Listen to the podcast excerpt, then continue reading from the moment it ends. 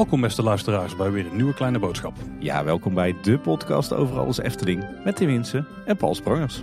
Tim, vandaag hebben we twee gasten aan tafel. Daar gaan we dadelijk naartoe. Want vandaag gaan we het weer hebben over de historie van de Efteling. En eh, de geschiedenis eromheen en de omgevingen en hoe die erbij betrokken is en zo. Ja, we gaan het eigenlijk hebben over uh, de, de geschiedenis enerzijds van Kaatsheuvel of van de gemeente Loon op Zand of van deze regio. En anderzijds de geschiedenis van de Efteling en hoe dat met elkaar verweven is. Nou hebben we daar al eerder twee afleveringen over gemaakt hè? Ja, inderdaad. Dat is alweer, voor mijn gevoel alweer heel lang geleden. We, we, hebben al eens twee afleveringen gemaakt over de geschiedenis van de Efteling voor 1952. Dus eigenlijk het deel van de geschiedenis wat bij heel veel Efteling-liefhebbers niet echt heel erg goed bekend is. Uh, dat waren aflevering 88 en 90. Ik weet nog dat we, daar toen, uh, dat we daar toen heel lang op hebben gestudeerd voordat we dat uh, allemaal konden opnemen. maar dat, dat was inderdaad een, denk ik een hele mooie eerste introductie op de vroege geschiedenis van de Efteling. maar vandaag gaan we het nog eens dunnetjes overdoen. Maar voor de verandering met mensen die er wel echt verstand van hebben. Want als je iets wil weten over de lokale historie, dan is er natuurlijk één plek waar je het allerbeste terecht kunt. En dat is de lokale heemkundekring. En die hebben wij een mooie, Tim. We hebben namelijk Heemkundekring de Ketsheuvel. Volgens mij hebben we ook een paar keer aangehaald in onze afleveringen. Ja, zeker. Want uh, recent was er nog een prachtige video uitgebracht uh, van de opbouw van de Efteling in 1952. Hè. De hele mooie beelden van de bouw van het Sprookjesbos. En die was online gezet door Heemkundekring de Ketsheuvel. Ja, dan denk ik dat tijd is om onze gasten te introduceren. Twee namen die we ook wel regelmatig hebben genoemd trouwens een Kleine Boodschap. Zeker. De eerste is uh, Kees Grootswagers. Kees, welkom in Kleine Boodschap. Goedenavond. En Kees, jij bent betrokken bij de lokale CDA. Je bent wethouder geweest. Je zit uiteraard bij de Heemkundekring.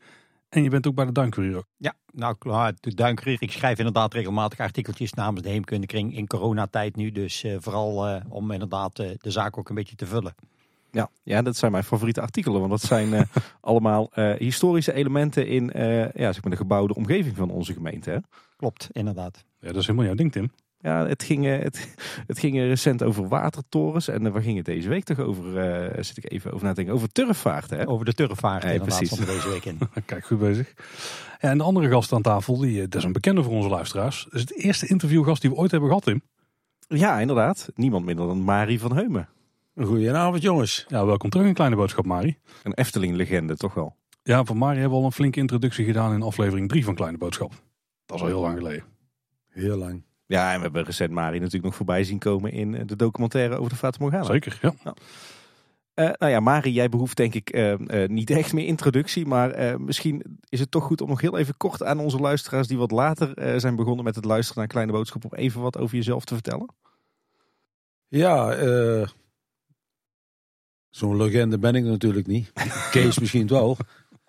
Maar ik uh, ben in 1972 op 1 januari zeg maar, begonnen bij de Efteling.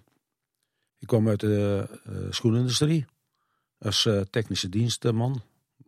Matrijzen maken, stansmessen en machines maken. Toen ben ik naar de Efteling gegaan. En daar ben ik in de technische dienst terechtgekomen. zeg maar, veel ontwikkelingen gedaan aan poppen. En dan vanuit kabouters naar uh, gebouwd, naar poppen van de Vatermorgana en Dronvlucht. En uh, nadien heb ik nog twintig jaar uh, in de bedrijfsbeveiliging gezeten en bedrijfshulpverlening als manager. En veel opleidingen gedaan. En ik woon in Kaatsheuvel natuurlijk, ik ben een, een echte ketsel. Ik kom uit het Rode Dorp. Ik heb nog gewoond zes jaar in een huisje langs het huis van Kees Grootswagens. Er stonden toen vier kleine huisjes. Dr. Aarjesplein. En uh, ja, ik ben altijd in, de, in Kaalsel blijven wonen. En ik woon uh, eh, 100 meter van de Efteling van af. En dat is makkelijk. Dus ik ga er nog dikwijls naartoe. Kijk, en je, je, bent zowel nog actief voor de Efteling als voor de Heemkundekring dus? Nou, ik ben in ieder geval actief voor de Efteling. En uh, voor Villa Padus. En ik ben lid van de Heemkundekring. En ik heb zoals een keer ergens mee kunnen helpen via de Efteling natuurlijk weer. En uh, ja, als ik iets weet en als ze iets gaan doen in de Gildermond. En het is uh, niet zo vol dat ik er niet meer bij kan. Hè, want dat heb ik wel een paar keer meegemaakt. En dat vind ik hartstikke mooi. Dus ik ben uh, wel, ik kan wel eens op de koffie daar. Nu in de coronatijd niet. Mijn broer doet veel voor de Heemkundekring. Dus wel leuk om daar een beetje in, mee bezig te zijn wat die jongens doen. Ik vind het knap. Kijk, mooi. We hebben, we hebben, in ieder geval iemand aan tafel die al zijn hele leven in uh, de Ketsheuvel woont. En die daar dus denk ik ook van alles kan vertellen over die band tussen de Efteling, de, de geschiedenis van de Efteling en de geschiedenis van de gemeente. Kees, eh, eh, we hebben het net ook al even kort over jou gehad. Maar misschien dat jij ook wat meer over jezelf wil vertellen. En over de Heemkundekring. Want daar zijn we natuurlijk ook wel benieuwd naar.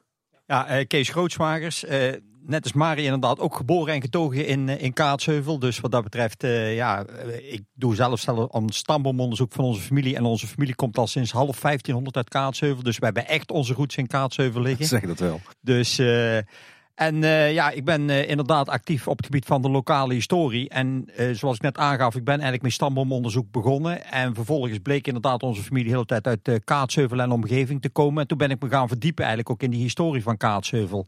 Dus ik heb ook een aantal boeken geschreven over die historie van Kaatsheuvel. Eerst hadden we natuurlijk uh, hadden we, samen met Toon Ververs, die, die er was, maar die is toen overleden. Toen is eigenlijk ja, een beetje de heemkundekring eigenlijk ingezakt, zeg maar eigenlijk. En toen kregen wij via de stichting Doen We, die heeft toen op een gegeven moment daar de schouders onder gezet. Die zegt van ja, is het niks om weer een nieuwe heemkundekring op te richten?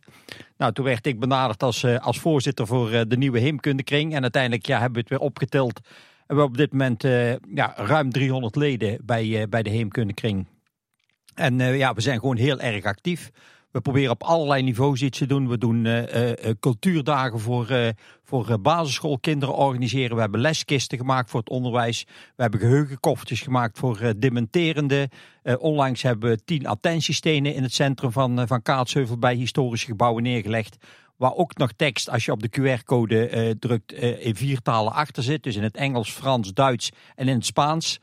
Dus ja, wat dat betreft zijn we best behoorlijk actief. Ja, we doen regelmatig uh, tentoonstellingen, lezingen organiseren. Ja, en nu in de coronatijd natuurlijk iets minder. Maar ja, we proberen gewoon heel actief te zijn op, op, op dat terrein.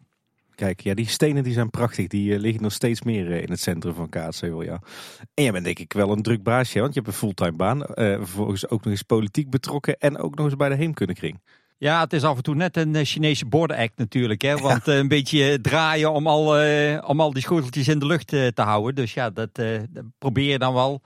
En ja, op een gegeven moment natuurlijk, vooral die heemkunde is natuurlijk ook mijn hobby. Dus is ook een stukje ontspanning. Uh, dus ja, wat dat betreft, uh, dan, uh, dan leid je er ook weinig mee. Hè. Misschien hetzelfde bij jullie. Jullie zijn ook ja. gewoon altijd natuurlijk doende met, met dit gebeuren. In ieder geval altijd wel op een, op een vaste avond, heb ik begrepen, in de week. Ja, dan weet je in geval dat dat je tijdsinvestering is. En ik zeg altijd, iemand anders die gaat vissen en die zit een uur naar een hengel te kijken. Ja, ik ga vaak naar een archief toe en ik zit dan ook een hele dag te zoeken naar dingen die eventueel dan weer tegenkomt over die historie. Of dat je denkt van god, er zit een leuk artikeltje in. En ja, daar probeer je dan ook weer op te rakelen. Dus ja, en je komt ook vaak van het een en het ander natuurlijk. Hè. Je komt mensen tegen, je hoort verhalen. Onze ervaring is wel natuurlijk als heemkundekring dat het verhaal mogelijk niet kan kloppen met de feiten. Hè. We hebben dat ook meegemaakt bijvoorbeeld bij de oorlog. Hebben heel veel mensen over geïnterviewd die toen allemaal nog leven, die de Tweede Wereldoorlog meegemaakt hebben. En ze vertellen af en toe verhalen dat wij denken van ja, dat kan niet, want toen waren hier geen Duitsers of het was iets minder. Of eh, dit was gewoon echt aan het begin van de oorlog. Dit was gewoon aan het eind van de oorlog. Maar we laten gewoon vaak de mensen gewoon toch het verhaal doen. En dat jullie misschien ook wel merken bij de Efteling. En aan de hand van documenten en eventueel archiefonderzoek proberen wij dan toch wel te achterhalen de feiten. En vervolgens kunnen we daar mooi het verhaal aan koppelen. En ja, dan krijg je toch uh, de juiste gegevens gewoon op de juiste plaats. Klinkt heel herkenbaar. Ja. Wij hebben in de, de loop der tijd uh, in onze podcast, eigenlijk bij onze afleveringen over de historie van het park en over verschillende attracties, ook al aardig wat fabeltjes uit de, de weg kunnen ruimen met heel simpel literatuuronderzoek eigenlijk. Ja. Ja, ja. Hey, uh, mooi. We, gaan het vandaag dus hebben over ja, de geschiedenis van deze regio enerzijds en de geschiedenis van de Efteling anderzijds. maar misschien is het dan goed voor de luisteraars die niet uit Kaatsheuvel en omstreken komen, en dat zijn er nogal eens wat, dat jullie een beknopte geschiedenis geven van Kaatsheuvel en deze regio vanaf zeg maar het, het, jaar nul. gaat dat als ik naar jullie kijk? Jullie zijn natuurlijk de, de heemkundigen aan tafel. kunnen jullie in een notendop wat vertellen over het, uh, de geschiedenis van deze regio? Nou ja, natuurlijk kan ik wel iets vertellen als het mag, Marie, over uh, de geschiedenis van deze, van deze regio. Eigenlijk natuurlijk uh, het, het eikpunt. We hebben natuurlijk onlangs ons 750 jaar bestaan gehad van de, van de heerlijkheid Loon op Zand. Gaan we eigenlijk terug naar 1269. Hè. Toen was de heer van Horne, die werd beleend eigenlijk met de woeste gronden en en alles wat er op een gegeven moment was in de omgeving van Venloon, die kreeg je toebedeeld. En ja, zo is eigenlijk de historie begonnen. Dus rondom eigenlijk dat kerkdorp Loon op Zand. En je ziet er ook het kasteel, je ziet daar ook het, uh, oude, de oude kerk. En vroeger, nog, een, nog daarvoor heeft er nog een andere kerk gestaan. Die is door verstuiving is die op een gegeven moment weer verplaatst naar, eh, naar de huidige locatie toe. En daar zitten eigenlijk de roots eh, van, eh, van uit onze gemeente. Vervolgens zie je dat de heer van Loon op Zand eh, eh, ziet, en jij refereerde net inderdaad naar mijn artikel over die turfvaart, dat die zag van ja, er zit ook economische potentie. Die zag men toen op een gegeven moment al. Tegenwoordig zitten we meer op de recreatieve sfeer. Maar toen op een gegeven moment zat het in de turfsteken. En eh, ja, we hadden natuurlijk hè, de, naam van ons andere kerkdorp, de Moer, zegt het eigenlijk al. Hè, er waren moergronden, er waren veengronden, dus daar kon je gaan turf steken. Maar ja, die turf moest vervoerd worden. Dus uiteindelijk is de toenmalige heer Paulus van Haastrecht, die is naar eh, de hertog van Brabant gegaan en zegt van ja, mag ik eh, een, een turfvaart hier eh, graven? Want ja, die turf moet afgevoerd worden. Ja, toen de tijd ook met paard en kar was het allemaal gewoon hartstikke duur om dat te vervoeren. Dus uiteindelijk is die turfvaart gegraven. Die kwam uit bij de Diezen, bij Den Bosch. Dus zo kon op een gegeven moment die turf afgevoerd worden. Ja, en we zien het nog een beetje terug, hè, want we zijn natuurlijk met carnaval zijn we turfstekersland. Ja. Dus ja, daar zie, ziet eigenlijk die roots. Nou, uiteindelijk zie je dan door de 80-jarige oorlog dat eh, eigenlijk ja, de, turf, er wordt heel veel belasting gegeven. Eh Den Bosch heeft heel veel geleden tijdens die 80-jarige oorlog. Dus je ziet die turf eh, wat, wat inzakken. En vervolgens komt natuurlijk hier die schoenindustrie die komt op, hè, heel langzaam.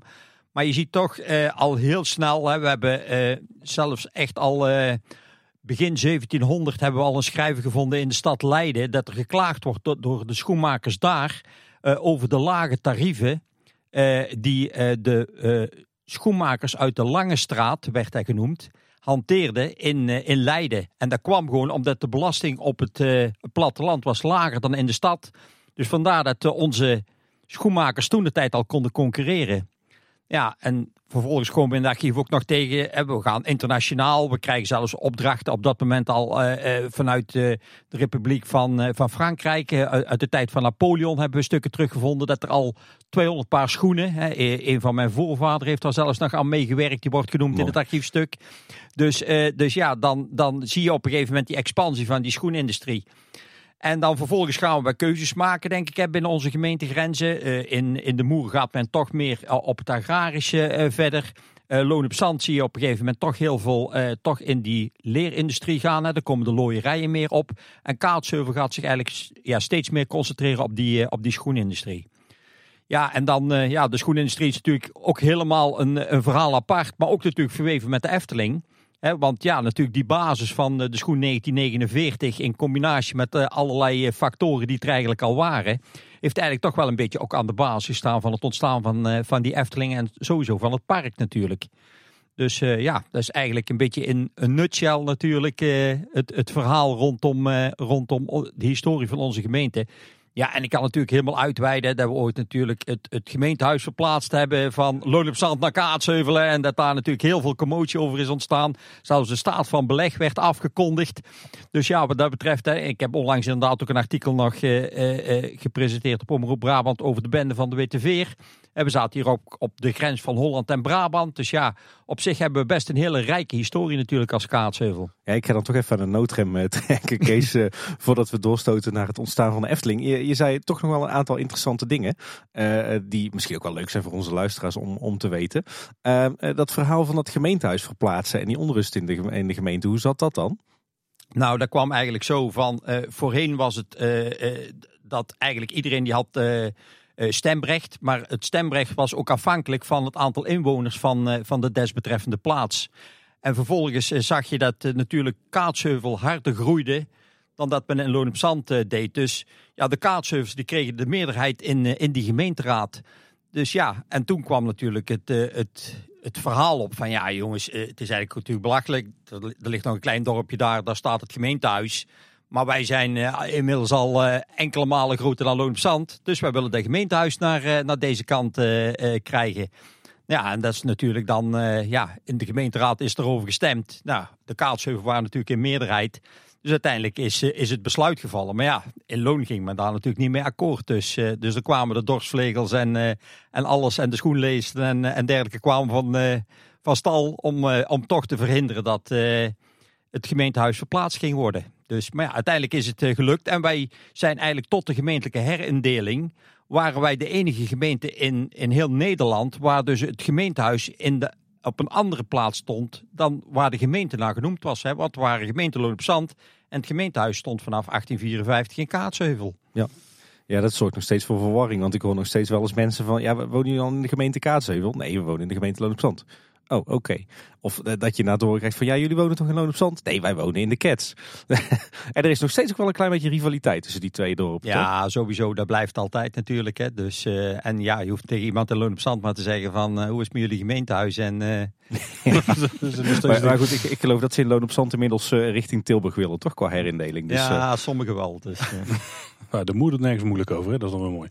ja, precies. Die, die hangen er een beetje, eh, een beetje bij wat dat betreft. En de- overigens, dit is dan denk ik een mooi voorbeeld van dat, eh, dat de kaatsheuvelnaren... dat die wel eh, voor zichzelf opkomen. Maar ik geloof dat, eh, dat we sowieso al een redelijk roerige geschiedenis hebben. Hè? Dat hier ooit nog eens de marechaussee naartoe is geroepen... Ja. vanwege allerlei onlusten. Ja, nou, ik zei net inderdaad ook al natuurlijk, ook sowieso rondom die verplaatsing van het gemeentehuis was natuurlijk, hè, gewoon staat van beleg werd afgekondigd. Hè, dus de militaire macht kwam zelfs deze kant uit. Dus ja, wat dat betreft is, natuurlijk, eh, is het allemaal niet zonder slag of stoot gegaan. En natuurlijk in die periode waar ik het net over had van de bende van de Witte Veer. Ja, toen was het natuurlijk ook, hè, de, er was rivaliteit tussen Holland en Brabant. En de ene keer dan wilde Holland de bende oprollen en dan werkte Brabant niet mee. Dus dan kwamen ze deze kant uit. En aan de andere kant, als Brabant iets wou doen, wilde Holland niet meewerken. Dus, dus ja, we hebben hier nog eens een keer ook eh, eh, zaken gehad, inderdaad, dat de militairen hier eh, aan te pas moesten komen. Lastige mensen, die ketsheuvelnaren. Ja, altijd. Maar, want die bende van de Witte Veer, wat, wat was dat dan? Nou, die bende van de Witte Veer, dat, was eigenlijk, dat waren eigenlijk vagebonden, hè, de, eh, gedeserteerde soldaten en dergelijke. Dus die waren gewoon op zoek naar een locatie. En hier was eh, rondom de zandschel. En eh, een, een zandschel is eigenlijk een verhoging in een, een, een, zand, soort zandrug in een moerassig gebied. En eh, daar eh, had men op een gegeven moment dus een plaats gevonden om, eh, om zich te kunnen verstoppen. En eh dat noemden ze zelf de kajol. Dus men had ook een bepaalde dieventaal. En ze wisten precies waar de paadjes liepen in, die, in dat moerassig gebied. En eh, vandaar eh, eh, dat daar die bende, zeg maar eigenlijk, met een leider, hè, want er was gewoon ook helemaal een hiërarchie. Ze hadden een kapitein, ze hadden een luitenant.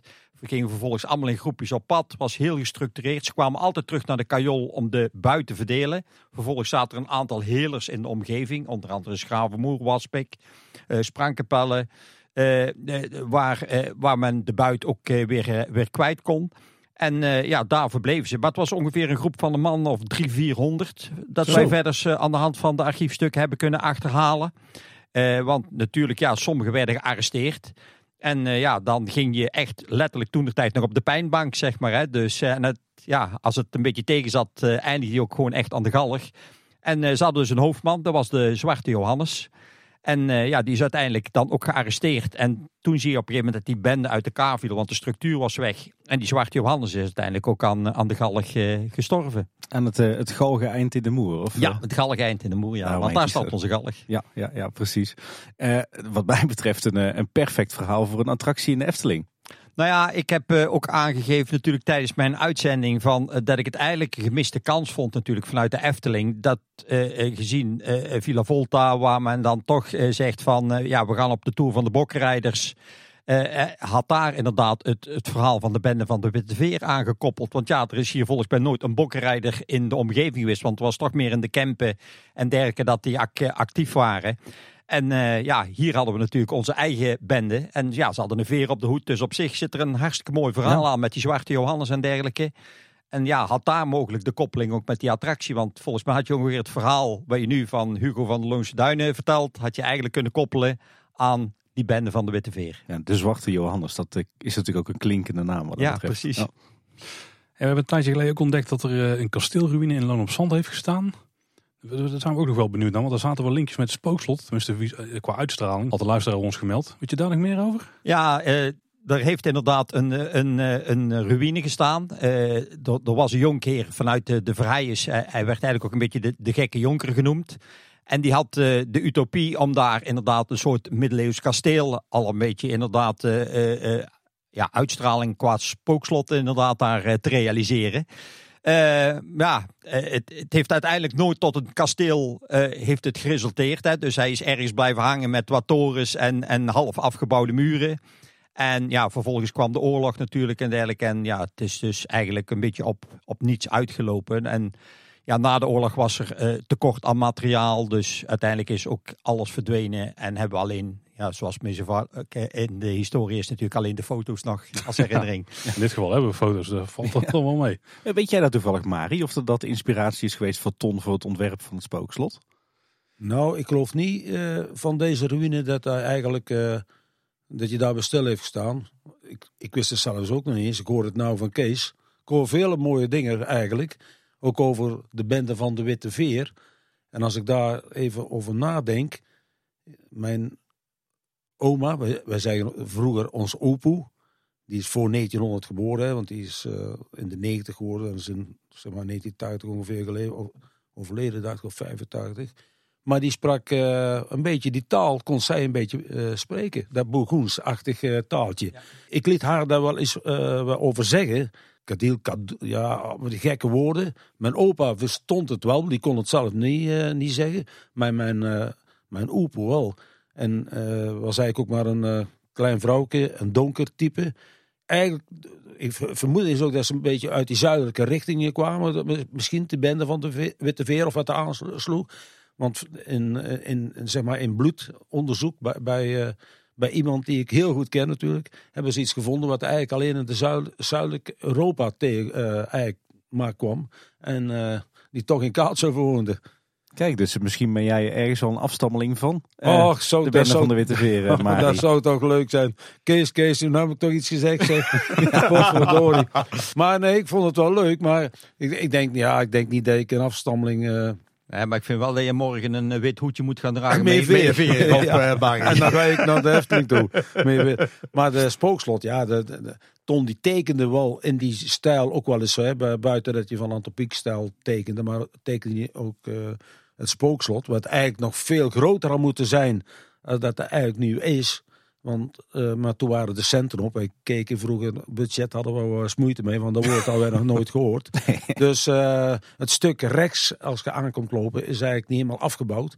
En onder de gangen door zouden we ook eh, nog restaurantjes hebben gebouwd. Of een cafeetje of een barretje of zo. Maar daar is er niet meer van gekomen. En het is zo eh, gebleven zoals het nu is. En inderdaad, als je, toen het klaar was en eh, op de dag de 1 kon je al zeggen, zouden dat de ruïnes zijn die Kees aan het zoeken is geweest. Want ze leken 100 jaar geleden of 200 jaar geleden al gebouwd. Ja, zeg dat wel, ja. ja. Ja, Je had het net over dat zuidelijke bloed, maar dat kwam dus omdat er werd gedacht dat de, de, de bende van de Witte Veer, dat, die, eh, dat waren zigeuners, toch? Het waren inderdaad eh, gedeeltelijk zigeuners, gedeeltelijk zoals ik net aangaf, eh, gedeserteerde soldaten. Dus ja, wat dat betreft was het gewoon een, een combi van allerlei allooi, zeg maar eigenlijk, die, eh, die bij elkaar kwam.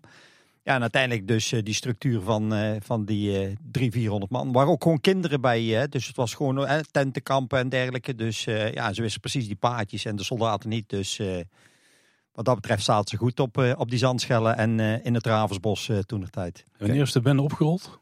Eh, rondom eh, 1724 ongeveer, 1726 is de hoofdman eh, eh, opgehangen bij het Galgeind inderdaad. Dus, eh, maar het heeft ongeveer een jaar geduurd eh, qua procesvoering. Overigens zit in Schravenmoer nog in een boerderij zit nog een zigeunerkop eh, ingemetseld boven de voordeur. En het verhaal gaat ook dat die zwarte Johannes daar ergens gearresteerd eh, moet zijn. Dus, Ah, eh, dus het is een heel mooi mys- mysterieus verhaal. Mooi verhaal, ja. Ik vroeg me trouwens ook af, ja, dat ook net ook over de, de turfvaarten. Eh, dat is denk ik ook waarom er eh, in, in Kaatsheuvel ook een aantal eh, straten zijn met vaart in de naam. Eh, en we hebben natuurlijk over Vaartstraat Ja, en eh, klopt. dat soort eh, plekken. Eh, nou weet ik dat hier, hier in de bossen van de Efteling, zeg maar ten zuiden van de Efteling, het, het Mondersbos, daar loopt ook nog iets wat op een turfvaart lijkt. Is dat nou een restant van de originele turfvaart? Nee, dat is geen restant. Nee, dat is een soort verlaagde weg die daar eigenlijk ligt. Hè. Dus het is inderdaad niet iets, het heeft niks met een turfvaart te maken. Maar als je het natuurlijk wel over die turfvaart hebt, hè, we hebben het nogal eens een keer wateroverlast. Hè. Net als bijvoorbeeld in de Gassenstraat en zo allemaal. En Zegt er zijn ja. altijd eh, natuurlijk weer bedrijven die denken van... Goh, eh, we hebben het ei van Columbus gevonden en we weten de oplossing. Ja, wij eh, als heemkundekring hebben gewoon al een aantal keer al aangegeven. Jongens, daar heeft vroeger gewoon die oude turfvaart gelopen. Dus heel de structuur ook van bouwen vroeger. Hè, dat was natuurlijk, dat moest afwateren naar die vaart. Dus ja, logisch dat natuurlijk alles daar in die omgeving nog steeds afwatert. Dus als je daar niets aan doet en vervolgens ook inderdaad maar doorbouwt. En hè, vroeger waren natuurlijk heel veel weilanden hier en ook heel die omgeving van die Efteling was natuurlijk vroeger ook allemaal weiland. Nu zijn er allemaal gewoon woonwijken ook allemaal gekomen. Dus ja, je ziet op een gegeven moment ook dat dus daar die afwatering die er was, ja, die is er ook gewoon niet meer. Dus ja, uiteindelijk krijg je dan de problemen natuurlijk eh, bij een uh, stevige. Dan gaan ze toch een enorme waterkelder aanleggen of zo? Ja, ze hebben inderdaad nu in de Gassenstraat hebben ze dat gedaan. Daar hebben ze een soort kelder onder uh, het asfalt uh, aangebracht. Hè. Dus die moet in eerste instantie toch. Maar je zag de vorige keer weer, toen er echt een stortbui was, dat het toch weer eroverheen gaat. Maar ja, zoals ik net aangaf, het is toch vanuit die oude structuur die daar uh, vroeger liep. Over die oude structuur uh, gesproken, Kees, voordat we uh, nou dadelijk eindelijk richting de Efteling gaan.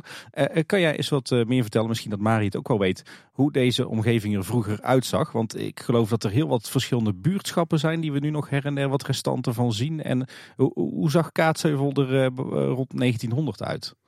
Nou, het waren inderdaad uh, precies wat jij zegt, een aantal buurtschappen die er natuurlijk waren. Uh, uh, vervolgens heb je wel een soort hoofdstructuur, hè? dus echt die hoofdstraat, Peperstraat en zo allemaal. Hè? Tegenwoordig noemen ze dat bij de gemeente met een mooi woord de lintenstructuur, hè, die we dan kennen. Dus die zie je nog een klein beetje terug. Hè. We hebben ook oude kaarten vanuit 1658. Is bijvoorbeeld Bastinjes, die heeft toen een kaart gemaakt ook waar de turfvaart op ingetekend staat. En dan zie je eigenlijk al die oude structuur van Kaatsheuvel een beetje. En voor de verrest waren het allemaal meer inderdaad buurtschappen. Je had het Hoekske, je had de Efteling natuurlijk. Hè. Dus Bernse Hoef, de Hil, de Berendijk. Er waren Rechtvaart, er waren allemaal een beetje buurtschappen. Die eigenlijk allemaal een beetje zo tegen Kaatsheuvel aanschurkten. Maar wel met gevolg hè, dat je bijvoorbeeld ook leest in archiefstukken dat kinderen vaak hè, bijvoorbeeld ook eh, naar de kerk of naar school uh, een uur of anderhalf uur moesten lopen. Hè, mijn vader die heeft vroeger altijd naast de benaderschool gewoond op het Wilhelminaplein. En ja, daar kwamen ook onder andere uh, de, de, familie Sprangers, maar ook vanuit de achterste hoeve van, van Smit en zo allemaal. Ja, die, die moesten tussen de middag uh, gewoon de brood opeten. Maar ja, dat was toen de tijd allemaal nog niet meer opvang op school. Dus die kwamen gewoon uh, bij, uh, bij mijn vader thuis kwamen die gewoon de boterhammen opeten. Omdat ze tussen de middag dus gewoon niet naar huis konden. Want ja, het was gewoon allemaal te voet naar school gaan. En ja, dan werd er gewoon aan, aan, de keukentafel, ja, ze hadden toch al tien kinderen. Of dat er nou twaalf of vijftien zaten, dat maakte er ook eigenlijk niet meer uit. En uh, vervolgens, uh, ja, dan uh, tussen de middag werd er gewoon overgebleven eigenlijk bij een beetje de ouders in de omgeving. Je, had het er, je had het over die buurtschappen. Nou, we weten dat er een aantal buurtschappen in de wereld van de Efteling liggen. Die we nu nog zo herkennen. De Bernshoef, de Duikshoef. Horst is volgens mij ook nog zo'n buurtschap. Maar dat buurtschap Efteling waar jij het over hebt. dat is natuurlijk uiteindelijk de naamgever van het park, de Efteling. Wat was dat voor buurtschap dan? Nou ja, dat was ook uh, gewoon een soort agrarisch uh, buurtschap. Maar er heeft ook een brouwerij heeft er gezeten. Dus uiteindelijk in, uh, had toch ook wel die omgeving van, van de Efteling. Die had toch ook wel, ja, ik denk ongeveer een, vijftiental, twintigtal huizen op een gegeven moment. Hè. Onlangs heeft een, een lid bij ons, die heeft geprobeerd ook het een beetje te reconstrueren vanuit de heemkundekring. Om, om te kijken van, van ja, wat, wat, wie heeft er nou allemaal gezeten en welke functies waren er. Maar ja, voornamelijk natuurlijk allemaal agrarisch. Want ja, het was ook natuurlijk allemaal uh, landerijen die er lagen. Maar uiteindelijk ook een brouwerij die er heeft gezeten. Dus, uh... Kijk, een brouwerij de Efteling. Ook dat uh, heeft potentie voor een toekomstig uitrijk bijvoorbeeld. Klinkt goed, ja? Ja. Ik heb nog uh, duizend en vragen over de historie van uh, Kaatsheuvel. Maar dan moeten we denk ik een andere podcast oprichten, Kees. laten we langzaam maar zeker eens, eens gaan naar die verweven geschiedenis tussen de Efteling en, deze regio. kunnen jullie ons eens meenemen naar, ja, denk de, jaren dertig van de vorige eeuw? hoe zag het er hier toen uit? Wat, wat deden de mensen toen en hoe is daar het, de Efteling of eigenlijk het Rooms-Katholiek Sport- en Wandelpark uit ontstaan? Nou ja, het is natuurlijk uh, bij heel veel natuurlijk wel in Kaatsheuvel bekend. Hè, dat natuurlijk de geestelijkheid die zat erachter. Die zijn natuurlijk ooit uh, begonnen met een, een, een, sport- en wandelpark. dus een, een klein speeltuintje. Pastoor de Klein en, en Kapelaan Ritra. Die daarmee begonnen zijn. En ja, vervolgens is daar natuurlijk eh, is het, is het een beetje gegroeid. Uh, en ja, de Efteling werd eigenlijk toen al overal bij betrokken. Hè. Ik ben op dit moment bezig met een infopaneel te maken hier bij die ijsbaan mm -hmm. uh, in, in Kaatsheuvel. Dus dat is een, een gegraven fan, want iedereen denkt dat het een natuurlijk fan is. Maar het is ook in de crisisjaren is het gegraven. En toen waren er dus heel veel werkverschaffingsprojecten, ook onder andere rondom de sportpark en zo. Dat is ook allemaal natuurlijk een, een werkverschaffingsproject rondom die crisisjaren geweest. Er was weinig employ op dat moment in, uh, in de schoenindustrie. Dus er werden allerlei projecten aangedragen. Eén daarvan was ook bijvoorbeeld die, die ijsbaan die hier werd uh, aangelegd. En in eerste instantie is daar uh, Kaatsheuvel's Belang in uh, ingesprongen. Die hebben Mast en Duin uh, opgericht. Dat was een soort ijsclub, hè, dus dan kon je s winters gaan schaatsen. Maar al heel snel eh, werd er ook gezocht naar een soort exportant. En toen kwam toch eigenlijk al de voorloper van de Efteling kwam daar in beeld. Hè, die op een gegeven moment daar eh, de exportatie eh, ging doen. En ja, we hebben zelfs in archiefstukken nog teruggevonden dat men ook daar eigenlijk dacht van moeten we daar geen zwembad gaan maken. Nou, uiteindelijk kwamen natuurlijk die plannen bij de Efteling later gewoon meer richting het park. Maar er heeft nog heel even het idee geleefd om toch hier bijvoorbeeld die ijsbaan aan de Waalwijkse baan in de Looncentrunische Duinen aan dat attractiepark te koppelen. Als, als een soort zwembad. Dus... Uh... Kijk, dat, uh, dat wisten we niet. Nee. Maar, maar hoe ontstond dan in de jaren dertig dat, dat initiatief om dat, dat Rooms-Katholieke Sport- en Wandelpark aan te leggen? Jij zegt al, het was een werkverschaffingsproject, maar wat was de gedachte daarachter? Nou ja, er waren natuurlijk gewoon heel veel werklozen. Uh, vervolgens kreeg je uh, vanuit het Rijk uh, stimulering. Hè? Dus je, er werd geld ter beschikking gesteld. Hè? Je had de, de DU, werd dat toen de tijd genoemd. Dat was de dienst uitvoerende werken. En die mochten een aantal projecten mochten die uit gaan kiezen. En ja, die werden dan aangedragen vanuit de gemeentes. Dus er werd op een gegeven moment gekeken van ja, waar kunnen we iets doen? Nou, en uiteindelijk eh, eh, werd er dan een keus gemaakt van ja, daar, willen we graag iets aanleggen. Hè. We willen ook iets meer op het gebied van sport doen. We willen iets meer inderdaad ook eh, richting een ijsbaan, zoals ik net al aangaf, willen we gaan doen. En nou, en dan werd er een keuze uit die projecten gemaakt. Nou, uiteindelijk zijn die dus allemaal gerealiseerd en werden dus ja, die werklozen werden daar uh, te werk gesteld. En ja, het verhaal bijvoorbeeld bij die ijsbaan, dat we gewoon gehoord hebben en ook gelezen in de, in de archiefstukken uh, het, mocht, het mocht ook best lang duren. Hè? Dus uh, ze, mochten niet echt mee graafmachines daar werken. Hè? Het, mo het moest verplicht eigenlijk met schop en met de kruiwagen gebeuren. Om maar aan het werk te blijven. Want ja, ook die werklozen moesten dan natuurlijk, hè, die kregen een kleine extra uitkering. En later zijn ze bijvoorbeeld, kregen ze ook nog, uh, nog mochten ze ook gratis gaan schaatsen hier op, op die ijsbaan en zwambelen. Hebben we ook nog teruggevonden in de archiefstukken. Dus, en, en de anderen moesten dan entree betalen. En dat was toen ook al een beetje een differentiatie. Wat ook ooit de Efteling heeft geprobeerd natuurlijk rondom uh, de belasting. Van dat, dat je weer korting kreeg op de entreeprijs. Nou, dat was hier dus ook bij die ijsbaan. Hè, waar je, kwam je uit de gemeente, dan kon je hier ook een, eh, een gereduceerd kaartje. Kwam je buiten de gemeentegrenzen, dan, uh, dan moest je weer meer betalen. En ja, die, die, die werklozen die mochten dan gratis de eerste jaren daar ook komen schaatsen. Kijk, want, hoe zag het leven in, in Kaatsheuvel er eh, in 1930 eh, uit? Nou ja, we hebben natuurlijk uh, een hele rijke historie aan de ene kant vanuit die schoenindustrie. Maar natuurlijk, ja, tijdens die crisisjaren was het gewoon echt uh, sabbelen hier. Hè? Dus het was gewoon echt heel erg slecht. En ik moet zeggen, ja, daar kenmerken wij ons natuurlijk binnen Kaatsheuvel weer in. want wij, wij krabbelden altijd weer op. Maar ja, er was natuurlijk een, een tekort aan materiaal. er was weinig kapitaal. aan de ene kant, hè, want de, de keuze ook. Hè. We hebben ook onderzoek gedaan van hoe komt het nu eigenlijk dat toch in, in, in Loon op Zand eigenlijk toch meer die leerindustrie, hè, dus die looierijen terecht zijn gekomen. En hoe kwam het eigenlijk dat Kaatsheuvel zich eigenlijk... Want wij, hebben ook, wij waren eerst nog groter qua looierijen eigenlijk dan, dan, uh, dan Loon op Zand in Kaatsheuvel. Maar uiteindelijk hebben we ons toch meer geconcentreerd op, uh, op uh, die, die schoenindustrie. En dat had vooral met het kapitaal te maken. Dus iemand die echt kapitaal had vanuit de familie en dergelijke, die kon looierij opzetten. Hè? Die kon heel veel looivaten. Het was een, best een intensief proces. En bij die schoenindustrie, daar was eigenlijk ja, een beetje na die industrialisatie, dus eind 1800, begin 1900, toen kon je al dus schoenmachines gaan huren dus je kreeg al een beetje zo'n soort lease-constructie, zeg maar eigenlijk. Ervan ook, hè. Dus, dus ja, dat, dus vandaar dat op een gegeven moment ja, Kaatsheuvel toch ook een beetje eh, daar meer zich op ging concentreren. Omdat er eigenlijk weinig kapitaal voorhanden was. En men leasde dus gewoon eigenlijk die schoenmachines. En aan de hand daarvan, eh, maar je, je maakt je ook weer afhankelijk. Want op het moment dat het dus crisis is, ja, dan heb je natuurlijk wel een gigantisch probleem. Want op het moment dat je gewoon kapitaal hebt en je hebt je pand daar staan en je hebt je spullen daar staan dan heb je natuurlijk niet zo'n probleem dan dat je op een gegeven moment leest. Want ja, die leaseprijs of die huurprijs toen de tijd, die moet gewoon betaald worden. Ja, dus eigenlijk had men destijds in, in Kaatsheuvel vooral uh, de Rooms-Katholieke Kerk, de schoenindustrie, met een beetje geluk of je was werkloos. En toen kwam dus het, het Rooms-Katholieke Sport- en Wandelpark. Ja, dat klopt inderdaad. En ja, daar is natuurlijk op een gegeven moment toch een beetje die basis voor de ontspanning. Die is uiteindelijk ontstaan. En eh, ja, vervolgens zie je dan ook binnen die schoenindustrie natuurlijk hè, dat, dat die opleving weer komt. Want eh, eigenlijk in de Tweede Wereldoorlog eh, werden we hier ook weer de Gouden Stad genoemd. Dus ja, we waren ook gewoon heel inventief in, in heel, dat gebeuren. Dus eh, ja, ja, wij waren gewoon inventief. En er was natuurlijk een tekort aan materiaal. Eh, maar wat deed men hier? Men pakte gewoon eh, heel dik karton.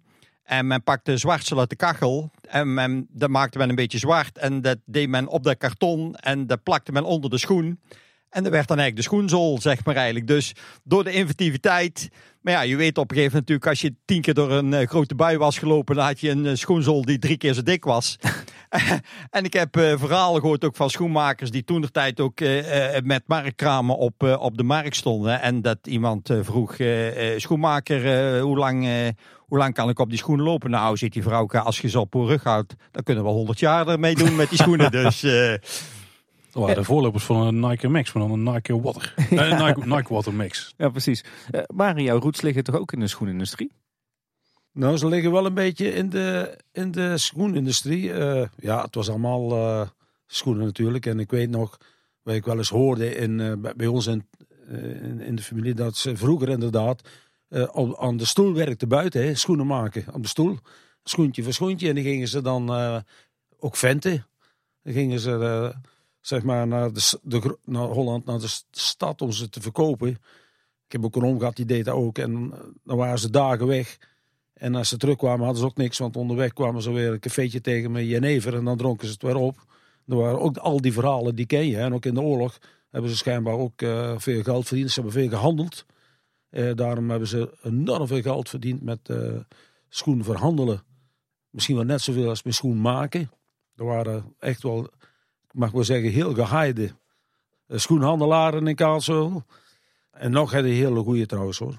Thuis hebben ze natuurlijk eh, ook in de schoenindustrie gewerkt. Niet mijn vader, want die heeft bij Loos gewerkt. Mijn, mijn zussen en zo en mijn moeder ook, die deden schoenstikken. En die brachten altijd wel spul mee naar huis. En wij konden s'avonds thuis vlechten, de schoen vlechten. We konden niet altijd gaan spelen, we moesten vlechten. En, eh en groeflijm. Nou, ik ruik hem nog steeds bijna, die, die, dat spul. En toen ben ik eh, vanuit mijn eh vak, kijk, eh, technische dienst, ben ik vanuit eh, vakscholen gekomen en ben ik op een schoenindustrie terechtgekomen om schoenmachines te repareren. En eh matrijzen te maken en eh stansmessen te maken. En dan eh, zitten echt midden in die schoenfabrieken. We hadden een heel moderne schoenfabriek, Leon Park heette dat toen. Was, eh, die maakte duizenden schoenen per dag. Hè. Ik denk eh, alles bij elkaar wel 3000. Maar die hadden hele moderne machines ook. Dus ik was er eh, wel erg mee bekend. Het mooie was ook natuurlijk, zwart werken hadden ze in Kaatsheuvel ook wel uitgevonden. Voor mijn tijd al heel lang.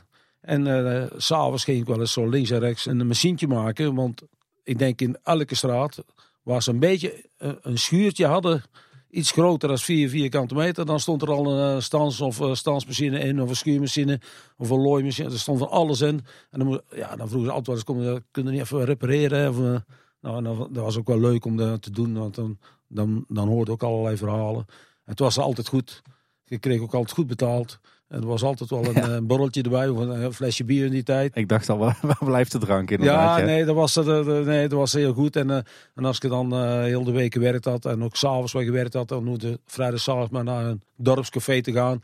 En daar zaten die mannen ook allemaal, hè, want dan eh, gingen er altijd toch wel een paar uurtjes wat drinken. Voordat ik naar de Efteling ben gegaan, ben ik inderdaad eh, in die schoenindustrie wel, eh, wel bezig geweest, ja. Is dat nou ook de reden waarom je, als je eh Kaatsheuvel van boven bekijkt, dat er zoveel hele smalle, lange percelen zijn met achterin een hoop schuren en Ja. garages en wat voor bouwwerken al niet meer? Ja, daar is het eigenlijk. Hè. De, ze hadden lange tuinen en er stonden altijd lange schuren in. En er stond eh, eh, altijd wel een grote tafel in waar ze eh, stonden te snijden. En eh, een steekmachientje, of ze namen dat mee naar een ander thuis, die, die was steekte. Maar ze deden daar ook eh, ja, de schoenen in elkaar zetten, leesten, alles. En naar de rand werden de leesten allemaal opgestokt in de houtkakkertjes. Hè, want die werden alle jaren, of om de paar jaar kwamen nieuwe leesten. En dan zou iedereen met leesten sjouwen. Die gingen dan in de houtkakkers in die tijd. Hè, de mensen hadden niet veel geld. En daar konden ze dan wel mee verdienen. Hè. Ja, dat is ook eh, voor ons natuurlijk als heemkundekring is best een dilemma. Wij, zitten ook eigenlijk te denken om eigenlijk al die schoenfabrieken in, in beeld te brengen. Eh, eh, onze eh, collega eh, heemkundekring uit Loon op Zand heeft dat onlangs ook met alle looierijen gedaan die in Loon op Zand zijn geweest.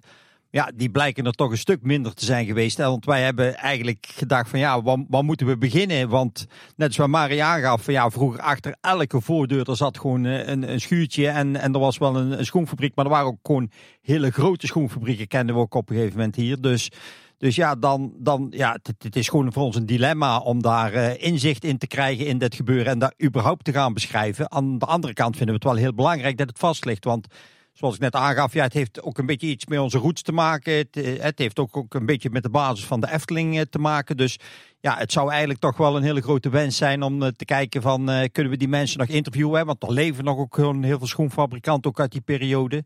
Dus ja, wat Marie net aangaf, ja, het was gewoon heel, heel rijk. Hè? Dus, en vroeger ook natuurlijk de kwijkers, hè Marie. Dus, dus de, de, de productie die je niet af had op, op de schoenfabriek, die, die nam je mee naar huis. En die ja, kwijken is eigenlijk een beetje gillen. Hè? Dus die, die riepen naar jou en die moest je dus thuis nog afmaken. En de dag erop nam je ze weer mee naar de schoenfabriek om, om ze daar weer af te leveren. Dus...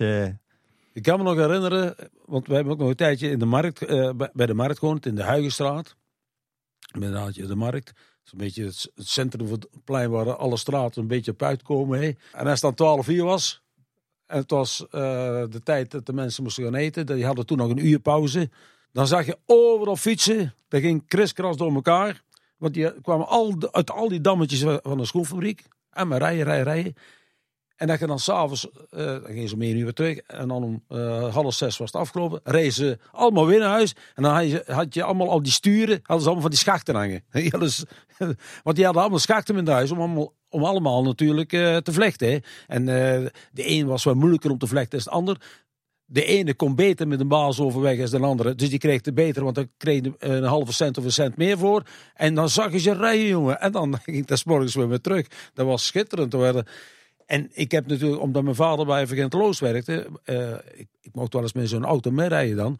Maar die gingen s'avonds rond, uh, zeg maar vanaf vier uur, gingen die vrachtwagens langs al die schoenfabrieken. En daar stonden al die dozen werd erin gepakt. Achter die ging die klep nog, ging niet dicht, maar die gingen ze dan een beetje loshangen. Daar kon daar ook nog dozen op. En hij ging naar Tolburg, hè, naar het station waar nu die nieuwe ontwikkelingen zijn. Dat was toen uh, het station van Vergenteloos. En dan gingen die schoenen weg in dozen. En dat was elke, ja, elke dam zinden wij vroeger. Daar konden we wel uh, met de vrachtwagen in. Hè, konden we laden. Dat was allemaal dozen schoenen. Dat was echt gigantisch eigenlijk. En in enkele jaren tijd is dat veranderd.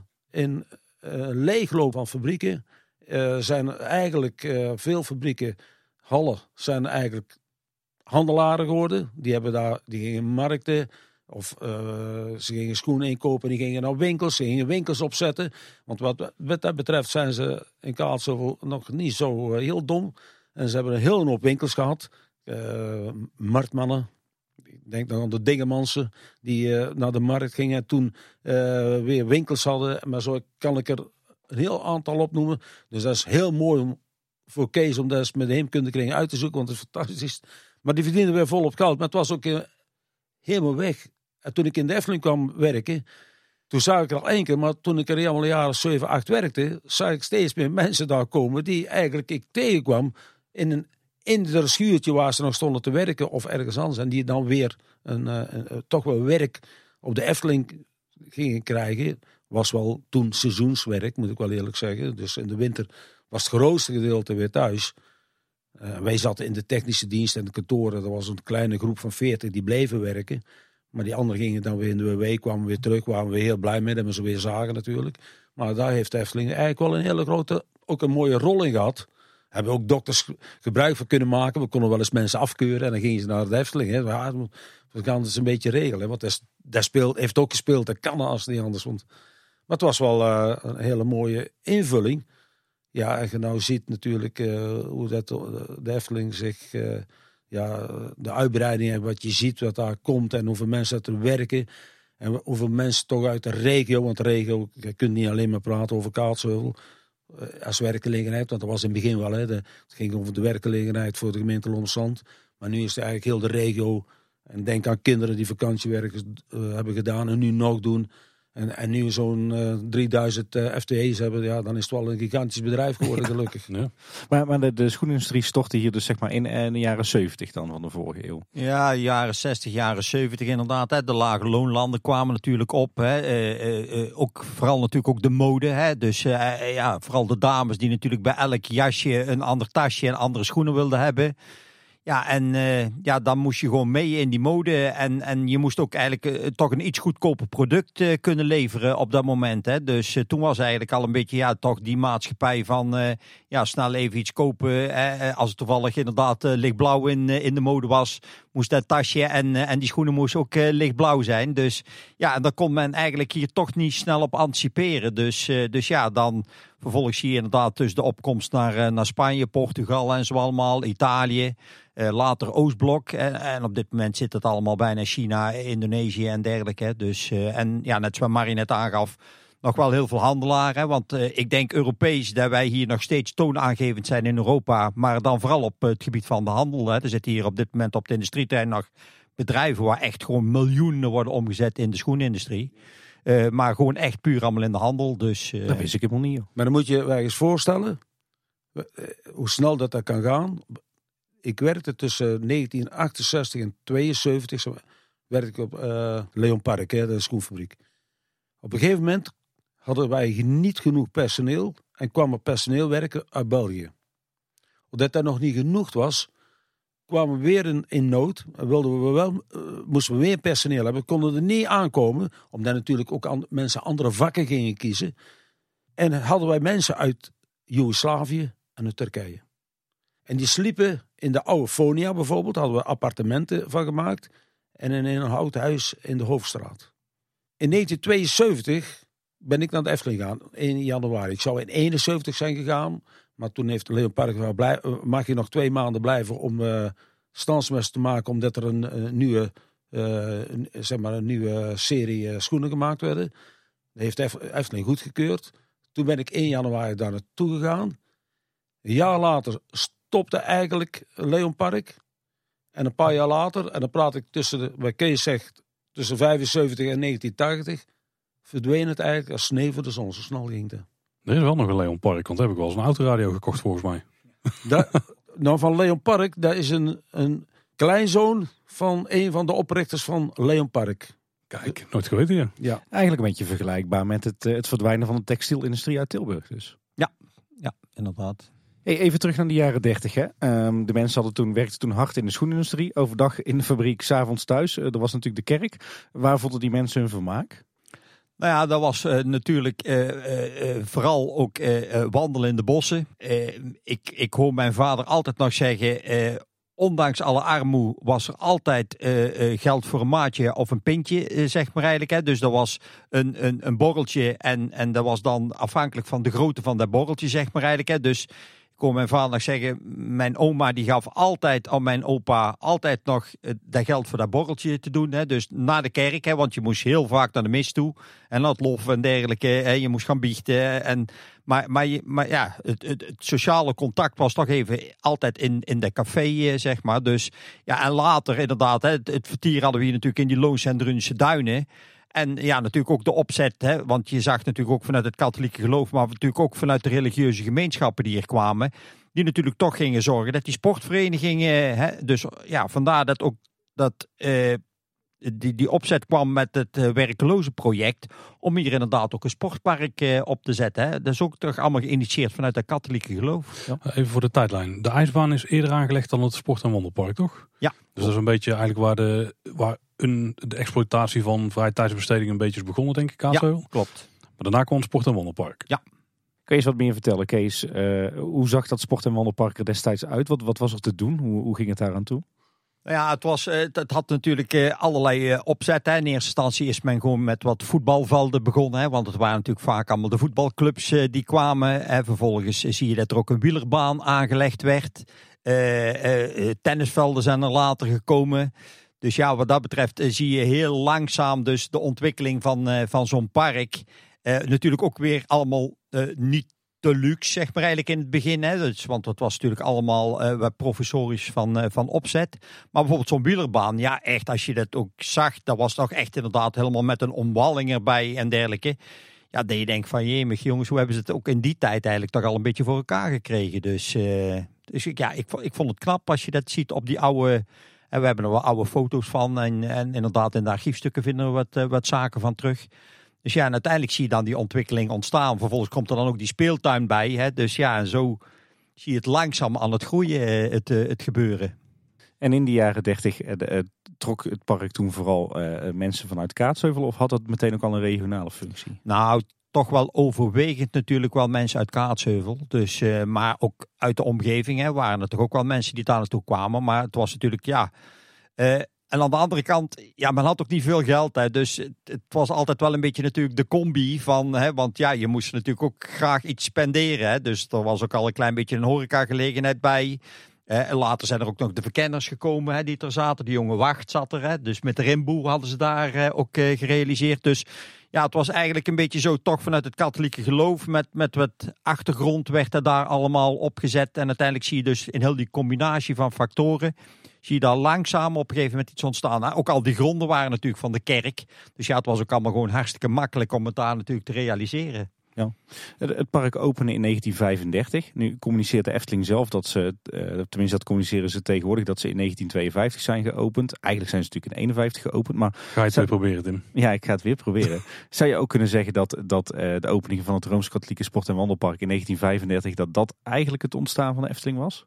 Ja, het is maar net waar je natuurlijk je eikpunt legt, zeg maar eigenlijk. Hè? Want ja, daar ligt natuurlijk wel een klein beetje de basis. Maar ja, je kan ook zeggen van, is het misschien 1949, toen natuurlijk daar uh, het restant uh, bleef hè, van, van dat park dat natuurlijk bij uh, die schoenenbeurs, genaamd de schoen, lag. Hè? Want toen is er eigenlijk al een beetje heel die, die, die wandelstructuur en, die, en, en de parkstructuur is toen aangelegd. Dus ja, moet je daar je basis leggen. Maar ja, ik kan me voorstellen dat je zegt van nou, wij vinden eigenlijk op het moment dat de eerste sprookje daar en zo allemaal, of tenminste die eerste sprookjes werden gerealiseerd, dat is toch eigenlijk ons eikpunt. Denk, denk het ook. Oké. Ja, Tim. Denk, denk ik. Ja, eh, laten we daar snel overheen stappen. Eh, Marie, ik denk dat jouw ouders eh, dat die nog echt gespeeld hebben in het Rooms-Katholieke Sport- en Wandelpark, toch? Van voor de Tweede Wereldoorlog. Ja, die, nou, mijn vader kwam hier niet vandaan. Die kwam uit Os. Ja, het is wel voor de oorlog getrouwd natuurlijk. En die hebben daar ook wel gespeeld. Uh, in, de, in de park. Maar dat was voor hun, voor hun noemde de speeltuin gewoon, hè, de speeltuin. Heel veel is er eigenlijk niet zo verteld. Wel over dat in de oorlog. Uh, daar toen uh, op een gegeven moment door Amerikaan of Engelse norm geschoten is en gebombardeerd op, uh, op waar nu de Efteling is. Of een beetje naar, naar, naar, uh, het noorden uitbreidend zelfs, de Efteling nog. Uh, dat daar spannend was en dat daar toch echt wel wat andere het is gebeurd. Maar verder is daar niet zoveel over gesproken. We, ik kom uit Dorp, dicht bij de Efteling aan. En voor mij was de Efteling eigenlijk... Kees die pakt de archieven en dat schud je zo uit zijn mouw eigenlijk... Maar ik moet eigenlijk vanaf uh, 54, 55, dan ben je alle jaren of 7, 8, 9, ga ik uh, pas in mijn archief in mijn hoofd zitten kijken. Van, uh, wat was dat ook weer? En als je, jullie praten over de Rooms-Katholieke verhaal, over sport, weet ik natuurlijk vanuit de, de broeders van Lieden van de Bernardschool, waar ik op gezeten heb. Waar ze dan ook uh, opgericht hebben. Dat is een voetbalclub. Wel, Vezio. En die voetbalde bij Desk op de treinen van de Efteling. Als ze gezegd tegen mij, dat is Desk. Dan had ik het ook geloofd. Maar voor mij was het Vezio. Want wij gingen smoezersmiddag daar altijd voetballen. En als je kijkt naar wat je in het weekend wel eens zou gaan doen. als je 12, 13, 14 bent. Nou, de eerste plaats natuurlijk was de padvinderij. Uh, zeg maar bij de Welpen en bij de Verkenners fantastisch. Dat is eigenlijk in de uh, Rooms-Katholieke sfeer opgebouwd. Maar denk ook aan het patronaat. Hè. Patronaatsgebouw, daar gingen we met liefde en plezier zondags naartoe. Kostte niet veel. Een dubbeltje, konden film kijken of spelen daar. Nou, voor ons was dat eigenlijk die kant van de katholieke kerk tegen, tegenover het vermaak en noem maar op. En, nou, en ja, dat kan je je nou niet voorstellen. We hadden een levensschool. Dan kwam je ook weer uh, een kapelaan tegen. En als je naar de padvinderij ging, dan kwam je ook weer uh, een kapelaan uh, tegen. En, en, de kapelaans kwamen naar het voetballen kijken. Vooral als de andere scholen tegen elkaar voetbalden. Dus dat was wel een, die link was wel heel erg. eh, was niet erg, maar was goed, want het was een hele goede tijd voor ons allemaal. Hey, je stipte net wel iets eh, interessants aan. De Tweede Wereldoorlog. Daar is eigenlijk maar weinig eh, eh, over bekend. Bij, eh, bij ons, ons Efteling-liefhebbers. Misschien ook bij veel kaatsheuvelnaren. Hoe, hoe was Kaatsheuvel in de Tweede Wereldoorlog, eh, Kees? En, en ook het, eh, zeg maar het gebied waar nu de Efteling ligt. Ja, nou ja, eh, in- in, de Tweede Wereldoorlog is natuurlijk behoorlijk veel is er gebeurd. Hè. En natuurlijk, mijn vader is toevallig, eh, ja niet toevallig, maar die was ge- geboren op 10 mei. eh, 1932, dus die was acht jaar dat de oorlog begon. Toe, ja, toevallig net op zijn verjaardag dat de, de oorlog uitbrak. En eh, ja, ik hoor hem altijd nog vertellen dat, dat, eh, dat zijn eh, vader, ja, die was gewoon helemaal zijn verjaardag vergeten. Want ja, s'morgens kwamen hier de vliegtuigen over. de Nederlandse troepen waren aan het terugtrekken hier over de Horst. Nou, er, eh, er zijn toen twee jonge jongens zijn er omgekomen. Er zijn een aantal militairen van, van de terugtrekkende troepen zijn daarbij omgekomen. En dat een, een dag later mijn opa pas tegen mijn vader zei van... ach jongen, jij was gisteren jarig. Hier heb je nog een dubbeltje. Kreeg je toen de tijd voor je verjaardag. En dan kreeg je een dubbeltje voor, eh, voor in zijn spaarpot, eh, zeg maar eigenlijk. Dus, eh, nou, en dan vervolgens merkt men in het begin nog weinig in Kaatsheuvel. eh, maar langzamerhand ziet men een ontwikkeling. En dat gebeurt een beetje ook in die omgeving van die Efteling. Want er wordt hier een groot Duits munitiecomplex aangelegd. Hè, genaamd de Mast Munitionsausgabestellen. En waarom in deze locatie, hier dichtbij lag het vliegveld van Gilserijen. Ja, en die Duitsers waren natuurlijk ook best eh, slim. Want die dachten van ja, als we nu alle munitie opslaan bij dat eh, eh, vliegveld. En ja, vanuit de lucht is natuurlijk een vliegveld hartstikke makkelijk te herkennen. Want je ziet allemaal banen natuurlijk lopen. Want ja, die vliegtuigen moeten landen. En als dat gebombardeerd wordt, ja, dan gaat ook al onze munitie gaat, eh, gaat de lucht uit. Dus men was op zoek naar een geschikte locatie. En uiteindelijk is men dus hier aan die Loonsendrunse Duin, dus eigenlijk achter Café de Kleine Efteling, is men eh, terechtgekomen. En daar heeft men een heel groot eh, munitiecomplex neergezet. En eh, ja, daar stonden dus echt 120 bunkers eh, eh, waar allerlei munitie lag opgeslaan. En dan vooral ook vliegtuigbommen en dergelijke. Maar er was ook een hele enclave van, van, van Duitse militairen was er ook gevestigd. Hè. Er, was een, er waren barakken voor de manschappen, maar er was zelfs een, een zwembad was er aangelegd. Er waren sportvelden.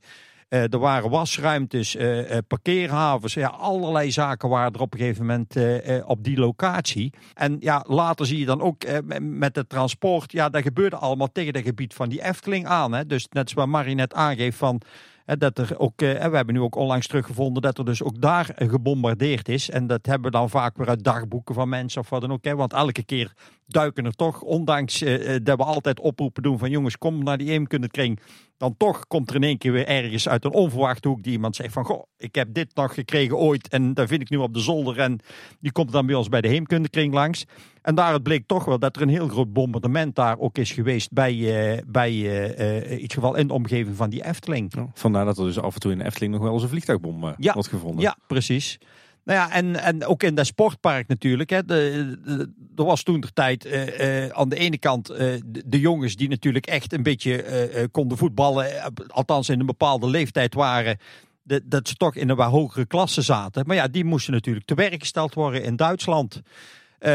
Dus je zag dat er een, een, in het sportpark zelf de parktrappers werd opgericht als, als voetbalclub. Ja, en die hebben een aantal keren ook gewoon moeten vluchten. Want ja, dan werd er razzia door de Duitsers. Want we wisten vaak, ja, die jongens die daar zijn, die moeten eigenlijk te werk gesteld worden in, eh, in Duitsland. Ja, en dan eh, werd er vaak eh, gewaarschuwd. RKC Deske, Ja. daar zijn er toen op die zondagmiddag, werden ze gewaarschuwd, ze zijn toch gegaan, werden ze toch gepakt. Op het verhaal van Kees van de Mast, mijn vader heeft, moest hij naar Duitsland gaan werken, is op een gegeven moment naar huis mogen komen om iets af te geven, omdat er zaten meer uit Kaatsheuvel, er is eentje overleden en was eigenlijk zijn vriend en zijn spullen moesten weer naar de familie thuis en om de zoveel tijd mochten ze naar huis. En toen is hij die spullen af wist te geven, maar hij is niet meer teruggegaan, want eh, het was ook niet al te best in Duitsland, dat voelen jullie wel aan. En, eh, maar ja, toen heeft hij heel even bij Boer Klein in de Huigenstraat, bij Jans den Boer zijn wij, heeft hij op de zolder gezeten. Maar ja, dat was ook een avontuur, want pak je ze op en dan wordt het veel slechter. En toen is er op een of andere manier is het toch geregeld dat hij hier moet blijven en we moesten in de mast gaan werken. En daar heeft hij toen, eh, tot 1944 gewerkt. Want toen hebben ze natuurlijk laten klappen. Toen is hij weer voor de Engelsen gaan werken. Is hij gaan rijden met uh, vrachtverkeer naar Kortrijk. Dus allemaal aanvoertransportmaterialen. Is hij uh, gelijk bij de Engelsen gaan werken. Maar die heeft daar ook nog wel een tijdje gewerkt. Maar in Duitsland was het vele malen slechter natuurlijk. Hè. Maar dat was even dat stukje van, uh, van de mast, omdat Kees daar zo vertelde. Maar dat klopt. Ja, jij, jij zei de mast die lieten ze springen. Ik ken verhalen dat hier in Kaatsheuvel in het dorp uh, de ruiten uit uh, de kozijnen Ja, sprongen. tot aan Waalwijk. Ja. Ja, het was natuurlijk op het moment van, eh, van Dolle Dinsdag. Hè. Toen werd natuurlijk bekend eigenlijk van, eh, ja, hè, ze komen eraan, eh, de geallieerden. En ja, de Duitsers werden bang. Dus die dachten van, ja, alle munitie die hier ligt, die, die willen we niet in handen van, eh, van de geallieerden eh, laten komen. Dus eh, toen heeft men ervoor gekozen om eh, inderdaad eh, de zaak te laten springen. En ja, alles in de omgeving werd gewaarschuwd. Maar ja, wij komen dus nu oude dagboeken tegen dat zelfs over de Maas, dat men daar dus het springen van de mast heeft gehoord en gezien en gevoeld, zeg maar eigenlijk. Hè. Dus het moet echt hier gewoon gigantisch eh, tekeer gegaan eh, eh, hebben. We hebben overigens ook foto's, hè, want toen de tijd was Jan Pijnenburg, die was boswachter bij Natuurmonumenten. We hebben er ook de dagboeken van, van Jan Pijnenburg hebben teruggevonden in het archief in Amsterdam, liggen die, hè, dus van, vanuit Natuurmonumenten. En ja, daar omschrijft hij op een gegeven moment ook heel dat proces, hoe dat er gebeurde hier in die omgeving. Hè? Want ja, het natuurmonumenten die zagen in één keer, er wordt een, een stuk bos wordt hier afgezet. Hè? Het, zelfs die ijsbaan waar we het net over hadden, werd eh, spergebied, daar mocht je niet meer komen. Het was ook gewoon helemaal verboden gebied, eh, ook voor iedereen uit Kaatsheuvel. En je moet je eigenlijk bedenken, want we hadden het net natuurlijk over een stukje ontspanning. Maar eh, van, eh, gingen mensen ook naar, naar dat eh, sportpark en gingen ze ook inderdaad naar die speeltuin toe. Maar toen de tijd moest er gewoon nog zes dagen in de week gewerkt worden. Hè. Je werkte gewoon op zaterdag. Hè. En op zondag werd dan de helft van die dag ongeveer opgesnoept door het katholieke geloof. Want je moest een later keer naar de kerk toe. Hè. Dus, eh, dus wat dat betreft bleef er eigenlijk voor die ontspanning tussen aanhalingstekens. Wij denken misschien allemaal nog een beetje in onze huidige beelden. Dat we natuurlijk hè, misschien de weekenden vrij zijn, eh, een groot aantal vakantiedagen hadden. Maar dat was natuurlijk allemaal in die tijd. Hè. Dus toen waren echt die momentjes. Hè, gewoon, en, en ja, er was gewoon ook heel weinig geld. Hè, want in die schoenindustrie, het was ook gewoon geen vetpot waar je daar verdiende. Dus uiteindelijk eh, ook die entree of, of die consumptie die je moest betalen bij die Efteling toen de tijd al, toen het nog gewoon eh, sport en, en, eh, en speeltuin was. Ja, die, die was ook gewoon ja, behoorlijk aan, aan de prijs voor, eh, voor een aantal mensen uit Kaatsheuvel. Hè. Die hadden het al moeilijk, want het waren allemaal natuurlijk in de katholieke tijd ook allemaal hele hartstikke grote gezinnen. Dus hè, tien, eh, tien kinderen, twaalf kinderen was gewoon heel normaal, zeg maar. Hè? Want de pastoor kwam elk jaar wel langzaam even te vragen of dat er nog niet een, eh, een nieuwe opkomst was. Dus ja, er zijn ook eh, factoren die natuurlijk allemaal een, rol hebben gespeeld in, in heel dat gebeuren. En ja, ook rondom, rondom die oorlog, zeg maar eigenlijk. Dus ja, dat is natuurlijk ook een hele, een hele grote impact heeft dat gehad op het, op het gebied en ook over het leven hier. Want ja, uiteindelijk zie je dan ook dat die Duitsers hier, die, die, die nemen die scholen in. Vervolgens zie je dan dat er allerlei, eh, eh, ja, aan de ene kant ben je natuurlijk altijd blij. Hè, dus zal het misschien ook nu in die coronatijd dat men heel even blij is als jeugd.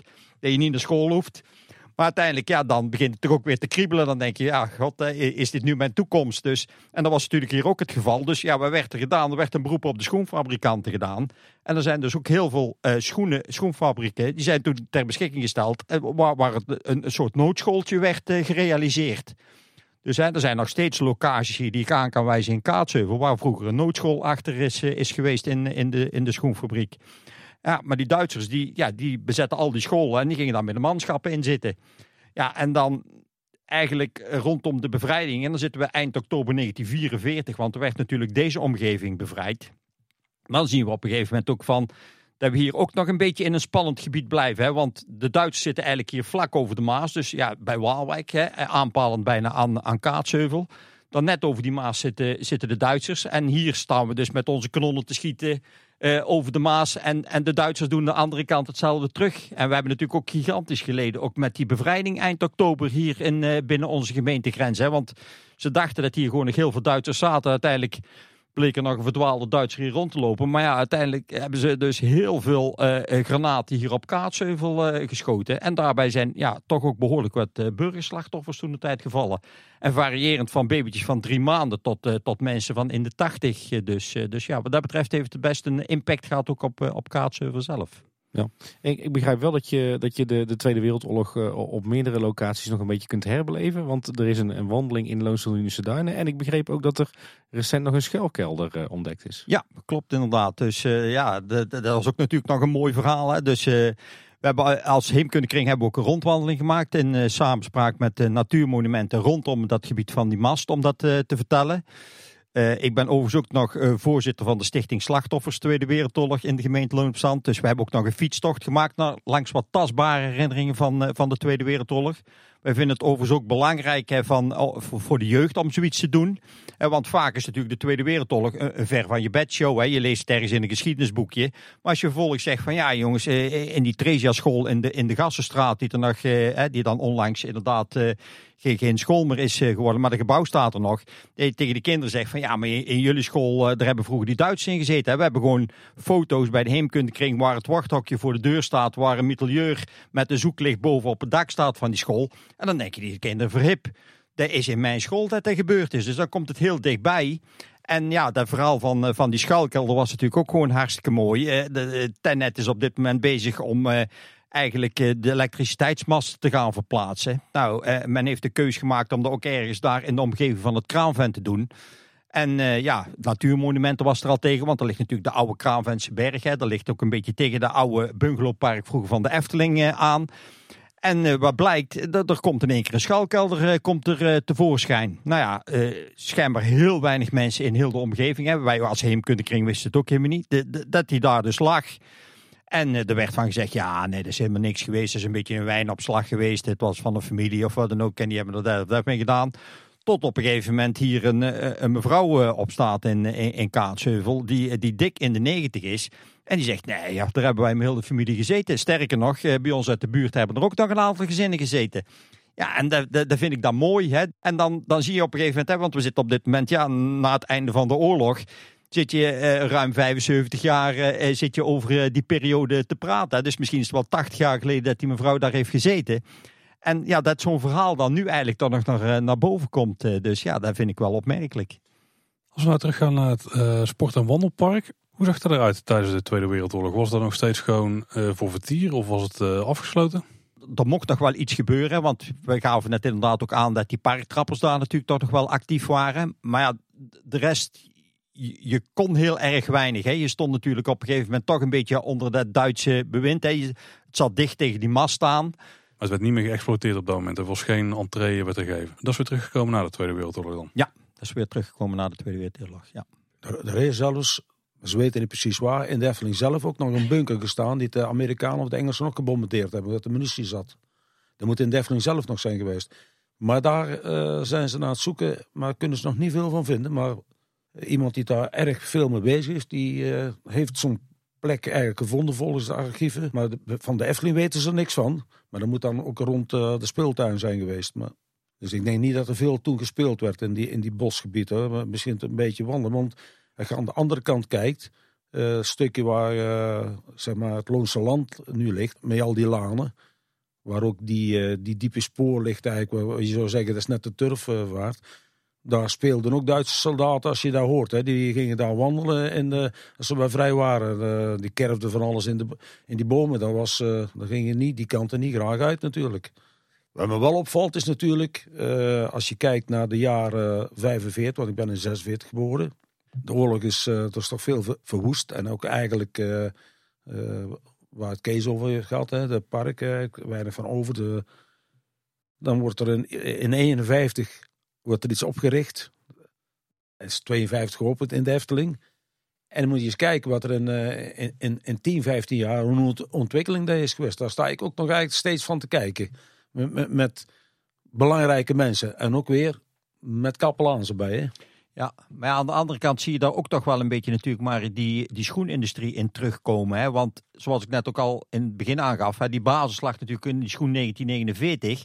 Dus je ziet hier ook weer eigenlijk toch wel die kracht binnen die Kaatsheuvelse schoenindustrie eh, terugkomen. Hè? Zoals we net zeiden, van, ze hebben natuurlijk dalen meegemaakt hè, in, de, in die crisisjaren. Maar vervolgens in de Tweede Wereldoorlog toch ook weer helemaal opgeleefd. Hè? Gouden stad. Vervolgens keldert weer in, maar je ziet toch weer die expansie op een gegeven moment ontstaan. En men zegt van nou, we gaan er weer volledig voor. En we gaan zelfs een hele grote tentoonstelling hier Die hebben ze organiseren. dikwijls gedaan, hè, daar. Ja. Dit tentoonstellingen nog eh, bij, eh, bij de Efteling. Bij het vlakbij het restaurant, het Witte Restaurant. Hè, waar, ze zelfs Nederlands kampioenschappen drie banden deden organiseren. Dus er gebeurde wel veel. Hey, en voordat we, voordat we naar, die, eh, de jaren van na de Tweede Wereldoorlog gaan, heb ik nog één prangende vraag die ik iedere keer probeer te stellen aan mensen van wie ik denk dat ze er misschien verstand van eh, zullen hebben. Maar eh, we kennen ook nog een bosgebiedje vlakbij de Efteling, eigenlijk tussen de, het, het park en de resorts, wat luistert naar de naam Het Duits Bosje. Weten jullie waarom dat zo heet? Nou, ik ben daar op dit moment in, eh, eh, in, in de discussie over met de archivaris van, eh, van de Efteling. Ik heb, wij, kregen die vraag ook binnen, namelijk als, als heemkundekring. Van weten jullie hoe dat die naam is ontstaan? En ik kreeg van de archivaris terug, die zei van ja, in de Tweede Wereldoorlog moet het eigenlijk door een Duitser moet dat stukje bos zijn gekocht. En die gebruikt het eigenlijk als voor houtverzameling en ook in de oorlogswinter en dergelijke. Maar ja, en, en in de hongerwinter werd ook eh, de, eh, eh, werd er een link gelegd. Maar ja, ik denk dat kan gewoon helemaal niet kloppen. Want op dat moment waren we hier al bevrijd. Wij zaten helemaal niet in de- in de hongerwinterperiode. En het verhaal wat ik heb gehoord rondom het Duits bosje gaat nog iets verder terug in die historie. En dat gaat terug in de periode eh 1418, dus de Eerste Wereldoorlog. Op dat moment verbleven er gewoon heel veel militairen hier in de omgeving. En eh, zelfs eh, ook de koningin eh, toen de tijd en dergelijke, Wilhelmina, die kwam ook allemaal deze kant uit om, om de troepen te inspecteren. Want er is bij Gilserij ook een heel groot legerkamp geweest in die periode. Hangt zelfs een heel mooi schilderij van in het Rijksmuseum in Amsterdam. Dus zeker de moeite waard om een keer naar, naar te gaan kijken.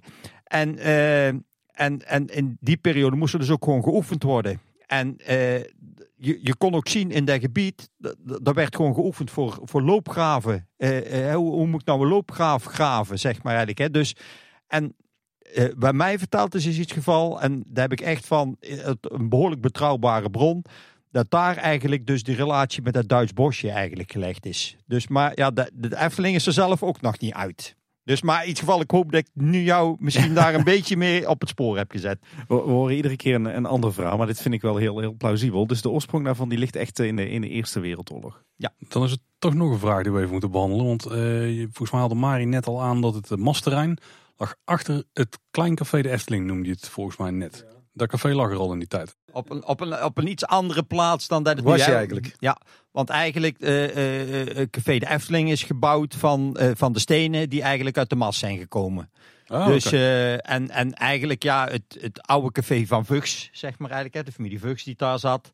Dat was gewoon eigenlijk een, een, een houten café dat er stond. Ja, ik denk dat daar de Duitsers in, de- de, in, de, in ja. de winter in hebben gezeten. Ja. En dat eigenlijk het, het café Efteling nu is in 1956 geopend. En dat hebben ze kunnen openen met de oude stenen van het café wat ervoor nog heeft Ja. gestaan in, Ja. in een laantje. Ja. En, dat was ook, Ja, het was deels hout en deels ja, en dan moest ze weg, dan moest ze eruit. Ja. En daar hebben ze daarvan opgetrokken met diezelfde stenen van de... Ja, dus het Café de Efteling heet Café de Efteling niet vanwege het park de Efteling, maar vanwege het buurtschap de Ja, Efteling. precies. Ja. Maar het, eh, het vorige kleine cafeetje heet ook wel Café de Efteling. Van de familie Vught. Nee, Volgens- niet. mij is het later op een gegeven moment heeft het pas de naam de Efteling gekregen. Maar ik, mij is iets van niet bekend. Hè. Ik, ik kan toch wel eens navragen, want er leven nog wat mensen van de familie Vugs. Hè. Dus eh, onlangs is er ook weer een eentje van overleden. Maar en, daar hebben we ook nog heel dat gebied van de mast ook een keer helemaal met meegelopen, zeg maar, om dat goed in kaart te brengen. Dus we kunnen nog wel eens navragen of dat toen de tijd ook die naam had. Maar mm, ons is iets van niet bekend dat het toen de tijd ook dus de kleine Efteling of de Efteling heette of wat dan ook. Dus eh, Ik, be- ik begreep wel dat daar ook langs dat café, eigenlijk op de plek waar, waar nu nog de oude Horst ligt, dat daar ook nog een tijd een trambaan heeft gelopen. Ja, klopt. Ja, dus eh, de tram eh, die kwam er ook langs. Dus ja, en, naast het café, ja, dat was ook gewoon de ingang naar, naar die mast toe, zeg maar eigenlijk. Hè. Dus ja, het was gewoon daar echt de, de, een kruising van wegen. En ja, de, de tram liep van, eh, vanuit Tilburg naar Waalwijk en eh, die kwam ook... eh, en ja, we hebben vroeger ook nog een stoomtram gehad natuurlijk, hè, dus die kwam er ook allemaal nog langs. Hadden ze die maar nooit opgedoekt, want nu zouden ze willen dat er een, ja, spoorlijn eh, er zijn natuurlijk ooit wel signalen geweest, hè, dus om weer zoiets te realiseren. Dus...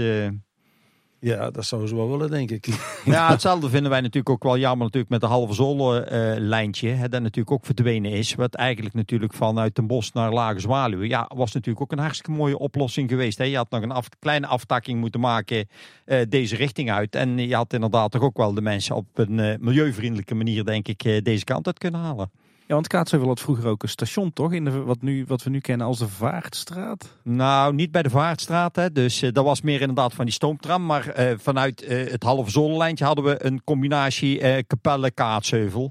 En dat ligt meer op het einde van de Julianalaan. Daar zie je ook nog de oude perron. En daar is eigenlijk ook het oude station geweest. en waar eigenlijk Kaatsheuvel een beetje op meelifte. Maar eigenlijk niet op Kaatsheuvel's grondgebied lag.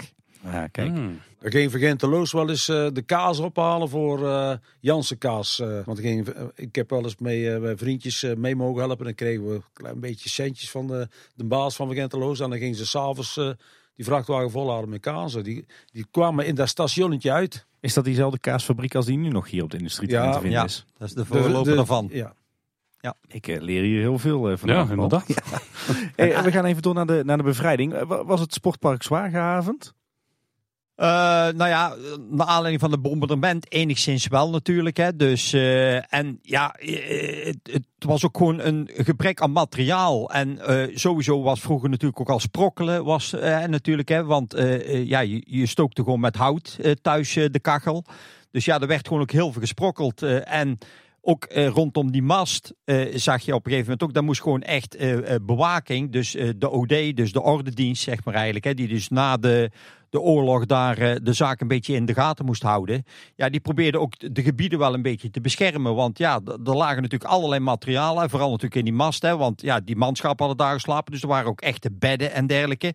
Ja, die waren natuurlijk geliefd, maar ook gewoon, ja, gewoon een ordinaire steen, want als je huis op een gegeven moment gebombardeerd was, of, of je had een, stuk uit je huis, ja, dan moest er hersteld worden. En er waren bijna geen materialen. Dus ja, je probeerde eigenlijk overal die materialen vandaan te halen. En natuurlijk dat gebied van die Efteling, ja, dat, dat lag natuurlijk ook gewoon helemaal vol. Hè? Dus ik heb eh, zelfs een verhaal gehoord van mijn, van mijn opa met, met, met, de, met de buurman. En eh, ja, die, die zijn op een gegeven moment naar de pastoor gegaan. En die zeggen van, ja, eh, jongens, grote gezinnen, we zitten in de kou, het is winter. Nou, zei de pastoor, kom maar mee en dan gaan wij dat gebied van die Efteling in. Ik weet nog wel voor jullie eh, een, een, een, hele grote boom te leggen. Nou, eh, ik hoor mijn opa nog vertellen en wij we, en we liepen maar en we liepen maar die Efteling. En op een gegeven moment kwamen we helemaal achteraan. Nou, er lag met een grote boom. En eh, toen zei je, nou, eh, luid er maar in, zei de pastoor. Nou ja, die dacht van, dat gaat ze nooit lukken. Nou, hun dus terug naar huis. En, en de buurman van, van mijn opa, die werkte bij, in, in de textielindustrie. En die hadden van die hele grote jute zakken. En die hadden alle twee hadden ze er, er zaag meegenomen.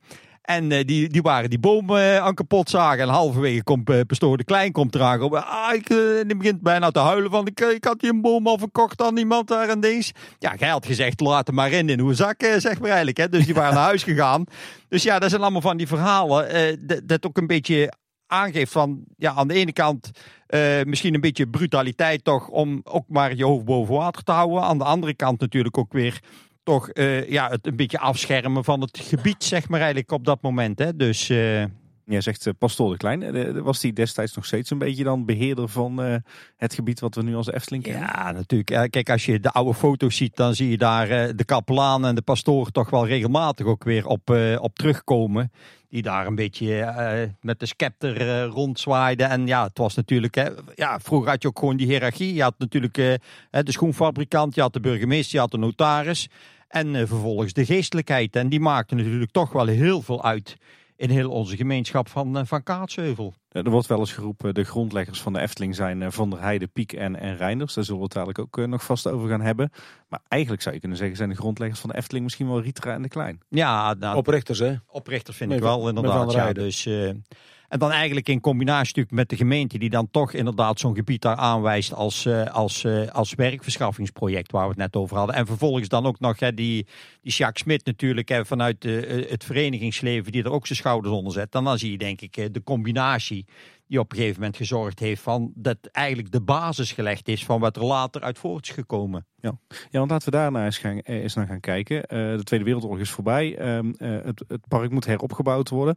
Uiteindelijk gaan we toe naar, denk ik, 1949, tentoonstelling De Schoen. Maar hoe ging dat in die jaren? Hoe, hoe, hoe werkte men daar naartoe? Nou ja, het, het, is gewoon een combinatie natuurlijk in, in overleg. Hè. Zoals nu ook eigenlijk gebeurt. Er, ontstaat gewoon ergens een plan. Hè. Er komen een aantal partijen komen bij elkaar. En dan zie je dat er een aantal connecties zijn. Hè, dus dat de vrouw van de burgemeester, die kent weer Anton Pieck. Uh, hè, vervolgens uh, komt daar Reinders bij. Er is al een, een, een, een park gerealiseerd naar aanleiding van die, van die schoenexpositie. En dan zie je op een gegeven moment die combi ontstaan van ja, een, een, een idee dat op een gegeven moment handen naar voeten krijgt. En ja, er zijn natuurlijk vanuit de maatschappij vaak heel veel ideeën. En een aantal, ja, die redden het. Een aantal redden het niet. En dit is een van de zaken die het, uh, die het gered heeft, zeg maar eigenlijk. En ja, ik denk gewoon door de juiste combinatie van factoren. En mogelijk ook met, met een stukje geluk, zeg maar eigenlijk. Hè, dat er uh, achter is gezet en dat men er geld in heeft willen investeren. Hè, want uiteindelijk is natuurlijk wel de impuls ook vanuit de gemeente gekomen met behoorlijke bedragen. Althans, voor, voor die tijd, zeg maar eigenlijk, hè, waar we het over hebben. Dus ja, dan denk ik van ja, daar, uh, daar ligt volgens mij toch wel een beetje de basis van het verhaal. Ja, en de gemeente dacht natuurlijk aan de werkgelegenheid. Hè. Dus het was een grote impuls. Dat was natuurlijk wel uh, prima. Plus dat uh, de kapelaans dachten, nou als ze hier blijven met vertieren en met werken, gaan ze niet naar uh, de verdorven steden vertier zoeken.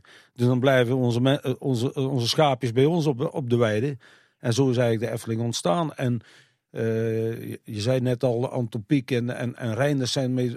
Nee, eigenlijk moet je zien als zijnde mede personeelsleden. Die ze, gewoon, hebben gewoon gevraagd, willen jullie bij ons dat project mee komen doen? Maar de, de oprichters waren wel uh, Van der Heijden, Kapelaans en, uh, en, en, en uiteraard hier uh, bedrijfsleven. Hè. Ook Sjaak Smit en zo hebben van die bouwbedrijven gehad die mee hebben gedaan. Dus hebben wat dat betreft uh, was een prachtige impuls gekregen om zoiets uit de grond te stampen. En ze hebben het juiste plaatje, hè? De, het idee van Antopiek. Uh, dan Reinders op de hoek uh, komen kijken, uh, omdat hij handig was om iets te laten bewegen, want die zat in die filmindustrie. Ze dachten nou, als we nou iets voor de jaren 15, 20 kunnen bouwen, nou dan, dan hebben we een mooi park en dan kunnen we een hele impuls aan geven en dan zien we dan wel verder. Maar ja, ze hadden ja, die verwachting dat het zo zou gaan lopen met zoveel bezoekers, heel snel geld werd verdiend ja, hebben ze gedacht, ja, is dat een prachtige ontwikkeling geworden. Toen kwamen er uh, steeds meer goede ideeën en is groter geworden. En de eerste huisjes uh, en kasteel bijvoorbeeld uh, is gezet met palen die ze uit de bossen haalden, schillen en dan neerzetten en van de betongaas omheen en dan cement er tegenaan smeren. Ja, die meesten zijn allemaal weg, want die zijn allemaal weggerold. Die zakten erin en die deden we in de winter helemaal opnieuw terugbouwen. En in winter uh, gingen ze echt zetten zodat het hoorde. Want ja, iedereen dacht, ja, dat is al lang weg, uh, weggerot. Ja, het was ook weggerot, maar we hebben het uh, heel snel vernieuwd allemaal. Ja. Omdat Efteling gewoon een enorm schot in de roos was eigenlijk. Maar, dan hebben we het over de jaren 50. Maar ik begreep net uit je woorden, Kees, dat, dat eigenlijk 1949 misschien wel een heel belangrijk jaar is geweest in de geschiedenis van de Efteling. Nou ja, ik, ik vind zelf van wel. Hè. Als je dan op een gegeven moment ziet natuurlijk die ontwikkeling van die schoen. En, en, en wat daar allemaal rondomheen. Hè. Ja, als je daar de foto's van ziet. Ja, dit is gewoon geweldig wat daar natuurlijk op een gegeven moment neergezet is. Hè. Gewoon ook een, een park eigenlijk al in landschapsstijl dat op dat moment al aangelegd werd. En dat eigenlijk voor een ja, toch relatief klein dorp en een schoenmakersdorp. Hè. Dus ja, daar zet je eigenlijk al iets neer van, uh, van allure natuurlijk. Hè? Dus, ja, wat, wat even voor de luisteraars, er is niet gewoon een schoen neergezet daar op het wandelpark. De schoen was een grote expositie. Ja, ja klopt. Wil je uitleggen wat daar precies gebeurde? En misschien nog wel elementen die we in de latere jaren van Efteling daar uh, nog van hebben kunnen zien in het park? Al aan de kant van de vaakje. Dat, dat, dat, dat, ja, bij, kinder, bij kindervreugde. Ja, ja. ja, dus daar een beetje in die omgeving zag je inderdaad nog, nog zaken terug van, van die oude schoen. Ja, en die schoen was gewoon een hele grote schoenexpositie natuurlijk. Hè, waar was e-, eigenlijk, er werden gewoon hele grote tenten opgezet. Uh, en, en daar uh, kon elke exposant zijn, zijn collectie laten zien. En ja, daar kwamen ze eigenlijk van, vanuit heel het land en dergelijke. eh, eh, en, en zelfs ook uit het buitenland kwamen ze kijken naar, eh, naar de schoenmodellen en, en, de, en de zaken die er op een gegeven moment waren. Dus eh, ja, er werd echt iets, eh, iets neergezet. En je denkt van ja, jongens, dit is iets eh, echt in die tijd, hè, vlak na de oorlog, net als Marie net aangaf. Ja, we hebben er nog, nog tekeningen van en we hebben er heel veel foto's van. Dus ja, het is echt, echt geweldig.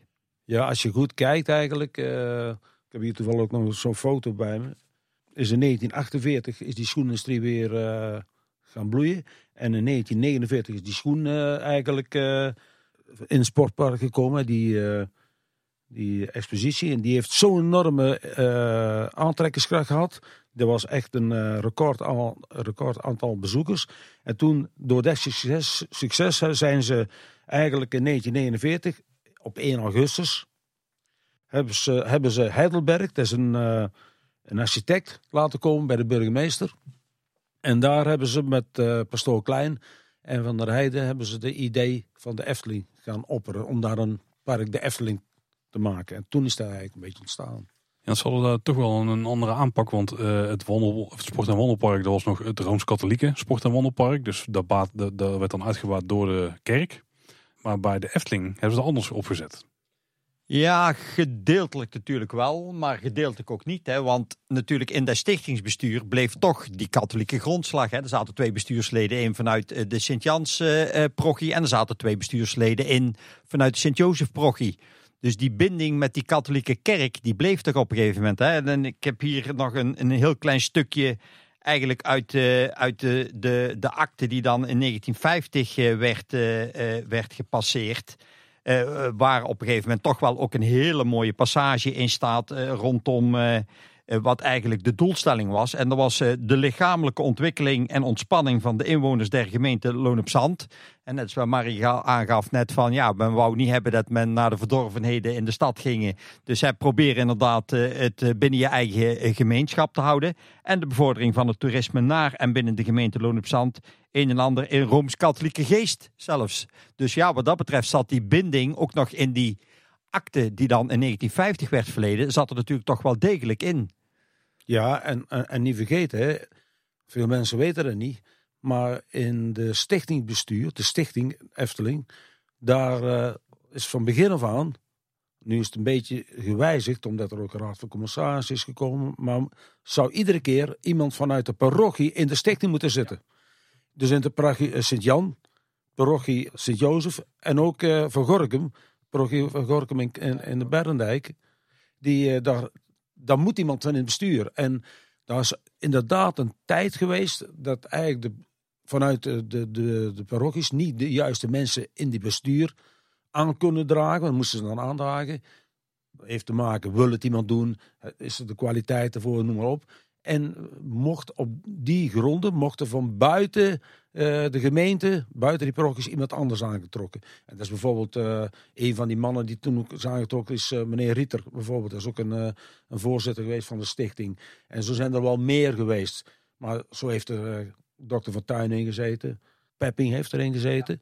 Zo zijn er meer die er vanuit de parochie in hebben gezeten. Dat stond echt in de sta- statuten. En we hebben nu de, eh, best veel gehad over de, de connectie tussen de katholieke kerk en de Efteling. Maar volgens mij zat er ook best wel een, sterke connectie tussen de gemeente en de Efteling. En dan zeker in de persoon van eh, meneer Van der Heijden. Ja, klopt inderdaad. Hè. Ja, aan de ene kant eh, speelde natuurlijk de gemeente vanuit een, een, financiële gedeelte natuurlijk een rol. En zoals we net aangaven van, eh, je ziet eh, inderdaad als we kijken naar eh, de gemeentenotulen dat er toch behoorlijke bedragen werden gefoneerd om, om een en ander voor elkaar te krijgen. Daarnaast zat er ook natuurlijk nog de aanjagende rol vanuit de gemeente in. Hè, van om op een gegeven moment toch ook daar dit project weer van, van de grond af te krijgen. Dus er werden op een gegeven moment connecties gelegd met, met de DUW, met de Heidemaats- Heidemaatschappij, met de architect die het op een gegeven moment moest gaan ontwikkelen. En daar speelde natuurlijk die burgemeester ook een, eh, een behoorlijk eh, voorname rol in. Ja, en later natuurlijk ook vanuit de vrouw van de burgemeester, die natuurlijk die connecties met Piek had. Dus, dus wat dat betreft zat er een hele verwevenheid. Aan de ene kant eh, de financiële impuls, de andere kant de stimulerende impuls. En aan de andere kant misschien ook zelfs nog een beetje de creatieve impuls die er dan nog eh, aan verbonden was. Ja, want ik begreep wel dat naar de huidige maatstaven dat het eigenlijk niet meer zou kunnen. Hè? En dat een burgemeester tegelijkertijd ook voorzitter is van een stichting. Uh, wat later een bedrijf wordt. Ik geloof dat in het verleden dat het ook wel vaak is voorgekomen dat, ja, dat misschien de Efteling goed voor de wind ging. Omdat juist de burgemeester ook in het, uh, in het stichtingsbestuur zat. Ja, maar ik denk, kijk, ik zit natuurlijk zelf in die politiek. Ik denk dat het ook wel altijd afhankelijk is. Ik denk dat elke politicus die heeft toch een bepaalde vorm van interesse. En op het moment dat natuurlijk projecten hem net iets meer aanspreken, het mag natuurlijk eigenlijk niet zo zijn. Maar dat dan mogelijk men toch iets sneller genegen is om te zeggen van nou dan gaan we eens kijken wat de mogelijkheden zijn. Dan dat er op een gegeven moment niet zo'n connectie hebt. Hè. Zoals ik net zeg, het mag eigenlijk niet gebeuren. Maar ik denk dat het in de politiek gewoon niet vreemd is eh, dat dat toch wel gebeurt. Dat er een bepaalde affiniteit is. Eh. Maar ik denk dat het in de jaren 50 makkelijker ging en dat er ook minder controle op was dan hoe het uh, tegenwoordig gaat. Ja, nou inderdaad, je had natuurlijk niet de, een, bepaalde scheiding. Hè. En tegenwoordig heb je dat dualisme gekregen natuurlijk in de politiek. Hè. Dus ja, en, en ja, een kader van misschien integriteit. Ik weet ook niet hoe in hoeverre dat dat toen allemaal echt speelde natuurlijk. Hè. Dus, Het kan natuurlijk ook gewoon flink uit de hand gelopen zijn hè? Want ze wisten van tevoren natuurlijk niet dat het zo groot zou gaan worden zoals het is geworden. Nee, nee klopt. Maar ik begreep wel dat, dat de burgemeester er wel bijvoorbeeld een hand heeft in heeft gehad om uh, de scouting van het terrein uh, te krijgen. En aan de andere kant heeft de burgemeester uiteindelijk natuurlijk ook een, een schitterende woning op Efteling terrein gekregen. Ja, en natuurlijk ook uh, qua bedragen. Kijk, als je natuurlijk kijkt dat er in, uh, in uh, 1950 400.000 gulden en in, in 1952 600.000 gulden vanuit de gemeente ter beschikking werd gesteld eh, om, om daar een en ander te realiseren. Ja, dat, dat, waren voor die tijd natuurlijk toch gewoon gigantische bedragen. Hè? Dus eh, we hebben het op dit moment natuurlijk met zo'n bruisend dorpshart hebben we het gelijk over de miljoenen. Maar eigenlijk is het natuurlijk eh, wel te vergelijken in, eh, in die periode ook natuurlijk met die bedragen waar het over ging. Dus ja, eh, en, en ja, zo'n voorzet richting zo'n gemeenteraad en natuurlijk de verdediging eh, gebeurt dan op dat moment ook door een burgemeester en de wethouders die daar op dat moment zitten. En als die klikker is en de impuls is er ook van die andere kant, ja, dan gaat het misschien ook wel makkelijker om, het, uh, om de zaken erheen te loodsen op dat moment. Want ja, net zoals Marie net ook aangaf, je zat natuurlijk wel in de periode echt van de wederopbouw nog op dat moment. Hè. We hadden natuurlijk net in 1945 uh, dat, dat, dat we van de bezetter eigenlijk in Nederland verlost waren. We waren net een beetje aan het opbouwen.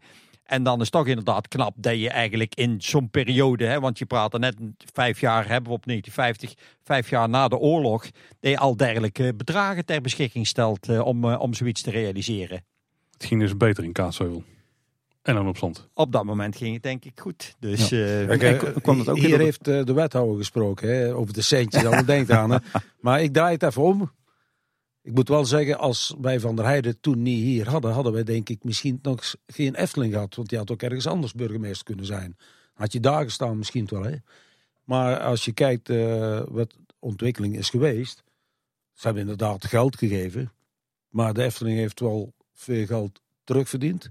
Hadden ze, hadden ze dat niet gedaan, hadden ze toch veel mensen in de WW nog gehad toen in de tijd. Of in de sociale diensten, noem maar op. Want het was geen werken. Het werd steeds moeilijker, ook in die tijd van de schoenindustrie. Dat maakt al veel uit. Maar als je kijkt naar de toeristenbelastingen onder andere wat ze gekregen hebben al die jaren. En toen het een beetje afgeschaft werd, werd er een bepaald bedrag afgesproken wat ze zouden betalen. Heeft de, Efteling, of heeft de gemeente daar toch ook zijn profijt van gehad. Als je ziet dat de Efteling en dat vind ik ook niet erg. Zo hoort het ook. En dat, dat gebeurt nu trouwens ook nog steeds. Bij elke ontwikkeling van de Ropelaan bijvoorbeeld, uh, het grootste, toch een behoorlijk bedrag door de Efteling betaald is. De grond af is gestaan, hè, want we zijn opgeschoven hè, naar, west, naar zuidelijke richting. Dat, is tot de rotonde van het politiebureau, wat uh, oude politiebureau en de brandweer dat ze daar nog een bijdrage hebben gedaan. Over de stoplichten, maar niet te praten, want daar hebben ze de bijdrage aan gedaan moeten ze straks een uh, rotonde komen in Lonsand, dan zal de Efteling daar toch uh, zijn centjes bij moeten leggen. Dan uh, is het een, wel een bedrijf dat en, en geluk heeft gehad in de jaren 50 dat de gemeente meedoet, want toen was er gewoon geen geld. En ze hebben natuurlijk uh, toch heel veel uh, teruggedaan wat betreft vermakelijkheidsbelasting, toeristenbelasting, noem maar op.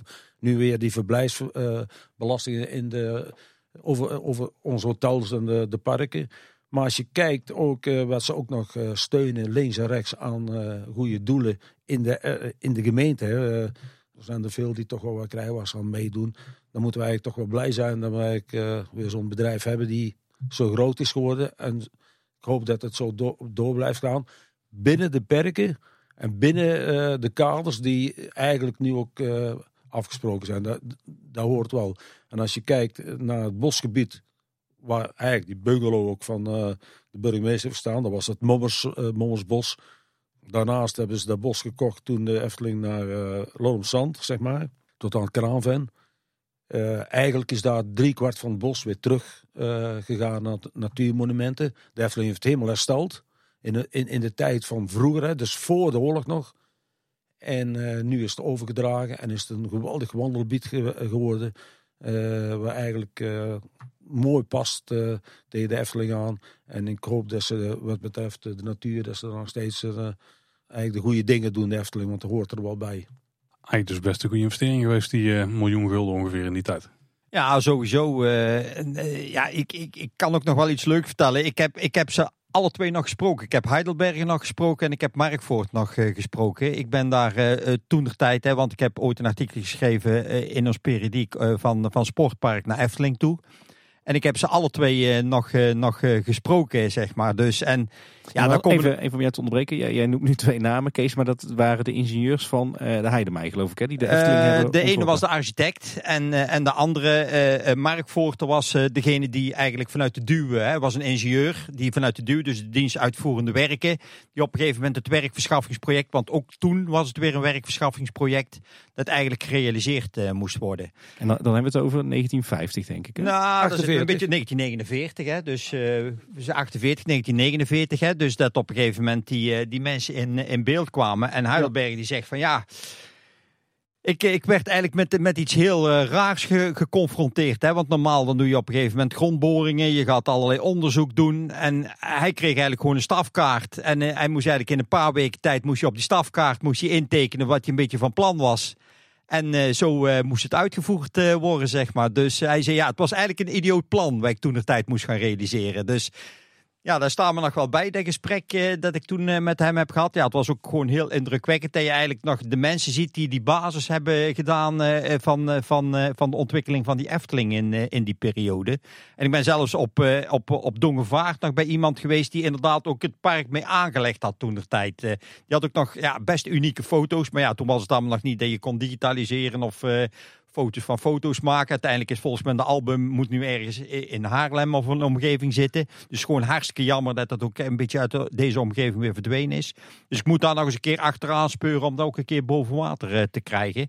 Maar ja, dat waren wel heel indrukwekkende gesprekken. Dat je eigenlijk een beetje met ja, toch de ontwerpers van zo'n park daar, eh, daar op een gegeven moment eh, zit. En dat je dan hoort gewoon dat, dat zo'n eh, pastoor eigenlijk zegt dat hij vond dat er heel veel eh, bulten in moesten komen. Dus er moesten verhogingen in het park komen. Nou ja, later kon die gerustgesteld worden. Hè, want rondom die vijverpartijen en zo allemaal werden inderdaad wel glooiingen aangelegd. Dus de pastoor was ook weer tevreden. Maar ja, zulke dingen die dan op een gegeven moment zo'n Heidelberger als ingenieur op een gegeven moment tegen je vertelt, zeg maar eigenlijk. Hè. Dus ja, dat is gewoon geweldig als je zulke mensen nog een keer eh, kan spreken. Dus ja, dat is een unieke ervaring, die me nog steeds bij. eh. Ja, daar kunnen wij alleen maar heel jaloers op zijn. Want ik denk die plannen die zij ontwikkeld hebben eind jaren 40, dat is, en, en die, die begin jaren 50 zijn gerealiseerd, die herken je nog steeds wel een beetje in de Efteling van, eh, van, van eh, dit moment. Ja, ja, want dan zit je echt inderdaad in die omgeving natuurlijk van, van eh, eh, waar nu eigenlijk de gondoletta is en zo allemaal. En dan zie je die glooiing ook nog terug in het landschap en zo allemaal. Wit, eh, het witte eh, restaurant.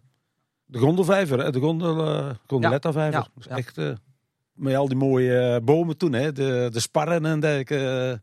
eh. Kun je, kun je nog meer leuke dingen herinneren van de- die gesprekken die je met hen hebt gehad?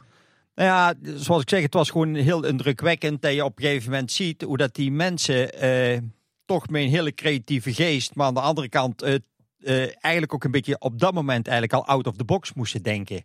Hè, want zoals je aangaf, van ja, normaal heb je altijd zo'n vast traject dat je dan moet lopen als ingenieur natuurlijk. Hè, zoals we tegenwoordig ook met onze plannen kennen. Ja, en hij kreeg gewoon die stafkaart. Die zegt van, eh, gaat er maar aan beginnen. Dus eh, ja, en, en ook nog, nog leuke dingen. Hè, want in eerste instantie was ook ooit de bedoeling, dat heeft hij me ook nog laten zien. En hij had die tekeningen ook allemaal nog liggen. Dat er ook ooit al eh, gesproken is over een soort vlindertuin daar aan te leggen. En we hebben later eigenlijk een beetje terugzien bij die Efteling Golf. Dat men zegt van ja, we gaan dat park zo aanleggen. Dat eigenlijk toen de tijd hebben, je kent wel eens meer ergens dat er een soort vlindertuin ergens is. Maar dat er ook nog ooit een plan is geweest, maar het is nooit gerealiseerd door de Efteling. Maar hij had heel die uitwerking, had hij bijvoorbeeld ook nog liggen thuis. Geweldig. Dus uh, ja, geweldig. En uh, ja, ik probeer ook nog te traceren, want ik heb van hem toen eigenlijk nog een beetje gevraagd van ja, god, is het niks als ja, op een gegeven moment iedereen die gaat natuurlijk een keer overlijden van wat gaat er dan gebeuren met al die spullen die je hebt liggen? En kan dat dan niet richting de Efteling komen? Kan dat niet richting onze heemkundekring komen? Of wat ook? Nee, maar hij had een bepaald persoon had hij toen de tijd in gedachten waar het allemaal naartoe ging. Dus ik moet nog eens even traceren waar al die zaken zijn gebleven. Want ja, ik vind zelf, hè, vooral ook in deze digitale uh, tijdperk, al hebben we maar uh, kopieën ervan en dingen en kunnen we een keer iets leuks over publiceren. Ja, het is natuurlijk gewoon uniek materiaal, zoiets. Hè, dat, dat misschien zelfs de Efteling zelfs nog niet meer in het archief heeft zitten. Dus, ja, nee, uh, nee, nee, ik denk dat, dat het stukje geschiedenis voor 1952 wel heel erg onderbelicht is. Uh, nog steeds. En, jij zei, heb je het ook nog iemand kunnen spreken die, die de Efteling daadwerkelijk heeft aangelegd begin jaren 50? Wat, wat had die voor verhalen? Nou ja, dat was natuurlijk vooral hè, hoe dat het allemaal ging, de aanleggen. Hè. Ik heb daar ook nog, ik heb nog, nog wel één foto van en zo allemaal. Dat je gewoon ook ziet, echt met willige tenen werd het gewoon helemaal ingevlochten. Hè, rondom die vijvers. Van ja, hoe dat het vroeger ook allemaal ging met de aanleggen van, van, van, van zo'n park en dergelijke. Dus ja, dat, dat zijn toch wel hele leuke verhalen. Dat je ook de, de mensen die echt dan met de voeten in de modder hebben gestaan, om het maar even zo uit te drukken, dan ook nog aan dat park echt gewerkt hebben. Dus ja, ik vond dat wel ook een unieke ervaring dat je zo iemand dan ook nog een keer spreekt. Hè? Dus, uh... ja, kunnen wij dat artikel van jou uh, nog ergens terug, uh, terugvinden of teruglezen? Ja, het staat nog steeds in een, in een periodiek van Strolzaand. En dat is van april 1992, nummer 2. Uh, jaargang uh, nummer 7. Volgens mij staan die uh, edities ook allemaal nog steeds in, in de bibliotheek in Kaatsheuvel. Anders zijn ze altijd bij het regionaal archief in Tilburg of bij de Brabant collectie terug te vinden. Dus, en de echte geïnteresseerden wil ik het beste voor inscannen en een keer uh, toemailen of wat dan ook als dat uh, nodig is. Heel graag, heel graag. Daar uh, zouden we maar al te graag induiken. even dubbel checken. Waren ze bij de aanleg van de Efteling zelf van waren het toen wel de graafmachines tevoorschijn gehaald of waren ze ook steeds met een schepje Nee, toen was het inderdaad echt... erbij. Toen moest, toen moest er flink al, toen werd er al ander materiaal gebruikt. Dus het was wel een werkschaffingsproject, maar het was echt een werkschaffingsproject om echt iets te realiseren en niet om mensen echt aan het werk te houden eh, voor een langere periode, zeg maar eigenlijk. Dus uh, hier mocht al uh, iets meer dan uh, alleen de, de spade en de kruiwagen gebruikt worden. En Kees, ben je verder nog leuke dingen te weten gekomen over zeg maar die begin jaren 50 en de, de bouw van het park? nou ja, inderdaad. Wij proberen aan de hand van, zoals ik net zei, eventueel interviews als dat nog lukte. Maar ook via oude krantenberichten en dergelijke archiefstukken proberen wij zaken te achterhalen. En dan zie je inderdaad toch bij het begin van de, van de park. Ja, je moet je voorstellen, het gros was op een gegeven moment allemaal woest grond, woeste grond was het eigenlijk. Hè? Dus er stonden heidestruiken, af en toe een vliegden ertussenin. En daar moest die Heidelberger aan de slag met zijn stafkaart, zeg maar eigenlijk. Hè? Dus zonder die grondboringen. En hij vertelde op een gegeven moment ook, ze begonnen met het graven van die vijver. Hè, daar hebben ze met, met ongeveer 400 man hebben ze daar aan, aan gegraven om... Dus dat, dat, was dus een behoorlijk project waar ze daarmee bezig waren. Maar ze wisten dus ook niet of dat er water in bleef staan. Gelukkig bleef daar, bleek achteraf dat er een leemlaag onderin zat. En uh, had men de, de, de goede gok uh, gemaakt. Maar om, om en zoals ik zeg, ja, voorheen werd er altijd gesondeerd. In eerste instantie met grondboringen. Van wat, wat, wat, wat, is de ondergrond? Hè? Als we daar op een gegeven moment iets gaan doen, blijft er inderdaad uh, water staan, ja of nee? Maar dat was dus daar gewoon niet het geval. Dus hij ze zijn gewoon dus met de stafkaart. Ze zijn vervolgens dus heel dat gebied gaan ontginnen. Vervolgens ja, die heuvels daarin aangelegd. En inderdaad ook, ook die vijver gegraven. En ja, ze hadden dus geluk dat daaronder een leemlaag zat. En daardoor dat er ook dus dat water in, in bleef staan. Ja, en dat vind ik dan gewoon hartstikke leuk om te horen dat je eigenlijk op dat moment, misschien ook met je beperkte middelen die je had, eh, toch op een gegeven moment eh, zoiets dan ook eh, realiseert in zo'n park. En daar eigenlijk ook een beetje die, die basis mee legt in, het, in het gebeuren. En ja, ze hebben toen ook nog een, een spoorlijntje aan, aangelegd hè, met, met kiepwagentjes erbij. Om, ja, het, was toch, als je daar met 400 man aan het graven bent en uiteindelijk is het toch een behoorlijke vijver geworden die er ook aangelegd is. Dus is daar behoorlijk wat, wat werk in die beginfase ook ingestoken. Dus ja, er zijn toch denk ik zaken die, die een beetje ook aan die basis hebben gelegen van die Efteling. Kijk, dus er was al eerder dan 1969 een eh, spoorlijn in de Efteling. Ja, ja, ja. ja, Het zal ook een smalspoor zijn geweest dan. Ja, inderdaad. Dus, eh, ja. De grond uit de vijvers. En daar ook dan de glooiende bergen mee gemaakt? Of was het allemaal eh, ja, duinzand, zeg maar? Wat Nee, nee, nee. Het is, het is ook gedeeltelijk allemaal hergebruikt, maar ook gedeeltelijk weer afgevoerd. Hè? Want anders had je inderdaad natuurlijk de spoorlijntje ook gewoon niet nodig gehad. Ja, en, en er werd gewoon een beplantingsplan gemaakt en zo allemaal. En zoals ik zeg, ja, wij hebben dan ook gewoon gesproken met die man uit Dongevaart die dat ook aangelegd had. Die zei ook van ja, hoe, hoe ze beschotting vroeger ook deden rondom die vijvers. Hè. Dus eigenlijk ja, nog misschien een beetje ook op de manier zoals het nu eh, in een aantal gevallen nog wel gebeurt. Maar echt met die wilde tenen die helemaal ingevlochten werden om te voorkomen dat natuurlijk ook de vijver weer instorten. Dus ja, ze moesten echt gewoon goed nadenken. eh, maar ook allemaal naar aanleiding van die stafkaart die ze alleen maar hadden. En die Heidelberger een beetje ingekleurd had van hoe dat hij zijn idee had, hoe dat eruit moest komen zien. Dus ja, ik denk eh, best opmerkelijk.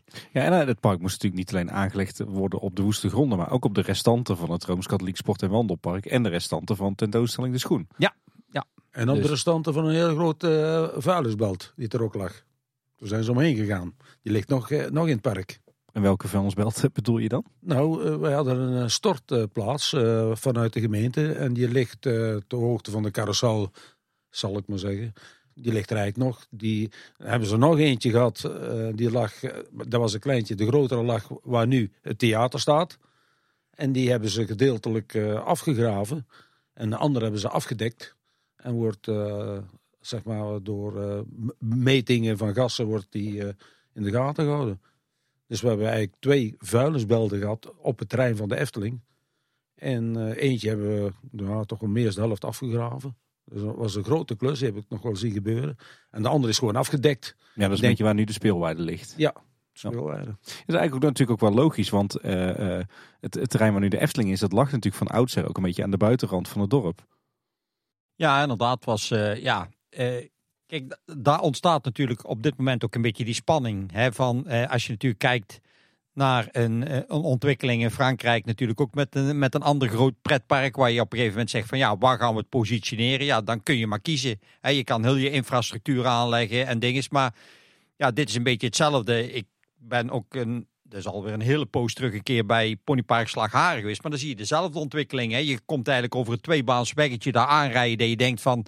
En altijd is het raar qua files en allerlei Ja. andere dingen. En zo is dat natuurlijk hier ook ontstaan. Hè. Het is natuurlijk met het sportpark is het tegen het dorp aangegroeid. En het, eh, uiteindelijk heeft daar ook de ontwikkeling van dat, eh, van dat park plaatsgevonden. En ja, je kon ook bijna geen kant uit. Want de ene kant lag natuurlijk het dorp. De andere kant lag eh, die Loons en Drunse Duinen. Hè, dat later zelfs een, eh, Natura 2000 gebied is geworden.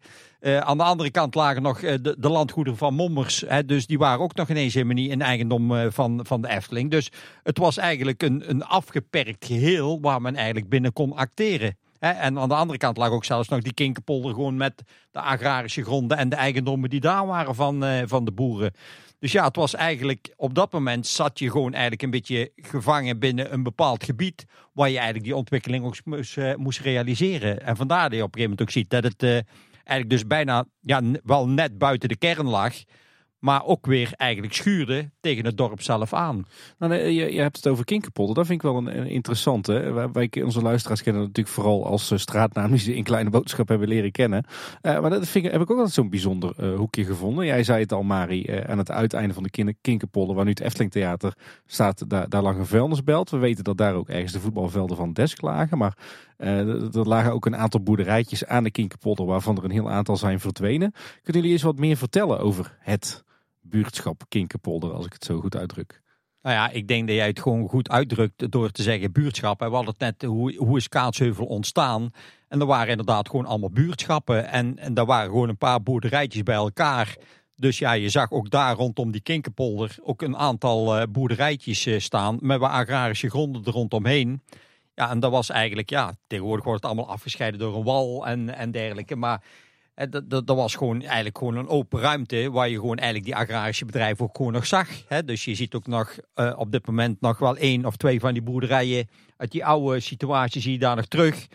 Maar ja, er is ook onlangs, of tenminste een groot aantal jaren terug, is er ook nog eentje afgebroken eh, op de hoek. Hè? Dus eh, die, die er ook eigenlijk van oudsher al stond. Dus wat dat betreft... Ja, er eh, zijn er zeg maar in een recordtempo daar. eh, dat is de laatste die jij noemde, Kees, die afgebroken is. Was dat die daar- witte boerderij? Dat van, eh, van Van den Hoven. Van- Aan ja. de overkant hebben er ook een enkele gestaan. Eh, die zijn snel eh, afgebroken eigenlijk en eh, bij het Eftelingpark bijgekomen. En en, en de huisnummers zeg maar teruggegeven aan de gemeente. Dan konden die weer huizen bouwen. Want dan mochten ze die weer uitgeven ook gelijk. Hebben ze gewoon afstand van gedaan, de Efteling. En daar zit nu wel een beetje de tuindienst van de Efteling zelf nu. Dus, eh, en, en er zijn er wat boertjes natuurlijk die zijn gestopt. Waar ze het grond van over hebben kunnen nemen. En die hebben, ik ken er meerdere die bij ons op de Efteling natuurlijk eh, in de tuindienst zijn gaan werken. En die hebben de laatste jaren, voordat ze met pensioen gingen, lekker eh, bij ons op de Efteling kunnen werken. en dat was leuk. En de Efteling die had natuurlijk geluk, die het eh, makkelijk kunnen kopen met boerderij, met grond en allebei. Ik begreep wel dat uh, Kinkerpolder een beetje het, eh, de, de griebus was, zeg maar, eh, van Kaatsheuvel. Het was niet het beste hoekje. Nou, dat kan ik toch niet in. Ja, ik vond ik het denk het ook wel- niet hoor. Nee hoor. Dus, eh, Het was een leuk hoekje, Het toch? was een leuk hoekje. En, en later is er zelfs ook nog een jeugdhonk geweest. Natuurlijk daar de Kinkerpolder. Waar heel veel, denk ik, eh, van mijn leeftijdscategorie. En misschien ook van Mari nog wel eh, eh, eh, behoorlijk wat jeugdherinneringen hebben liggen. Dus, geloof eh, het, geloof het wel. geloof het wel. Eh, wa- Was dat die, die grote boerderij op de hoek van de Kinkerpolder en de Braakakker? Nee, nee, nee. Het was echt een, eh, een jeugdhonk wat eh, eh, in hout opgetrokken Apart was. gezet, en eh, apart eh, neergezet. En eh, gewoon eh, met een bar erin. En eh, toen de tijd kon er ook gewoon ook binnen gerookt worden en zo. eh, Dus, eh, dus het was echt het uitgangscentrum eh, bijna van Kaatsheuvel daar. eh, Heeft ook nog pad, eh padvinderij ook nog ja, in gezeten. Ja, ja. En daar is een paar keer brand geweest. Ik ben daar met de brandweer, ik, want ik heb natuurlijk bij de brandweer gezeten in Kaalsel. Daar is ook wel uh, wat gebeurd waar eigenlijk niet kon eigenlijk. Hè. We denken ook aan brandstichting. En toen is het toch eigenlijk afgebrand. Daar zat ook een beheerder bij. Op een gegeven moment heeft de Efteling eh, eigenlijk laten ontmantelen, weg. eh, en op een andere plaats is toen een stuk, een, een nieuw bouw neergezet voor de padvinderij. Vlakbij de Sint-Jozefkerk. En dat is natuurlijk veel beter. En daar staat nu eigenlijk de tuindienst. De plantenkast van de tuindienst staat eigenlijk zomaar, zeg maar, Ah, op de die plek. Kinkerpoldergebied. Oh, ja, zo. Ja, ja, ja. Kinkerpolder is wel nog lang eh, uitgevoerd geweest in die, echt die oude keien, hè, voordat de Efteling me eh, geasfalteerd had. Ja, nou, er was inderdaad nog een oud eh, weggetje dat daar Ja. lag. Dus wat dat betreft ja, is dat daar ook allemaal weer een beetje verbeterd en gemoderniseerd in, in de loop der tijd. Geen cultureel erfgoed wat, eh, wat vernietigd is. Ja, ja, ja, het is altijd natuurlijk, hè, je moet, eh, kijk, eh daar zeggen we ook altijd als Heemkunde Kring, je hoeft natuurlijk hier ook geen openluchtmuseum van te maken, maar een aantal tastbare herinneringen die toch een beetje aan je roots en je historie blijven gerelateerd. En dat is denk ik ook altijd een beetje de spanning natuurlijk binnen de Efteling, hè, van welke zaken wil je behouden of ga je inderdaad helemaal vernieuwen. Ja, dat blijft altijd natuurlijk spannend en dat zie je in een dorp, maar dat zie je ook in het pretpark denk ik terug. Ja. Ja, en als je daarnaar kijkt, want we hebben het net over het voetbalveld. eh, en, eh, er was ook een vuilnisbelt waar dat voetbalveld op is komen liggen van desk. Maar de deskvelden lagen dieper in de Efteling zelf, hè, tegen, het, eh, tegen het Witte Paard aan. Hè. Sint-Nicolaasplaats, eh, waar nu eh droomvlucht staat, dat waren eigenlijk de voetbalveldjes van, eh, van, eh, van Desk. En daar lag ook kort tegen de handbalveldjes aan en de hockeyveldjes. En er lag ook nog een eh, tennisveld eh, in het park. Maar toen ze heel langzaam zijn op moeten gaan schuiven voor de uitbreiding, zijn ze op het vuilnisterrein zijn ze een voetbalveld gaan leggen voor Desk. Mee een tribune en al. En toen Desk helemaal daar weg wa- is gegaan, toen zijn ze aan het afgraven gegaan en is daar het theater gekomen. Ja, en daar vinden we nu nog steeds eh, bijvoorbeeld eh, eh, de, het logistiek evenementenmagazijn en de fietsstalling, denk ik, hè, in die hoek. Ja, tot nu toe nog wel. En een van die gebouwtjes die daarop staat, dat, is het, eh, dat zijn de oude kleedkamers van Desk. Die staat er nog steeds. Daar staat inderdaad, dat is de oude kleedruimte. Hey, eh, even een klein sprongetje in de tijd, Marie. Dan gaan we naar de tijd dat jij bij de Efteling begon te werken. Eh, hoe, hoe was het om, om destijds in de jaren zeventig in de Efteling te werken? Ja, dat, dat was natuurlijk geweldig. Hè? Je komt uit, eh, uit- een binnenplaats van een fabriek. En dan kom je op de Efteling te werken. En er zat heel veel verschil in, in, in, in, het, type, ja, in het type werk natuurlijk. Want het is heel gek. Je maakt machines of standsmessen en je komt op de Efteling werken. En ze vragen dan ook in eerste instantie... zou je ook eh eenkorens of, of muizen bewegend kunnen maken? Bij een sollicitatiegesprek. eh, wij, wij noemden het amper een sollicitatiegesprek, want we wisten niet wat het was. Maar we gingen gewoon aanbellen en vragen, mag ik hier komen werken? En dan komt er bij iemand, eh, gaan ze dan eh, met een briefje, kom je dan thuis en dan moet je afspraak maken. En dan kom je eh, bij iemand, we hadden geen telefoon natuurlijk, hè, dus dan ga je er naartoe. En toen mochten we komen en dan ga je zitten praten met een paar mensen en dan gaan ze vragen stellen. En dan denk je, ja, daar klopt helemaal niks van.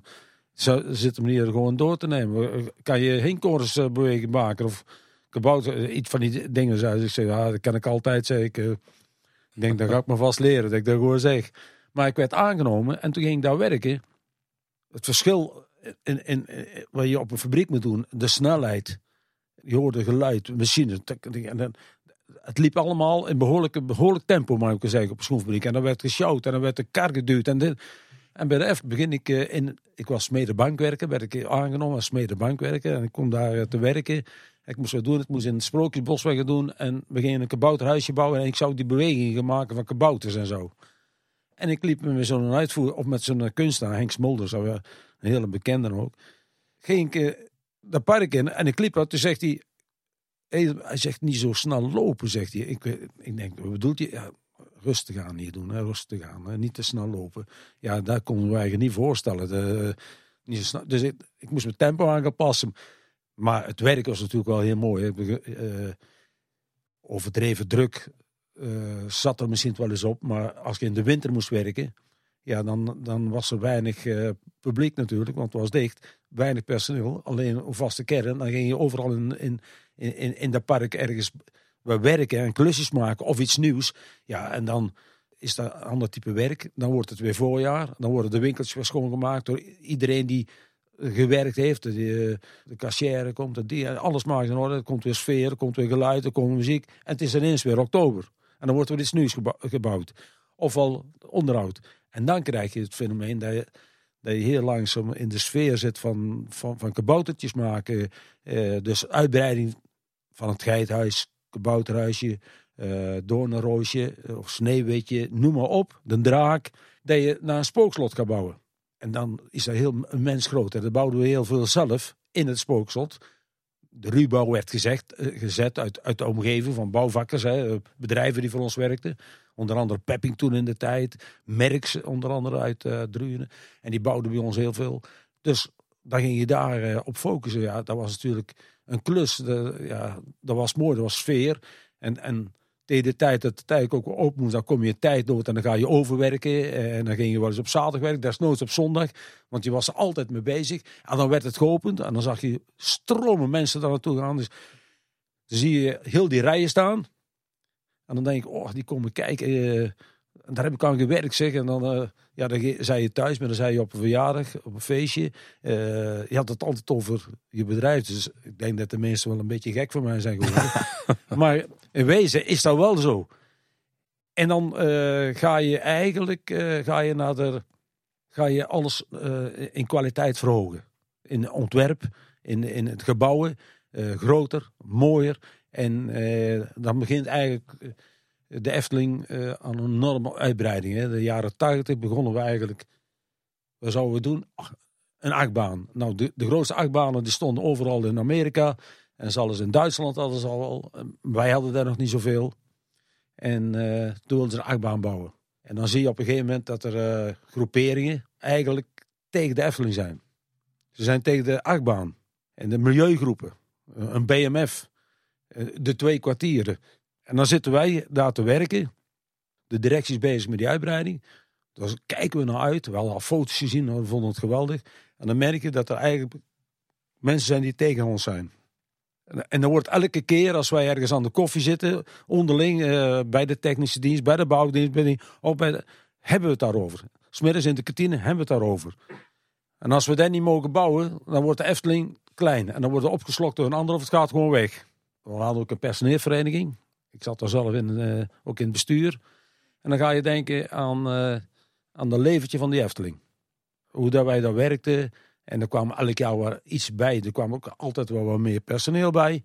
Waar wij mee bezig waren. Dat er kinderen werkten voortaan van, eh, van, van personeelsleden die vakantiewerk deden.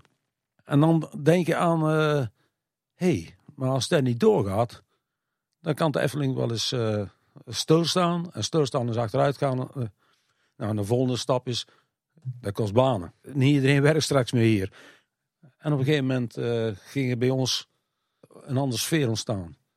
En wat de directie van de Efteling moeilijker kan doen om tegen een milieugroep flink op te treden. Want dan wordt, uh, is die, die krijgen meestal uh, zijn boemerang weer terug. Is dat als personeel in opstand komt, dat er dan iets anders gaat gebeuren. Want dan maak je niet makkelijk mee. Personeel voor het bedrijf gaan staan. En zeggen, hé, hey, maar dit gaat voor ons te ver. En toen hebben wij eigenlijk gezegd, nou, als de BMF met ons niet wilde praten, want dat stond ook al in krantenknips, ze hebben niks met personeelsopzicht te maken, daar gaan ze niet meer praten. Moesten met de directie en ze wilden uh, in ieder geval niet verder gaan en bouwstop. En inderdaad, de Python was stilgelegd, bouwstop van de achtbaan. En toen hebben we gezegd, nou, dan gaan wij actie voeren. En toen zijn wij begonnen eigenlijk om te zeggen, we gaan eens in een weekend ons kantoor waar onze directeur zit, was het niet zo groot, een kantoor. Er zat uh, personeelschef, uh, onze directeur, nog een secretaresse, nog eentje voor die voor de centjes moest zorgen. Was niet groot. Dan gaan we bezetten. Kunnen rustig in het weekend doen, want dan was het ook niemand. en dan gingen we, lieten we lekker naar een kranten. was wel iemand die wel iemand kende bij de krant. Dus zei personeel begint boos te worden. En het weekend zitten ze in, op het kantoor. Mag iedereen naartoe komen? Geen directie, niemand. Want het personeel doet het zelf. Dat hebben we gedaan. En toen hebben we ook gezegd, dan mogen ze mensen handtekeningen zetten. Want we gaan maandags gaan we een optocht organiseren naar, uh, naar het gemeentehuis. En dan gaan we die handtekeningen aanbieden. Nou, dat hebben we gedaan. En dat stond natuurlijk gelijk in de krant voor het weekend. En in de weekend werd het ontzettend druk. Handtekeningen. Heb hier nog wat vlugschriften liggen. Daar konden ze inleveren, konden ze dan tekenen. En dan uh, hadden we die bij. Heel de doos hadden we al zo. En toen hebben we ook gezegd. En we, hebben het, we denken, we moeten het na drie uur doen, want de kinderen moeten naar school. We willen graag de kinderen erbij betrekken. Allemaal maar uitnodigen. En die kinderen, oh, die vonden het geweldig, deden mee. Dus wij deden bij ons op de Efteling in een recordtempo uh, bordjes maken. Wij willen schommelen, wij willen wippen, wij willen glijden. En af en toe een foutje in, in, in zo'n bordje, in zo'n tekst. Hè. Uh, en we kunnen of een elletje vergeten of een peetje. En die deelden we uit als ze kwamen. Want we wisten wel onze eigen kinderen altijd meededen van ons. Van, van, van iedereen werken gingen alle kinderen mee. Maar ja, die brachten ook de, de, de vriendjes mee en de vriendinnetjes van die school. Maar we kwamen er ook achter dat er wel mensen die bij ons leverden, dat je ook wel mee wilde doen aan die optocht. Want die, waren, die zien daar ook wel gebeuren. Wij willen meedoen, want een werkgelegenheid. En er zijn veel bedrijven die voor de Efteling werken in de omgeving.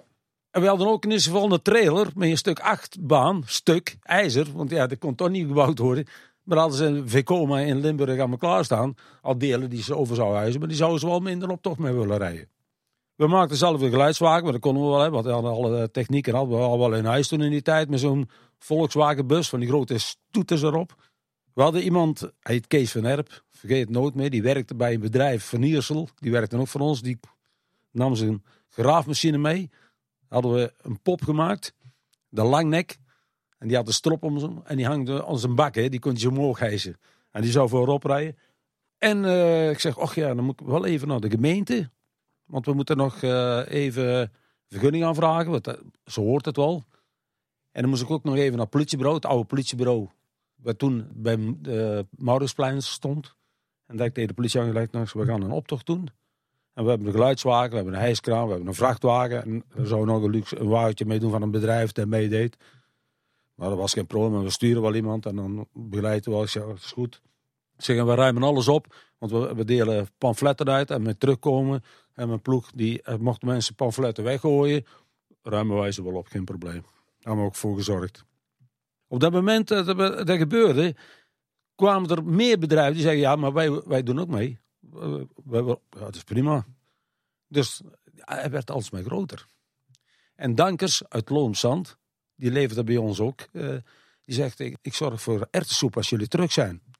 En uh, chocomal hadden wij natuurlijk wel zelf in die kast. Uh, maar ertsoep was wel lekker, dus pannen ertsoep. Heel lang kwam het ook in Hilversum binnen dat wij tegen een milieugroep aan, aan het gaan protesteren voor ons eigen bedrijf. En dat was niet de NOS, maar ik dacht de NTS of zo. In ieder geval, dat was het journaal ook. En die kwamen filmen. En die hebben ook gefilmd. En de optocht was steeds groter. En ik ben nog het politiebureau toen een keer terug geweest. Ik zeg, ja, sorry, maar het wordt eh, langer, groter. De allereerste hijskraan van Kees van Erp stond tegen de trappen aan van het vorige gemeentehuis dan. En was de laatste, was net bij het hoofdje weg. Zo lang was hij geworden. Gefilmd en al. En het mooie daarvan was dat we prachtig al die handtekeningen hebben, aan hebben kunnen geven. Het was op tv, s'avonds. Dus we hebben een geweldige reclame gehad voor ons personeel. En de eerste stap was gezet. Het was nog niet genoeg, want er kwamen er nog een paar achteraan. Want ze waren eh, hardleers, eh, mag ik wel zeggen. Ik moet ook zeggen, van één kant is het wel goed wij hun gedaan hebben. Wij go- gedaan hebben is natuurlijk helemaal goed geweest. We hebben naar de hand ook eh, heel goede contacten gehad. Eh, omdat ze eigenlijk bij de volgende verbouwing, en dat was de halve maan, deden ze toch weer eh, ons pesten eigenlijk. En toen hebben we gezegd, nou, we doen maar een paar dingen anders. We doen met carnaval, gaan we iemand steunen, want die wilde een halve maan maken. De twee kwartieren was, eh, was eigenlijk de milieugroep toen eh, die eh, flink bezig was. Nou, daar zijn we tegen, eh, tegen, tegen, tegen ingegaan. En eh, ze wilden zo'n halve maan maken, zo'n schommel namaken, een, carnavalsvereniging. Die hebben we meegeholpen met de mooiste dingen maken. En een van de mooiste dingen was natuurlijk het boekbeeld van René Valk. Een fanatiekeling van eh, twee kwartier. Een goed manneke trouwens, die ook he- heel gevoel- goed heeft gedaan. Hè, vooral voor openbaar vervoer. Die hadden wij eh, een boekbeeld gemaakt en die hadden we tegen de halve maan aange met ketenen, kettingen aan de halve maan gehangen. Zo rezen door, eh, door het dorp. Die hadden ook nog een mooie prijs gewonnen. Dat vonden we geweldig. En toen hebben we ook nog gezegd, nou dan gaan we nog één ding doen om te laten zien waarom het zo belangrijk is. En toen hebben we een manifestatie gedaan bij de werft. En toen hebben we daar in een paar dagen tijd ons onze werkplaatsen daar neergezet. En eh, alles wat met de Efteling te maken, van antropiektekeningen tot eh, poppen. Ik had de eerste pop al mee bezig voor, eh, achteraf voor Fata Morgana. Die jullie hebben het gezien, dat waren de bedelaars. En zo heeft iedereen meegedaan, elke afdeling. Tot computersystemen toe om, de kinderen te laten spelen. Film draaiden we. We gingen langs de bejaardenhuizen met, met paard en wagen. We- Werden ze opgehaald als ze graag wilden komen. En er werd zo'n succes dat eigenlijk in alle kranten dat gestaan heeft. Zelfs de Telegraaf is gekomen. En dat heeft eigenlijk eh, toch nog meer de ogen geopend, ook van de twee kwartieren. En toen hebben we daar eh, meer contacten mee gehad. En is het eigenlijk eh, hun wens ook wel, ook wel uitgekomen. Dus mochten er uitbreidingen zijn, grote ontwikkelingen, mogen wij meekijken. Mogen wij eh, zeggen, nou, zou het ook zo kunnen of zo. En daar is toen beter overleg gegaan. En ja, het is alleen maar beter geworden toen in de tijd. Maar eigenlijk was je dus begin jaren tachtig een beetje de verbindende schakel tussen enerzijds de Efteling als bedrijf en anderzijds het dorp. Ja, dat was eigenlijk wel zo. En, en omdat we natuurlijk heel veel mensen uit het dorp eh, hadden werken op de Efteling, was dat wel makkelijk voor ons. Maar wat ook makkelijk was natuurlijk dat wij heel veel mensen kenden. Hè. Wij, wij kwamen uit het dorp, ergens eh, waren en we gingen zeggen we gaan dit doen en we gaan dat doen. Dan eh, had je snel eh, mensen die meededen en zeiden oh, we helpen we mee. En, en dat deden ze dan ook werkelijk en ze steunden ons ook. ook met die optocht hebben veel kaatsen naar ons gesteund. En ook met andere dingen hoor. Maar wij deden ook wel eens wat terug. Er waren ook mensen die, die, die ook later zijn komen wonen in Kassel. Die, die daar toch eh, anders tegenaan keken. Maar heel langzaam merkte je dat in Kassel ook mensen op gingen staan en zeggen. Ja, hoe eens even. Ze komen eigenlijk aan onze Efteling. En wij zeggen ze komen aan onze boterham. Maar ook veel mensen zeggen ze komen aan onze Efteling. Maar moeten ze nou eigenlijk vanaf blijven. En, en dat gebeurde ook wel. Dus voor ons was het wel mooi allemaal, omdat zo, die, die ontwikkeling zo ging. En de directie was naar de hand ook wel blij mee. Niet zo in het begin, omdat wij eh, gingen protesteren. Want hun wilden altijd heel op de eigen manier doen, dat begreep ik wel. Maar toen ze een keer hadden gezegd, het BMF wil niet met personeel praten. Toen hadden ze bij ons een snaar geraakt die ze beter niet kunnen raken. Ik zie bij jou ook nog steeds het vuur in je ogen als je hierover Ja. vertelt. Ja, de, nou ik moet zeggen, dat doen we nog steeds goed. Dat het eh, zo af is gelopen. Vooral het partij hoor, laat ik daarvoor opstellen. Ik kan aan terugdenken, een hele goede, eh goede zet hebben. Het heeft een paar jaar geduurd, hè, want van de Python eh, bouwen tot aan de halve maan. eh, daar zat wat tussen natuurlijk. Hè. Ze waren al heel langzaam begonnen met spookslot. Hè. Daar hadden ze al geprotesteerd. Hè, met geen spookbos hadden ze toen pamfletten. Daar hebben we al een paar woorden mee gehad. En naderhand met de Python was natuurlijk... eh, begon het, de bouw te leggen. En toen was de, de half maand begon weer mee, mee een hoop ellende. En, en toen hebben we gelukkig toch een paar jaar deze activiteiten kunnen doen.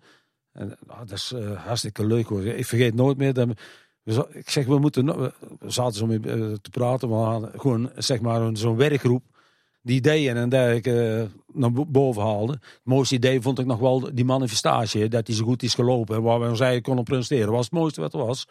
Maar ook een van de ideeën was om de voorzitter, of voorzitter, dat was een vrouw die woonde in de Moer, om die eh, in ieder geval allemaal eens een kaart te sturen van het personeel. Mochten de mensen opzetten, hè, eh, vanuit de hart laten spreken. En die, maar wij waren ook niet op ons achterover gevallen. Ik zeg, jullie mogen dat doen, maar dan moeten wel op een avond komen naar het Witte Paard. Dan kunnen jullie de kaarten maken, bij ons inleveren en wij zorgen dat ze op de post gaan. Ja, daar kwamen er heel veel op af, hè. honderden. En eh, schrijven. En, die, en dan hadden wij een, een speciaal ploegetje, team, eh, ook van het kantoor. En die gingen alle kaarten kijken. En zaten erbij die niet door de beugel konden. Normen en waarden hoog houden, zei ik altijd. Dan werden ze gewoon vernietigd, gingen ze weg. Maar we hadden toch hele dozen vol. En die hadden we aangeleverd bij de PTT. We konden ze wel eh, zelf gaan brengen, maar dat deden we niet. We hebben ze gewoon op de post gedaan, gestempeld en weg. Dus die zijn eh, morgens eh, bij die mevrouw aangekomen. En daar was ze eigenlijk van onder de indruk geraakt. Daar was ze zelfs ook een beetje van geschrokken, zei ze nadien. Want ze wilde contact, hebben bij, met het bestuur van de Efteling. En wij hadden in, die, in, in het bestuur dus een groepje gemaakt. Daar zat een mevrouw in, mevrouw Nel Adams. Die hebben we daar naartoe gestuurd met nog iemand. En die hebben die contacten gemaakt. Want er moeten niet gelijk mee, eh, meerdere mensen van bestuur naartoe gaan. Nee, en er moet ook een eh, paar rustige mensen naartoe sturen. En die hebben daar met elkaar zitten praten. En die, eh, die zijn toen ook op onze uitnodiging ingegaan om naar de opening eh, van de manifestatie te komen. Die is geopend door de burgemeester. De lokale want burgemeester was ziek, dat dat de lokale burgemeester was. En ook de we- wethouders waren er allemaal. Ook het bestuur, eh, de stichtingbestuur waren allemaal gekomen. Maar die zijn daar ook naartoe gekomen. En daar heb ik in de toespraak ook nog iets over gezegd. En dan ben ik eigenlijk naar de toekomst gaan kijken. En dan, eh, met z'n allen. En ook de twee kwartier als beloofd. Dus dat was eigenlijk... eh, ja, in het sprookje zouden we zeggen, eind, alles, eind goed, alles goed. Hè? Hoe noemen ze dat? Maar ja, je was destijds dus niet alleen de poppendokter van de Efteling, maar ook een beetje de strijder. Ja, ja, zo, ja, ja, ja ik ben... eh, Ik heb poppen gebouwd en ergens stond natuurlijk poppendokter. Ik snap het wel, dat heb ik ook wel eens gelezen. En, eh, en de strijder, ja, maar dan eh personeelsvereniging-achtige uitstraling dan, hè, met Ja. die strijder. We hebben volgens mij een flinke sprong gemaakt in de tijd. Eh, wat ik in ieder geval hoor in jouw verhaal is dat de, het personeel, dat was echt een echte groep bij de Efteling. Dat was ze. En dat was ook zo toen jij begon, denk ik. Want jij vertelde net eh, dat in, toen je in de tijd dat jij in de schoenindustrie werkte, was het eh, s s'avonds een neutje erbij en dan zag je elkaar in de kroeg nog. Ging dat bij de Efteling ook zo, eh, jaren 70? Wij hebben toen een, eh, dat was een personeelvereniging geweest. Of die was er nog, die is er nu nog. En die eh, deden in de winter voor het personeel dingen organiseren. En daar zaten alleen de vaste medewerkers in. De groep seizoenmedewerkers, die was eigenlijk vele malen groter. Enkele honderden. Die zaten daar niet eigenlijk in. En in oktober werd daar afscheid van genomen in wezen. Die gingen naar de WW. En die kwamen dan terug in eh, twee weken voor Pasen of een week voor Pasen. Want we gingen toen altijd met Pasen open. Op een gegeven moment, eh, en, en dat was een hele goede ontwikkeling, daar vonden we allemaal, zouden die mensen ook gewoon bij de personeelvereniging moeten komen. Eén grote vereniging maken en in de winter activiteiten doen, zodat die mensen die dan thuis zaten, toch eh, naar die activiteiten kunnen komen. Want als je in de WW kwam, verdienden die mensen een stuk minder. Dus dat betekent dat ze veel minder kunnen. En wij hadden een goede personeelvereniging. Ze hoefden niet veel, eh, niet veel eh, te betalen voor lidmaatschap. Dat was al een voordeel. En wij, wij kregen van de Efteling wel eens spulletjes. En we mochten oud papier mochten wij zelf inleveren bij de Koen. Toen in de tijd. Dat geld mocht naar de personeelvereniging. Maar wij konden ook dingen organiseren. Want we hadden wel een klein eh, zaaltje. Denk aan, eh, aan het theehuis of eh, het restaurant. Dus wij konden goed Sint-Nicolaasfeestje organiseren. Of carnavalsfeesten. En ook voor de kinderen. Maar ook eh rekken, kaarten. Dat is toen in die tijd op komen zetten. Hè. En daar waren die mensen heel erg gelukkig mee. En dat betekent ook, en we deden voor de kinderen nog wel meer. En ook viswedstrijden, noem maar op. Er zijn trouwens allemaal, allemaal activiteiten die volgens mij momenteel ook weer plaatsvinden Ja. bij de Ja, er- er er zijn er een paar teruggekomen. Denk aan de droppings. Er is laatst nog eentje geweest, maar die deden wij ook. En dan, en dan, nou, dat vonden ze geweldig. Dus voor die centen hoefden ze niet, waren ze niet veel kwijt. En bij ons was, als ze iets wilden drinken op zo'n verenigingsavond, ja, dat was één kopsprijs. Hè, want er was, wij hoefden er niks aan te verdienen. En de Efteling ook niet, want het was voor het personeel. Dus er kwam een steeds grotere binding. En dat betekent ook in het bestuur, mensen, dat werd groter. En er kwamen van seizoenmedewerkers bij. En zo is eigenlijk de personeelsvereniging ineens een, eh, vele malen groter geworden. En eh, hebben wij eh, een- bloeiende vereniging gehad. Is er nu natuurlijk nog, maar ja, ik, ik praat, ik kan nog niet alles. Toen heb ik 35 jaar in bestuur gezeten, 25 jaar voorzitter. En, nu loopt het ook. Dus dat eh, ik heb nog wat verteld. Ik heb hier nog zo'n krantenknipsel. Hier hangt een aparte sfeer. Nou, en dat klopt, er hangt een aparte sfeer. Leg uit. Kijk, als je eh, met elkaar eh, in de winter weer ziet. En je hebt eh, feestavonden of dingen. Je bent blij dat je elkaar weer ziet en hoe dat gaat. En als er bij iemand een kindje geboren was, dan dat, wist iedereen dan. En dat kwam wel eens, de directie kwam ook wel eens gewoon.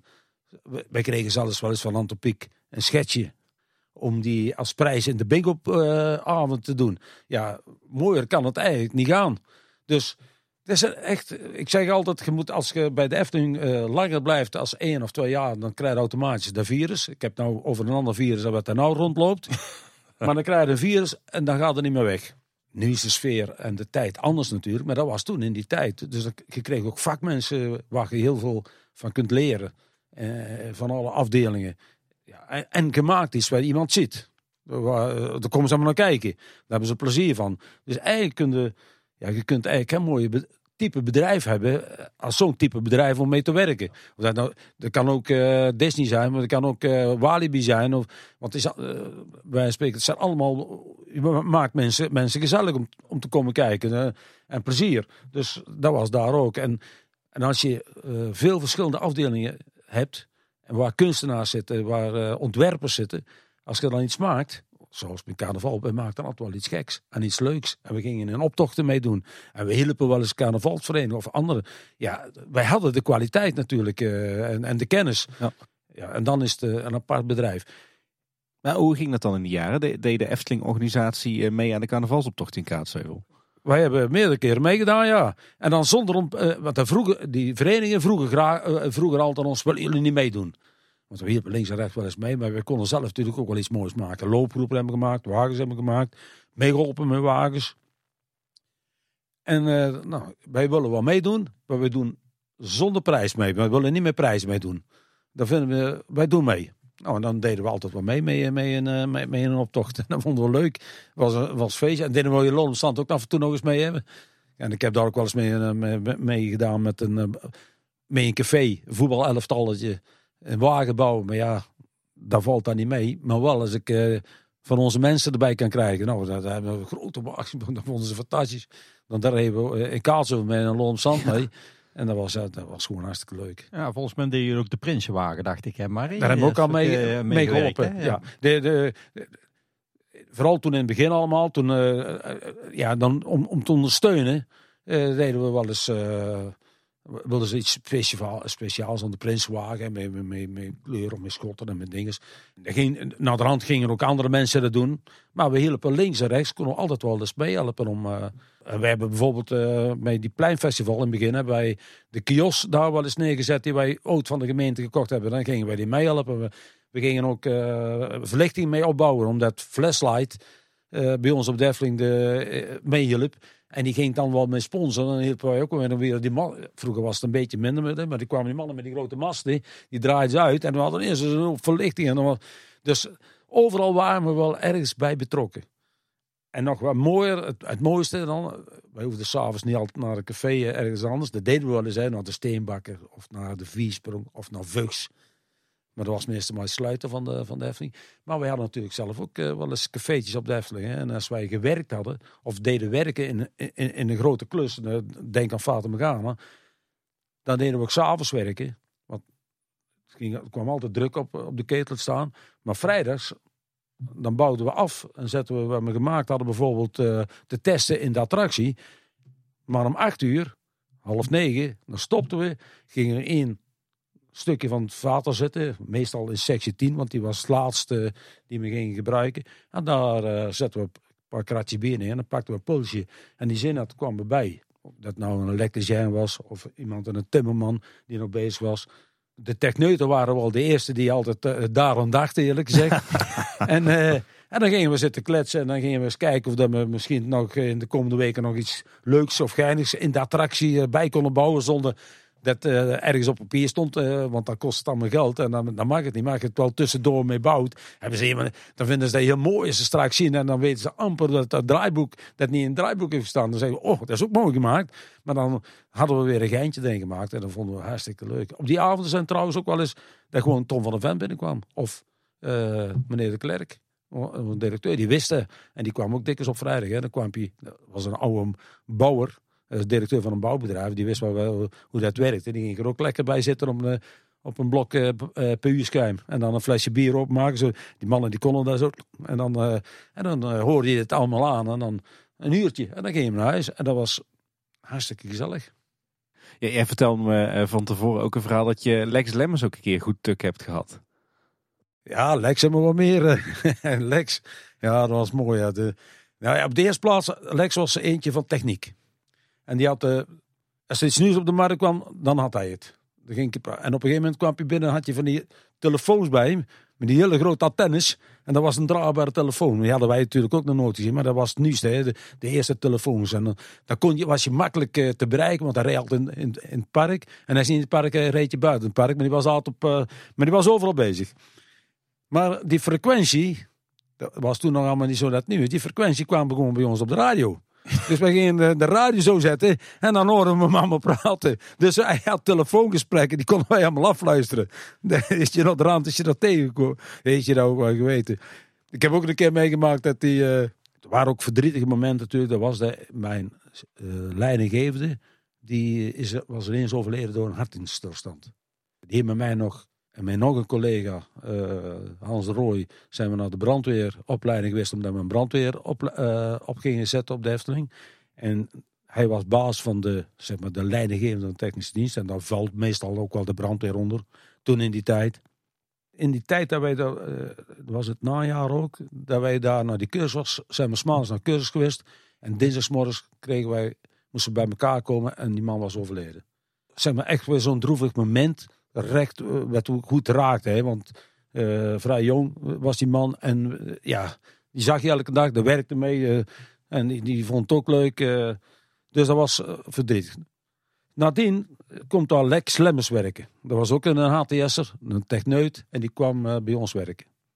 En dat was een hele jof. eh, ik heb gemerkt al aan die telefoon, die, die sprong alle kanten uit en dingen wordt. En eh, een hele eh, leuke man trouwens ook, hè. Ik, ken hem heel goed en no- nog steeds. Die wist al wel dat ik natuurlijk met die poppen bouwen, met eh, Henk Smulders en die, die, vond- hij ook leuk. Daar, daar, stond je ook altijd achter. Stimuleerde dat trouwens ook goed. En dan zegt hij, eh, was het eerst, ja, en Mari zegt hij, de vorige leidinggevende, meneer Adams, wij deed hij als hij jarig was. Ik zeg, dan zal ik vertellen, die gaf mij 100 gulden en dan moest ik bij de bakker, die bij ons ook leeft, een business, moest ik altijd gebak aan halen. Zou je dat voor mij ook willen doen? Ik zeg, eh, dat wil ik altijd doen, meneer Lemmens. En, en wat drinken erbij en dan, oh is goed. Dus ik kreeg eh, 100 gulden, maar dat was natuurlijk, heb ik nooit van Adams gehad. Maar Lijks betaalde 120 euro. Ik zeg, jongens, we hebben 100 euro gehad, hij is jarig en ik moest trakteren. Dus ik heb die 100 euro gewoon opgemaakt. Of die 100 gulden toen in de tijd. Gewoon opgemaakt. Ik zeg, ik vind zo'n baas hebben we nog nooit gehad. Weet je, de tweede keer niet meer gedaan. Want er is eruit gekomen dat dat niet klopte. En ik heb wel eens gehad, eh, toen hij springt al, altijd bij de werkplaats, dan springt je op zijn fiets en dan loopt hij in een aanloop, springt je op de fiets, gaat je naar de volgende. Eh, Lult je daar even, gaat je weer naar de volgende. Hartstikke mooi altijd. En toen stond je, had je fietskouwer neergezet. Ik denk, nou, dan we hadden een elastieke aan elkaar gemaakt. Hadden we onze fiets gebonden, allemaal bladeren erop gegooid. En dan hoefde maar ergens een telefoontje binnen te laten komen. Dan springt je vanzelf op de fiets en gaat je het rijden. En, hij- en dat gebeurde, want hij moest vlug naar voren, want het was telefoon. Maar daar hadden we wel voor gezorgd dat het telefoon was. Hij springt op de fiets en gaat rijden. En, op een gegeven moment merkte dat hij in die elastiek zat. En ik, hij gaat steeds zwaarder. En hij snapt niet wat het gebeurt. En dan zie je heel die elastiek strak trekken. En toen ging je een stukje achteruit. En toen kwam je erachter. Ja, hij, hij moet wel gedacht hebben dat wij gedaan hadden. Maar zo, eh, dat was eh, leuk. Maar het was een, leuke man ook. Ik heb, en dat is ook leuk. Dat is ook typisch Lex Lemmers. Ik heb natuurlijk eh, in die ontwikkeling van de poppen. Maar dat kun je ook nog leren bij andere bedrijven. Of ergens in het buitenland of noem maar op. Maar ik ben meerdere keren met Lex mee geweest om op visite naar eh Karl-Heinz Mordel. Dat was een bedrijf in Duitsland die poppen bouwde. Naar Fantasieland. Naar Engeland. Ja, noem maar op. Nog meer van die dingen. Dan zegt hij, kom, we gaan maar eens mee. Eh, ik ben ook eens een keer met mijn gezin naar Fantasieland geweest. En ook een collega van de elektriciteit, Hans de Rooij. Dat was ook een, een vriend van mij, nu nog tr- trouwens. En gingen we eens twee gezinnen naartoe. Hij zegt, waar gaan jullie naartoe? Ik ging keer naar het kantoor, ging een naar de directie. En kwam hij even naar mijn geld terug. Hij zei, hier, dan kun je de, de kaartje betalen en ook wat drinken. En, en doe eens goed kijken wat er allemaal staat. En dat was typisch eh, Lemmers. Eh hij gunde een ander ook wat hoor, dat moet ik wel eerlijk zeggen. Hey, eh, eh, Mari, toen wij elkaar spraken over deze aflevering, toen liet jij ook de afkorting vallen. FKDI. Wat is FKDI? Oh, FKD. Ik, toen ik daar kwam werken, dat wist ik ook niet. Toen hadden ze een directeur. En op een gegeven moment zei iemand, dat is ook een directeur. En dat was meneer Diender. En meneer Diender is eigenlijk directeur geweest van heel park. Maar toen hebben ze een andere directeur gepakt. Heeft het park gezegd, meneer Diender, jij mag alleen nog voor je eigen dingen zorgen. Ik zeg, "Maar wat is dat dan? Vroeg ik toen in die tijd. Nou, daar is een eh, afdeling, FKD, en dat is van meneer Diender. En meneer Diender heeft namelijk, zeg maar, alle verkooppuntjes en restaurants en het Witte Paard en de Smulpaap in die FKD ondergebracht. En dat doet hij pachten van de Efteling. En toen verdiende meneer Diender eigenlijk heel veel geld mee. Dus- Dus hij was tegelijkertijd directeur van de Efteling, maar hij was ook de pachter van de horeca in de Efteling. Ja, van de horeca. Van de, en, en dat noemden ze de FKD. En die zaten in het kantoor bovenop bij het eh, grote witte restaurant voor bij de Gondoletta 5. Toen ik kwam was er al een nieuwe directeur voor het park. En waren de winkeltjes al langzaam afgehaald van de FKD. Want hij moest iedere keer wat afgeven. En toen in de jaren 72, 73 is hij het Witte Paard eh, heeft hij, is hij, eh, heeft hij af moeten geven. Smulpaap en het Witte Restaurant. En toen was het tijdperk, Diender was voorbij.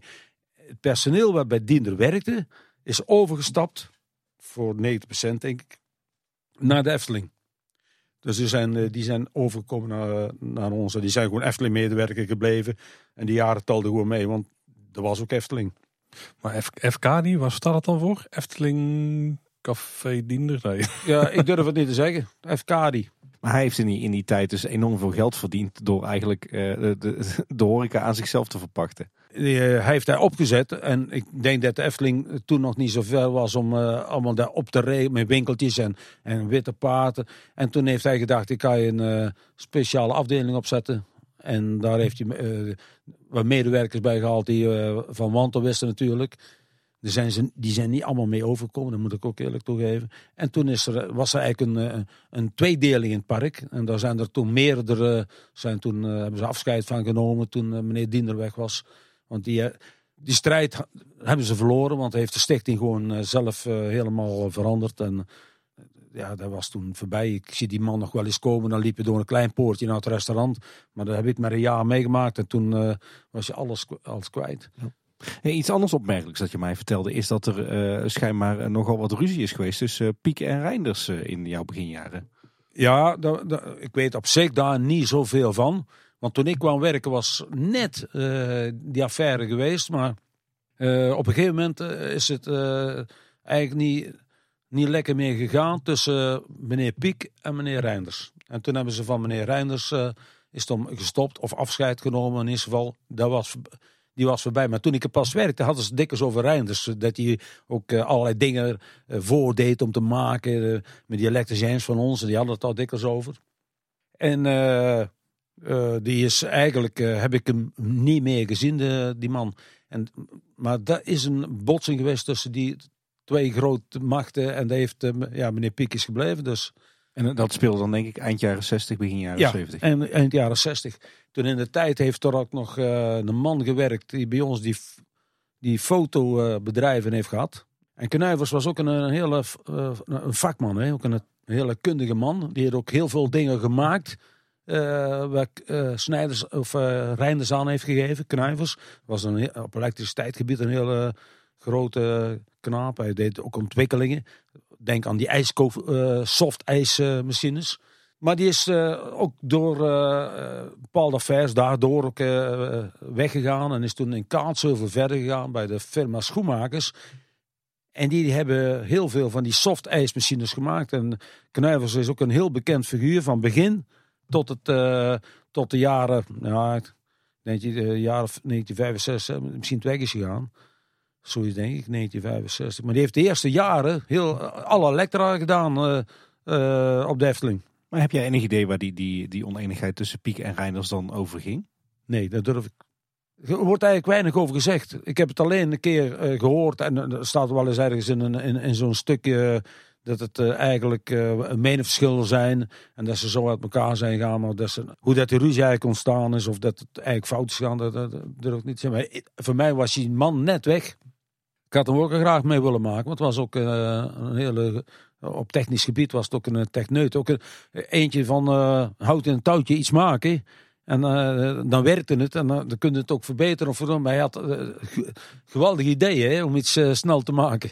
Ah, ik vind persoonlijk ook wel jammer eigenlijk dat eh, eh, die eigenlijk eh, vooral in de beginperiode, hè, hij begint nu natuurlijk, hè, ook misschien naar aanleiding van een documentaire die over Peter Reinders toen is gemaakt, eh, is hij eigenlijk weer een beetje in beeld gekomen. Maar hij is natuurlijk jarenlang eh, ook niet meer genoemd hè, binnen de Efteling, zeg maar eigenlijk. Het was altijd natuurlijk gewoon eh, Anton Pieck en Efteling werden ongeveer in één adem, maar dat Peter Reinders natuurlijk toch eigenlijk aan de basis heeft gestaan. Hè? Want die heeft volgens mij toch wel het unieke concept toegevoegd aan die Efteling. Hè? Want anders was het gewoon een statisch sprookjespark geweest, zoals er misschien. Hè? Want eh, als je dan ook kijkt in, in, in, in de beginfase, om, in de omschrijving natuurlijk van hoe dat het is, dat men zegt van ja. Er waren wel meer sprookjesparken in Nederland, hè, maar het waren allemaal statische sprookjesparken. Hè. Het was gewoon stilstaand beeld. Hè. Je ging ergens naar kijken. Maar het unieke was natuurlijk aan die Efteling. En daar zag de Pe- Peter Reinders natuurlijk voor. Dat die op een gegeven moment hè, de, de sprookjes tot leven kon brengen. Hè. Dus ja, je stond echt eigenlijk adem beneden te kijken. hè. Je stootte bijna je hoofd zeg maar eigenlijk tegen dingen aan. Omdat je iets in één keer zag van eh, ja. Het, heel vreemd is eigenlijk. Want als je kijkt naar, eh, kijk eens naar de waterleders. Kijk eens naar de vaarkeer. Kijk, eh, kabouters eh bewegen, die waren niet veel. Hè. Er stond een, eh, een kok, was een buik van op en neer. Maar die, de langnek, als je kijkt. die dingen ze- zitten allemaal in die beginfase wat eigenlijk Reinders mee ontwikkeld heeft. En toen ik kwam werken, vergeet het nooit meer. Toen ze, tenminste, in, in die gesprekken ging het erom. Nou, wij willen in de Efteling is het veel statisch. Wij, gaan ke- kabouters bewegend maken. En eh, zou je daar, en zou je die eenkoren, en zo, zo is het eigenlijk ontstaan. Toen ik op de kwam werken, als je eh, in het park zou werken, in een winkel, zou de nooit van Reinders gehoord hebben bijna. Maar omdat ik in de technische dienst zat, hoorde wel nog wel van Reinders. Want die was net een paar jaar maar weg. Waar je dan zegt, ja, maar dat beweegt toch eigenlijk veel in het park. Want ja, je zag toch wel wat bewegen, hè? eh, natuurlijk. Het was allemaal heel mooi en simpel. Ik denk maar aan die, die herauten. Dat was echt eh, ook van Reinders. Denk aan, aan die wolf, eh, noem maar op. Dan denkt hij, ja, dat beweegt toch wel. Maar eigenlijk niet, niet genoeg. De, de ontwikkelingen moesten verder. En toen zijn wij eigenlijk pas begonnen door die kabouters te maken. En bijvoorbeeld Sneeuwwitje, die kabouters, die er stonden, die hebben wij toen naar boven gebracht en nieuwe kabouters gemaakt. Eh, het geithuis gemaakt. Nou, de, de nachtegaal, dat was echt ook iets van Reinders, maar dat, dat werkte niet goed meer. En dat was achterhaald. Daar hebben we toen die, dra die draak neergezet. En aan de hand hebben we een Indische, andere eh nachtegaal gemaakt, die Japanse nachtegaal, een heel groot gebouw. Maar die had eigenlijk leuke dingen, ook met, met, met, die, eh, met, zeg maar, met eh sprookje met die beelden, hè, met, met, met, de waterpomp. maar al die dingen, en, en denk aan, de, simpelste ding, kleine boodschap of hollebolle gijs. Dat was allemaal in die tijd, hè, want wij hebben aan ook hollebolle gijs gebouwd, maar we hadden er al eentje, we konden gewoon kijken dat het moest. En heel ezeltje strekken. Ja, we hebben er wel eens een nieuwe gebouwd, maar wij hadden er al eentje. En een eitje leggen, Reinders heeft daar een hele grote eh, eh, invloed op gehad. En, en, en ook een vakman geweest. Hè. Maar die heb ik net, en dat is jammer, niet meer eh, gezien. werd ook weinig over gesproken. Moet ik, wat ik zeg, Kees, dat klopt. Die reportage van Peter Reinders, dan, dan weet pas toch wat die man eh, best wel wel eh, wel kon. En daar hebben ook veel mensen veel van kunnen leren. Want ik heb natuurlijk nog met jongens gewerkt die er ook mee gewerkt hebben. Ja, en die hebben, hebben een dikke schat over Reinders. Maar dan zit je echt in de technische dienst. Mensen die in het park kwamen, ja, die hadden het eh, later alleen maar over Ante Piek. Want die zagen ze elke week. En ik ook natuurlijk. Maar die zag je. Maar Peter Reinders niet. Maar eh, ook, eh, dat is ook eh, een grondlegger geweest hè, van de eerste 15 jaar, zeg maar. Hè.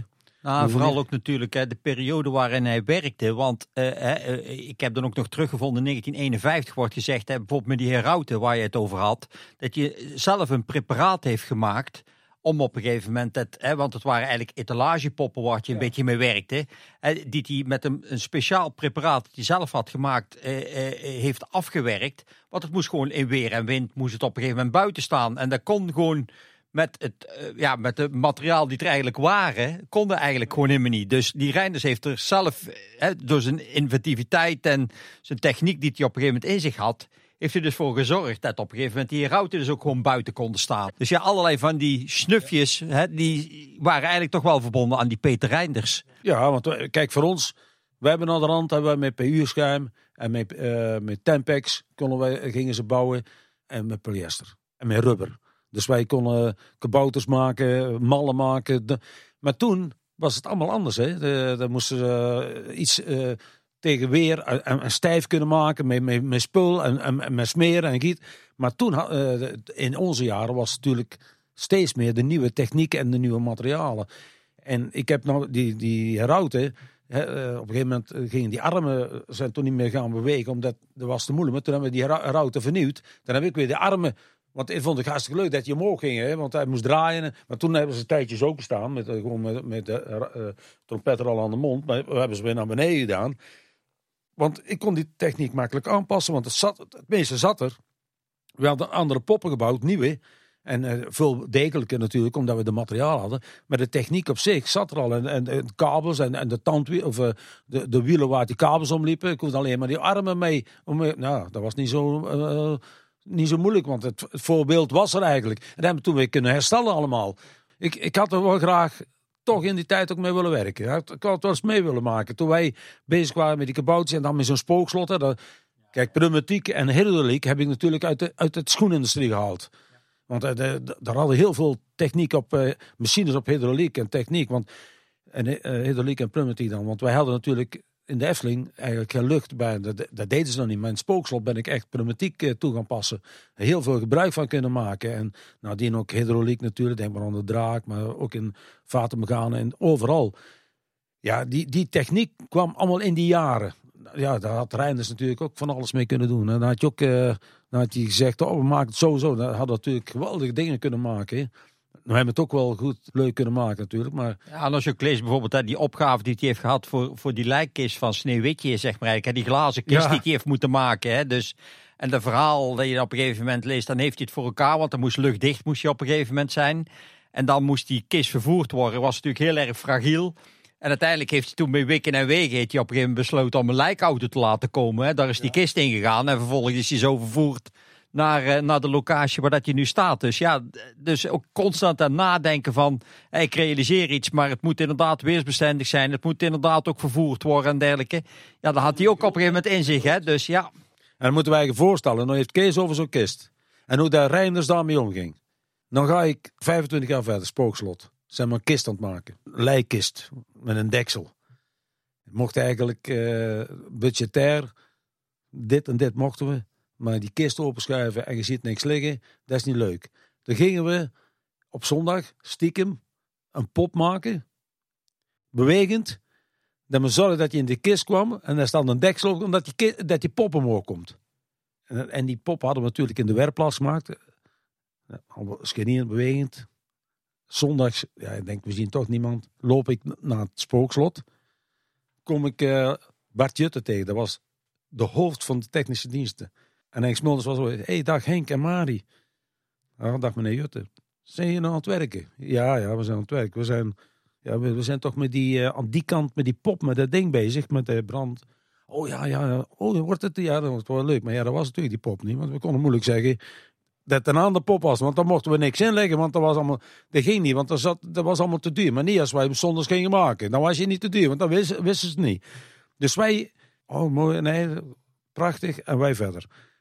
Maar wij mochten, technisch gezien, ik weet niet of dat je het in de radio uit kunt leggen, maar technisch gezien krijg je commando's om iets te laten bewegen. Een luchtcilinder in en uit of uh, een motor starten. En uh, de elektro, elektronica afdeling die geeft dan uh, twee signalen om die kist te laten bewegen. Dat was dan de deksel. En een signaal om nog iets te laten doen. Ik weet al niet meer wat. Ik denk, potverdorie. Meer krijgen we niet. Hoe moeten we daar nou toch voor elkaar zien te krijgen dat je nog uit die kist komt half? Dat is hem zin. Toen hebben we erin gelegd. Toen hebben we gespeeld met de luchtcilinders. Twee keer signaal dat zo'n deksel open ging. Dan wordt het iets langer en iets korter. En daar maakten we gebruik van om via omwegen met katrolletjes de poppen omhoog te trekken.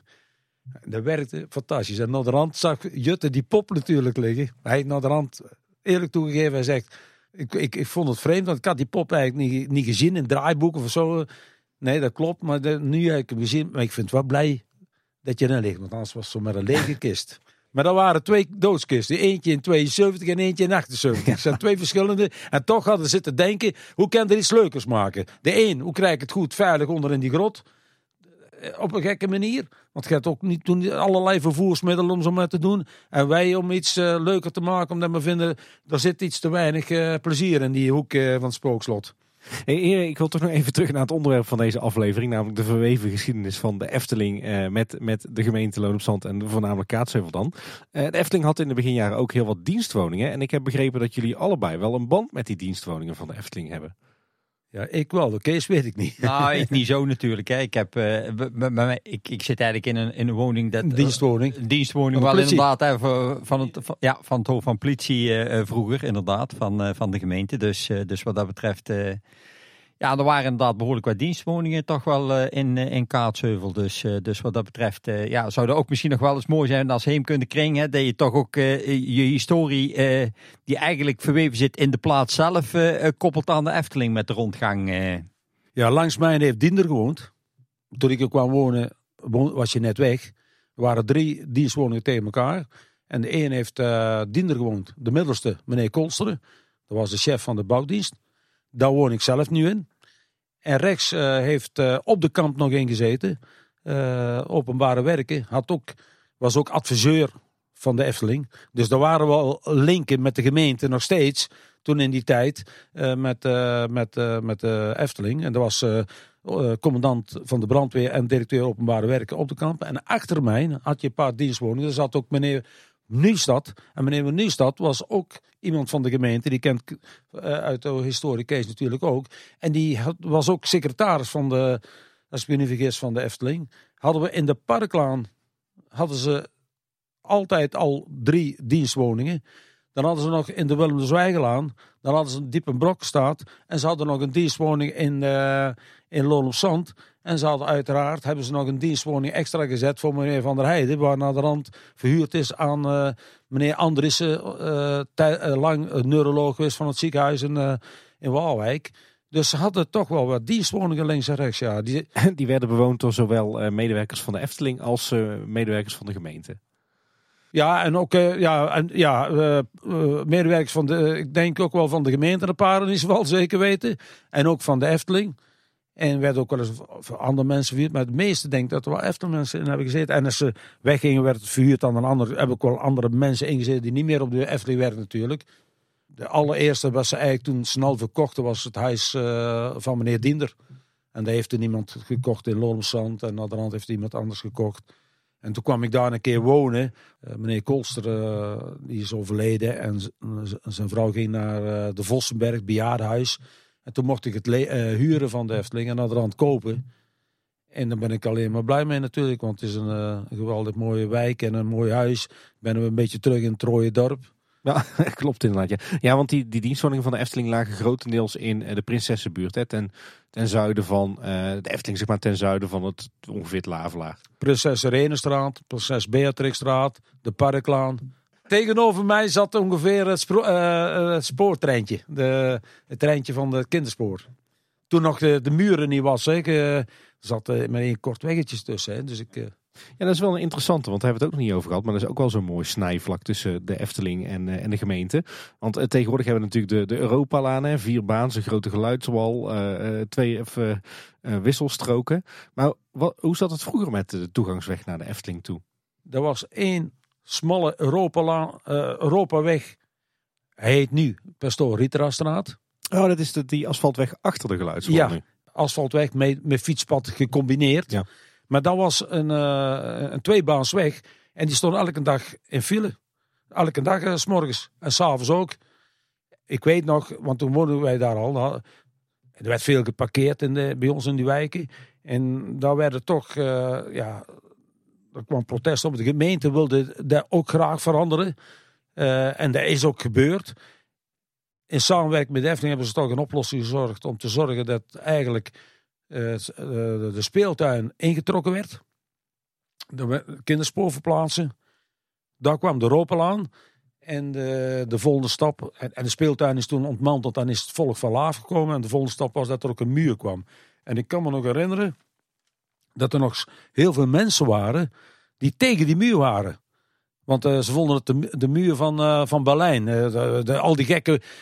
eh, En, en voor de mensen van, de, van, van Roosendaal, het was belachelijk. Die, die zaten natuurlijk altijd op zo'n terrasje te kijken naar die, naar die auto's. Maar ja, het was natuurlijk super ongezond, want het was eigenlijk veel te druk. Het was dat kon eigenlijk niet. Nou, toen hebben ze de oplossing maar gezocht om een opening te maken met die glazen wand.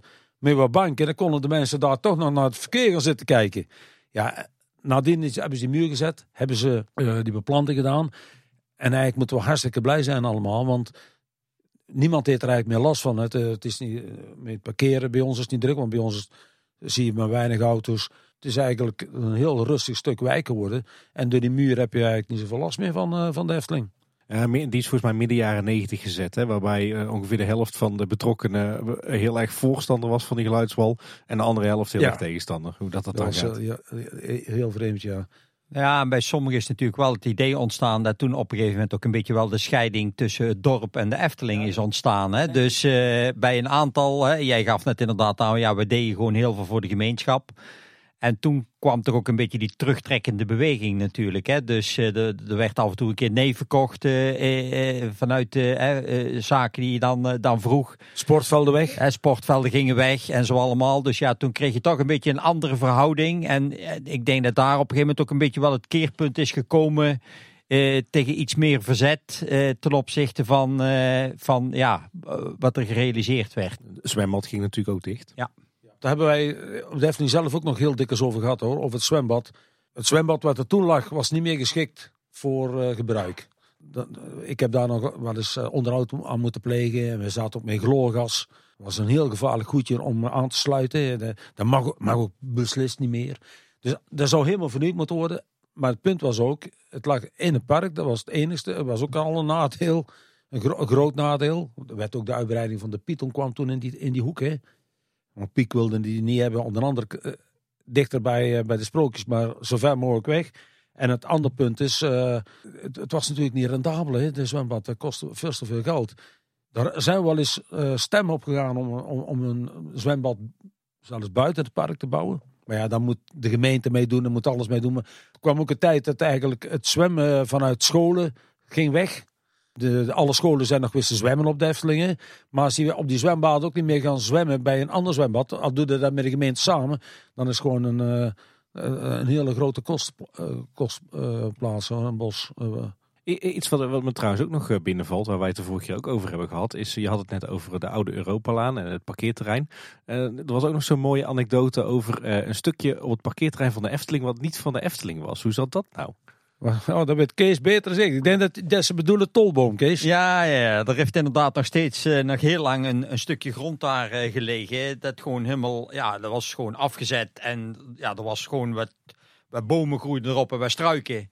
En eh, ja, dat was inderdaad van een familie uit Kaatsheuvel. en die hebben het nog inderdaad heel lang volgehouden om, om dat stukje gewoon voor aan zichzelf te houden. Ja, ik dacht allemaal dat het idee was ook van Tolboom om iets mee eh, verkoop. eh, ja, natuurlijk. En, daar eh, heeft tegen gezeten. En daar zat eigenlijk op ingang Noord. En eh, waar, waar, waar, waar mijn kantoor heeft gestaan, van de, van de meldkamer, daar eh, een stukje terug, daar zit nog een klein beetje groen, daar stond een bosrand. Daarvoor hebben wij namelijk daar altijd de bussen neergezet. De bussenplaats voor eh, de schoolreisjes. Eh, en op een gegeven moment eh, is het toch eh, overgegaan van de familie eh, naar de Efteling. En toen is dat snel afgebroken en, ver- en vergroot eigenlijk. En is ook de nieuwe eh, werkplaats gekomen. En het parkeerterrein wordt nu ingericht. En hoe kwam dat dan dat, dat die, die familie daar geen horecazaak kon beginnen? Want je zou zeggen, dat is toch ideaal op die hoek. Ja, nou als ik het eerlijk moet zeggen, ik heb ook wel eens gehoord van iemand die een ijskoelkar dicht bij de Efteling zette. Ik, volgens mij heeft de Efteling met de gemeente wel afspraken kunnen maken dat ze zomaar niet iets zomaar mochten verkopen. En dat ze dan eh, de Efteling ook wel heel erg moeilijk eh, over, eh, over doet. Ja, en, en gedeeltelijk is natuurlijk gewoon allemaal, gebeurt het ook vaak op eigen grond. En ja, dan heb, ben je natuurlijk ook gewoon eigen baas wat erop gebeurde. Hè. Ik weet nog wel dat vroeger natuurlijk de Chinezen ook gewoon de foldertjes nog uitdeelden hè, bij de uitgang. En, en ja, op een gegeven moment dan wordt er gewoon gezegd, ja, dit is ons trein. En eh, dan mag je je foldertje uit, eh, uitdelen. Ja, vervolgens zit je al op die Europalaan en daar kun je natuurlijk niks meer doen. Want eh, daar eh, rijden mensen...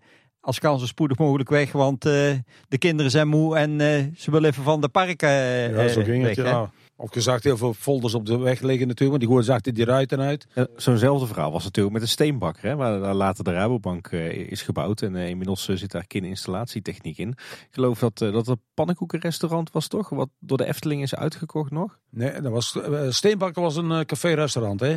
Een café-restaurant, die hadden de Steenbakker en die hadden voor dat terrein waar nu de, de Rabobank staat, waar nu Kin in zit. Dat is ook nog even van de Efteling geweest, hè. hebben ze pas verkocht aan Kin. Daar stond, hebben wij eh, een tijdje, dat was van een, een, een zwager van, eh, eh, van, van de Steenbakker. Dat hadden ze verdeeld. En die heeft dat verkocht aan iemand uit Londen Zand. En die heeft dat weer doorverkocht maar we hebben het nog wel een tijdje gehuurd om daar onze kantoren op te zetten voor de ruimtevaartontwikkeling. Want we zouden een ruimtevaartpark maken. Daar hebben nog een tijdje van gehuurd. Dus dat was los van de steenbakken. Toen zijn wij daar weer weggegaan. En toen is het verkocht eh, om daar eh, onder andere eh, iets te ontwikkelen. En dat is op den duur de Rabobank geworden. En de steenbakker hebben wij als Efteling gekocht. Dat heeft een directeur gedaan heeft er ook misschien toch stevig voor betaald, maar we hebben het denk ik helemaal niet nodig gehad. Eh, het hoefde ook eigenlijk niet. Toen is het nadien verkocht aan de projecten, dingen, denk aan Pepping onder andere. En dat was maar goed ook, dan waren we er vanaf en we deden er toch niks mee. En toen hebben ze daar die, eh, dat complex opgezet wat er nu staat. Dus met dat spul kon niet. Dus, het is anders nu met de café van de Kleine Efteling. Dat is een betere investering geweest als een steenbakker. in wezen. En eh, de Rabobank hebben ze toen gekocht eh, en die hebben ze nu verkocht aan Kin. Dus eh, dat, dat was wel, eh, dat, is goed zo, dan zijn ze er vanaf ook. Dat, dat perceel is heel vaak van eigenaar gewisseld in ieder geval. Waarvan een aantal keer van de Efteling. Ja, de, en de Efteling was ook bang dat daar eh, iemand anders kwam, omdat die, eh, daar stond die vergunning op, dat daar iemand ging, iets ging ontwikkelen, waar de Efteling niet blij mee was natuurlijk. Hè. En eh, dat was nou net niet de bedoeling. Daarom hebben ze dat proberen tegen te houden. Nou, dat is met de steenbakken wel gelukt, want nu is het eigenlijk een eh, Appartementencomplex. ja. appartement met kantoorcomplex geworden. Ziet er netjes uit trouwens. En de Rabobank is eigenlijk, eh, de Rabo, waren ze ook blij mee de- dat de Rabobank daar de- zoiets ging zetten. Nou, toen dachten ze, dat wordt misschien nog iets anders, dan zullen wij het maar kopen. Maar nu hebben ze het toch verkocht. Aan een, aan een goed bedrijf die vroeger al voor ons werkte. Hè. Die hebben nog dikwijls eh, voor ons werkzaamheden Ah, verricht. Ja, het, is, het is ook natuurlijk belangrijk. Hè? Het is natuurlijk de entree naar je gemeente toe hè, op die plaats. En, eh, en ik kan me natuurlijk voorstellen, ook qua eh, Efteling, natuurlijk ook de uitstraling, waar dat je ook eh, eigenlijk al je beleving hebt. Hè? Terwijl je natuurlijk je focus, denk ik, wel heel veel naar links legt, omdat daar natuurlijk de attracties staan. Maar uiteindelijk, ja, je komt er wel langs als je richting de locatie gaat. Dat is een mooie locatie. Het totaal is een mooie locatie. En waar nu die garage is. Ja, daar zou voor de Efteling ook een heel mooie locatie zijn geweest om daar iets te bouwen. Mee, eh, want dan komt er eigenlijk al, je moet al in de sferen komen, vind ik, echt op de eh Midden-Brabantweg zitten van de Efteling. Maar ook de Europalaan. Want dan zie je natuurlijk wel het volk van Laval, maar het, zou nog be- beter kunnen. Maar ja, nu gaan we een klein beetje naar het, eh, Ja, die ideeën zijn er natuurlijk wel geweest dan, Marie. Eh, rondom natuurlijk die eh, N261. Ja. Want er waren natuurlijk hè, eigenlijk rondom de, de bruggen die er waren. En het moest eigenlijk ook natuurlijk een uitstraling komen om je al een beetje in de sfeer te brengen. Alleen, ja, dan kom je weer met de spanning van verkeersveiligheid ten opzichte van wat ze wilden realiseren. En uiteindelijk is dat inderdaad dan, denk ik, daarop afgeketst. Maar eigenlijk was het natuurlijk die idee hè, om daar boulevard eigenlijk te al iets... van, eh, eh, van eh, ja, zo gauw het eh, Waalwijk voorbij was en Tolburg, moet al in de sfeer komen dat je in een recreatiegebied komt. En dat is de, en dat is gemeente Loonzand dan. En daar zou het Efteling het eigenlijk een heel ding aan moeten, aan moeten doen. Nou, nou zijn het lichtbogen geworden eigenlijk. Hè. Ook mooi hoor trouwens, maar daar wouden ze eigenlijk wel iets meer mee doen, ja. En dat hebben ze natuurlijk wel met de fietspad gedaan. En, was Ja. en met die laarzen en met, eh, met, de, met de kruimeltjes. En er waren natuurlijk die grote keien. Inmiddels zijn die natuurlijk ook allemaal verdwenen. Ik heb begrepen dat ze op dit moment op de gemeentewerf eh, van, eh, van Loon op Zand liggen. Aan de Liechtensteinstraat. Maar er wordt op dit moment al eh, over eh, nagedacht om ze toch inderdaad weer een nieuwe plaats te geven. Het zij binnen de gemeente, het zij eh, misschien langs het nieuwe snelfietspad of zo. Ja, dat zou het mooi... eh, Dat klinkt als een goed Ja. plan. Zeker.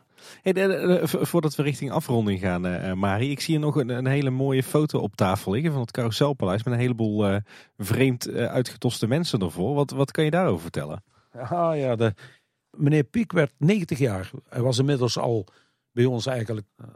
Kijk, echt, echt ontwerper is hij nooit weg geweest. Want de tekeningen van Ante Piek gebruiken we nu nog, bij. Maar de, dat je altijd elke week kwam bij ons, dat was voorbij. Tom van der Ven heeft het stokje overgenomen. Maar eh, we hadden natuurlijk nog steeds... eh, het was een personeelslid, hè. Hij was, zat bij ons ook in de personeelvereniging. Dus hij werd 90 jaar en toen... eh, vroeg zaten we zo aan de koffie mee onder het werk met Tom van der Ven en Henk Smollens. Nog een paar mensen ook van de pers. En te kletsen en. En toen zeiden we, moeten eigenlijk iets extra's doen voor, voor, voor Anton Pieck. Hij wordt 90. We willen hier een receptie doen en dan kunnen we allemaal zijn hand geven. Maar we moeten eigenlijk iets, iets abnormaals doen. Zeg, nou weet je wat we kunnen doen? We gaan eens wat tekeningen pakken van Anton Pieck. En dan moeten eigenlijk uit elke afdeling moeten er mensen zijn die zich eh, in die kleding willen hijsen of met attributen. En we- ik weet zeker dat we genoeg mensen kunnen krijgen. Nou, dat was inderdaad zo, want iedereen wilde meedoen. En dan gaan we naar Anton Pieck, naar waar je woont. En dan gaan we hem ophalen met, met al die mensen. Maar het mooiste is als we in een straal van ongeveer 10 kilometer die mensen allemaal zo'n beetje uitzetten en dan met een lege bus voor de deur staan. Dat voor Piek het mooiste. Dan doet je, maar hij, was ook, hield wel van een grap. We hebben wel meer grapjes uitgehaald, maar dat vond je altijd wel leuk. Dus dat je met een lege bus voor de deur staat, die zo heel groot is, en dan echt een eh VIP-bus met, met, broodjes en koffie en, en, en natuurlijk een, een borrel erbij en een glaasje bier. Dat moet wel heel gek zijn. Dus dat hadden we gedaan, maar we hadden van tevoren ben ik met Tom van der Ven die route wist te rijden. En wel in die 10, 10 kilometer hadden wij eh, heel veel plaatjes. Hadden we allemaal mensen uitgezet die, die uitgedost waren met dingen van Antepiek. En ook in tekeningen, met kleding en al. Toen de straat in. Ben ik uitgestapt. Ik was een dorpsroeper. Net wij hier Pietje Leut ha- hadden in Kaatsheuvel. Heb ik daar met zijn grote bal in, de, in die straat gedaan. Lex Lemmers reed er als eh, een stoethaspel. Reed je met de fietsen bij. En die bus reed heel langzaam achter mij. En toen kwam ik bij zijn deur. En toen moest ik natuurlijk nog even aanballen. Maar met die bal ging het ook al hard. Dus hij deed de deur open. En hij denkt, welke, welke dwaas is hier nou door de straat zo gillen? Maar ja, ik was het. En ik zeg, meneer Piek, we komen u ophalen, want u bent 90 jaar. En we gaan naar de Efteling. Dan pak ik mijn jas en dan ga ik mee. En ik kwam die grote bus aanrijden. En dan kijkt al in de grote bus erin. En eh, Tom van der Ven stond ergens verder bij de auto. En die ging dan weer aan het rijden.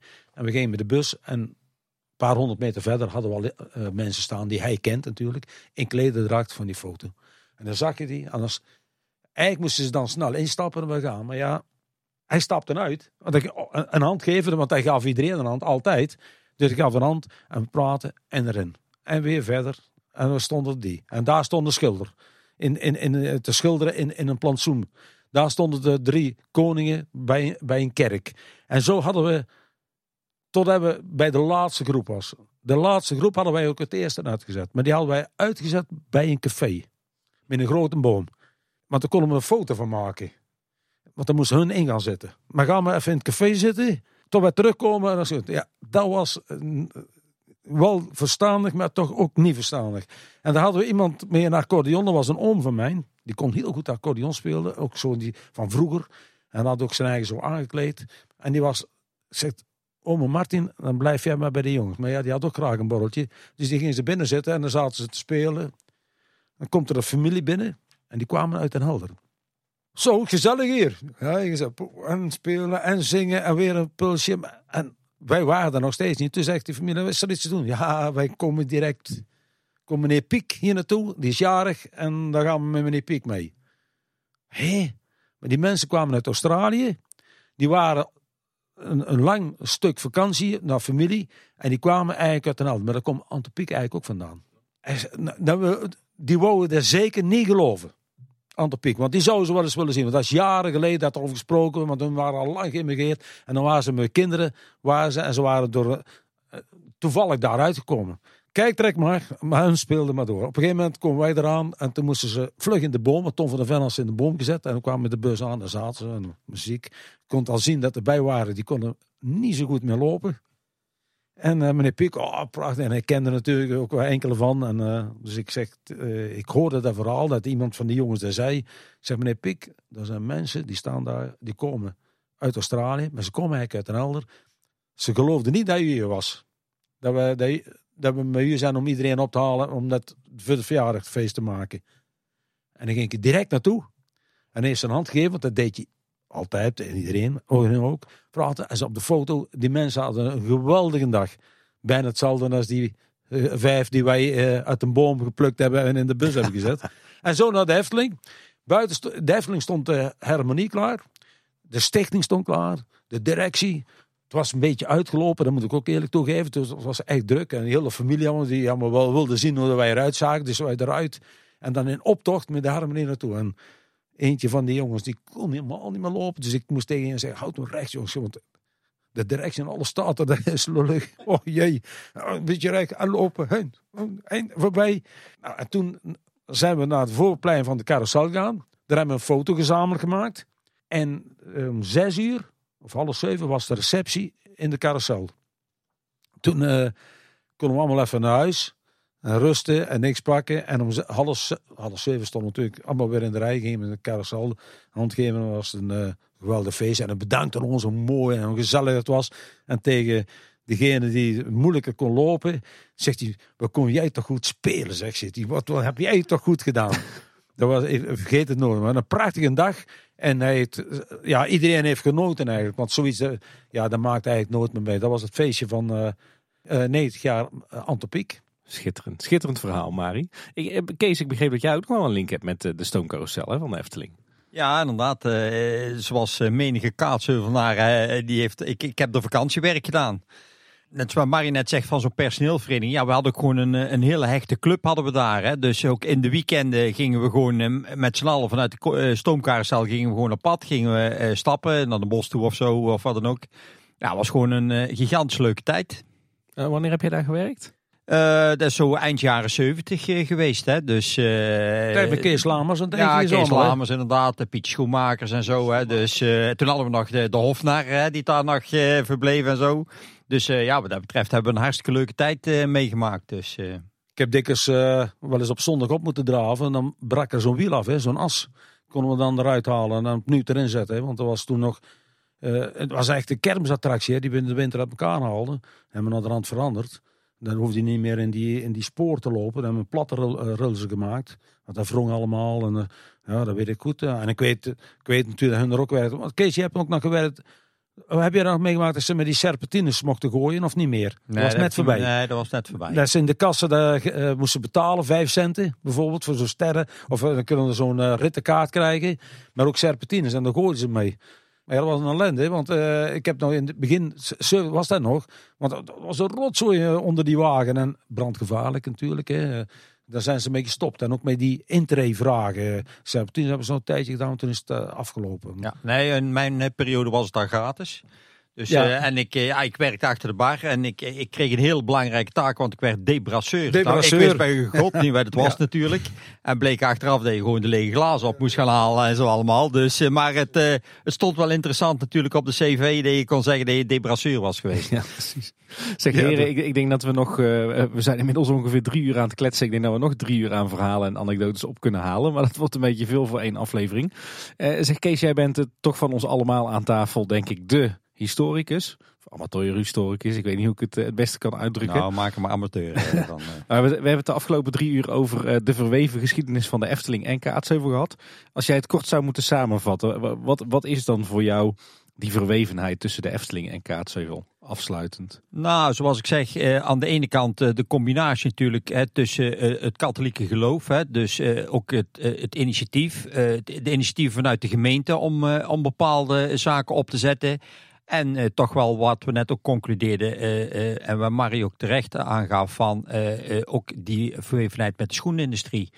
Aan de ene kant natuurlijk met die schoen eh, 1949, maar later ook inderdaad in het kader van werkgelegenheid het gebeuren. Dus, dus ik denk ja, dat dat een, mooie combi is en, en ja, dat dat ook de verwevenheid eigenlijk tussen waar we eigenlijk in eerste instantie als kaatsheuvel verstonden en waar we uiteindelijk toch meer richting die recreatietoerisme zijn gegaan. Dus eh, ja, zo zie je toch maar hoe dat je van, eh, van het een in het ander kan, eh, kan terechtkomen. En ja, dat er toch ook wel een verwevenheid is tussen die zaken. Ja, ja eigenlijk is het dus geen twee-eenheid, maar een vier-eenheid. Hè? Dus de Efteling, de gemeente, het katholieke geloof en de schoenindustrie. Ja, klopt. Kijk, dat is een, eh, ik vind dat een mooie samenvatting en een mooie conclusie aan het einde van deze aflevering. Ja, en die werkgelegenheid en waar je dan als gemeente of in ieder geval als plaats onbekend staat, ja, die zijn nog steeds verbonden met de Efteling natuurlijk. Eh, afrondend nog, nog een paar hele korte vraagjes, eh, waarvan ik ook hoop dat jullie ze kort kunnen beantwoorden. Komen jullie nog wel eens in de Efteling? Ja. Dat was iets te kort. dan, mag je, dan mag je iets toelichten. Nou, ik, ik kom er natuurlijk nog omdat ik nog steeds instructie doe op het gebied van BAV, EHBO en brand. ik kom er nog omdat ik gewoon nog steeds lid ben van de, van de personeelvereniging en mijn vrouw ook. En laatst ben ik er nog even geweest om eh, wat cadeautjes te kopen uit eh, de Efteldingen. eh, om die onder de boom te leggen voor de kerstdagen voor de kleinkinderen. Nog een echte Eftelinger nog steeds in hart en nieren. Ja, en ook eh, ik, ik vind het ook altijd leuk om nog eh, één of twee keer per jaar even naar die Efteling te gaan, even rond te kijken. En vooral eh, natuurlijk als er nieuwe attracties zijn, hè, is het altijd leuk om toch weer even te zien eh, wat de ontwikkeling is geweest. En ja, eh, ook door de uitbreiding en, en natuurlijk ook zo'n winter Efteling geeft ook altijd, vind ik wel, een eh, apart effect eh, om dat te beleven. En vooral als het natuurlijk echt gesneeuwd heeft. Zeker. Eh, hebben jullie een favoriet plekje in de Efteling? Ja, ik heb heel veel plekken natuurlijk. Want ik heb eh, plekken die verdrietig zijn, omdat ik daar wat dingen mee heb gemaakt waar ik in de hulpverlening heb gezeten. Maar als ik echt een beetje wil denken aan eh, de sfeer van vroeger en aan het bouwen, dan ga ik meestal eh, een ritje maken door de Fata Morgana. Heel begrijpelijk. Ja, bij mij blijft er altijd die stoomcarousel nog eh, trekken, zeg maar eigenlijk. Het deuntje kende ik natuurlijk naar eh, altijd eh, de vakantiewerk helemaal uit mijn hoofd. Ik wist ook precies waar eh, altijd eh, in de stoomcarousel het, eh, het blad, eh, de bladmuziek bleef hangen, zeg maar eigenlijk. En dan moesten we altijd heel even weer eh, erbij zijn om het, eh, om het door, eh, door te laten gaan. Dus maar ja, dat is voor mij toch ook wel het favoriete plekje. Stoomcarousel en Fata Morgana. Dat komt redelijk overeen met mijn eh, toplijstje, denk ik. Ja, we hebben ook altijd de vraag van wat het dan de favoriete attracties zijn. En dan dezelfde, dezelfde eh, attracties, want in jullie geval zijn het beide attracties. Ik, maar kan ik eigenlijk moeilijk zeggen, want eh Droomvlucht vind ik heel, eh, een hele mooie attractie. Om, om, om- ja, daar heb ik ook veel aan gebouwd. Symbolica, eh, daar ga ik ook met mijn liefde en plezier eens naar kijken. En vooral eh, het gebouw op zich, eh, ik zo eens kijken, ik daaraan kom lopen. Ik ga er nu niet veel meer in natuurlijk, maar de Python heb ik, eh, ja heel de Rijk, maar de Vliegende Hollander bijvoorbeeld. eh. maar dan kijk ik ook meer eh, zelfs naar het gebouwen, het maken, de, de sfeer die, die dat gebouw uitstraalt. Als je daar dan echt goed op let, dan is dat wel, wel, heel- mooi. Maar als ik naar het volk afloop, eh, dan loop ik wel eens door de brouwerij. Ik kan me nog herinneren dat ik eh, bij Penem bijvoorbeeld, eh, heb ik, eh, die zaten in een bos. En daar heb ik oude ketels van die eh, verwarmingsketels gehaald, eh boilers. En daar hebben we die eh koperen ketels uitgehaald en daar hebben we die brouwerij van gemaakt. Want die hebben we gewoon gemaakt. Eh, materialen die eigenlijk op de vuilnisbelt zouden komen liggen, bijvoorbeeld bij de sloper.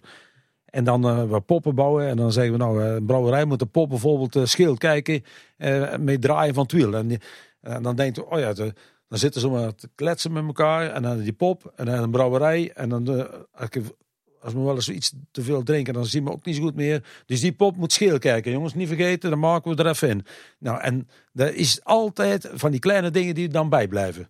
Dat, echt is, eh, ja, zo, zo eigenlijk mooie scènes eigenlijk. En dat was er ook zo maar eentje. Maar ik heb nog al lang door dat ik eigenlijk te lang bezig ben weer mee. Want we gaan opnieuw beginnen, Kees. Komt ik stop ermee, want ik, ik moest kort antwoorden. Ja, ik kom graag in de Efteling en ik heb heel veel eh, leuke eh, attracties die ik graag eh, bezoek. Ja, ik vind, eh, ik vind zelf altijd die Vliegende Hollander wel leuk. Maar dat komt misschien ook een beetje door mijn historische achtergrond. Als ik al eigenlijk, hè, net zoals Marie aangeeft, van als ik er doorheen loop en, en gewoon heel die ambiance, eh, dat je inderdaad bij de attractie zelf bent, dat vind ik gewoon geweldig. Waar je dan allemaal tegenkomt. Eh, ja, doet me toch een beetje denken aan, eh, aan die vervlogen tijden waar je dan even in teruggetrokken wordt eh, tijdens Van zo'n... een dekken. Van een dekken. Nu, nu nog een attractie rond de bende van de Witte Veer. ja, dat zou natuurlijk ideaal zijn. Of een show, hè? Ja, liefst een attractie, toch? Ja, Ravelijn, dat zou wel kunnen. Dat, is een, ja, dat heeft niks met de bende van de Witte Veer te maken, behalve de naam. Maar dat is uit. Hey, eh, hebben jullie nog een, eh, favoriete herinnering uit het park? Oeh ja, Mari, Mari zit te graven, ik zie het. Dan zit ik eigenlijk te, te twijfelen eh, tussen de opening Spookslot of de opening Fata Morgana. Met Lu- Luns, Jozef Luns was daarbij. Dat was, dat was een heel mooi feest ook. eh, ja, en die opening was ook spectaculair. Maar ja, daar tegenover de opening van eh Droomvlucht bijvoorbeeld. was eh, heel prachtig. Ik, heb, ik moet wel één ding zeggen. Er gebeurde iets Dan mocht je in actie komen. dat ik in actie moest komen. dus dat was iets waar me ook bij is gebleven. Dat is een vurige opening. Dat ja. was een vurige opening. Er was een klein brandje ontstaan door, door eh, iets geks. Maar dat was gelukkig allemaal goed afgelopen.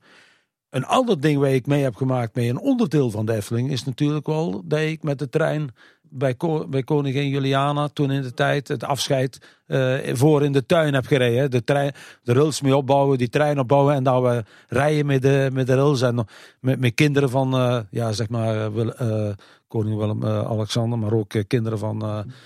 die andere kinderen van Irene, van, die speelden vrijdags al met ons met die trein op en neer te rijden voor zaterdag. Dat was eigenlijk ook een mooie herinnering eigenlijk. ja, die heb ik, ik heb echt enorm veel. We kunnen zo nog eh, drie afleveringen met jou maken. Jij- Kees, heb jij zo nog een hele mooie Efteling Ja, nou, ik heb eh, ik denk ook wel heel veel mooie herinneringen. En zoals ik net zeg, die periode natuurlijk vanuit de carousel, eh, die stoomcarousel vond ik wel hartstikke leuk. Maar ik vond ook gewoon leuk, eh Marie gaf het net ook aan, van die carnaval gewoon in de Efteling. Hè. Dus dat gewoon iets voor het personeel werd georganiseerd. En later op een gegeven moment toch ook nog wel hè, met de kinderen daar naartoe of wat dan ook. Hè. Dus ja, geweldige, geweldige herinneringen eraan. Dus ik vond het echt geweldig. En, en ja, je zag ook heel veel mensen naar het kaatsheuvel, uit je eigen omgeving en zo allemaal. Ja, en, en onze kinderen hebben het er eigenlijk nog steeds over, Ja. over die eh, periode. Dus, eh, Dat was een hele dus, eh, leuke misschien tijd niet zo ook. gerelateerd echt aan het park zelf, maar wel aan de activiteiten die ook plaatsvonden daar. eh. Ik heb ook aardig wat leuke carnavalsfeestjes in de Efteling meegemaakt, ja. En dan gewoon overgehouden. Eh, er was geen carnavalsfeest, Oh, maar oké, eh, was het, eh, het, het hoogseizoenfeest.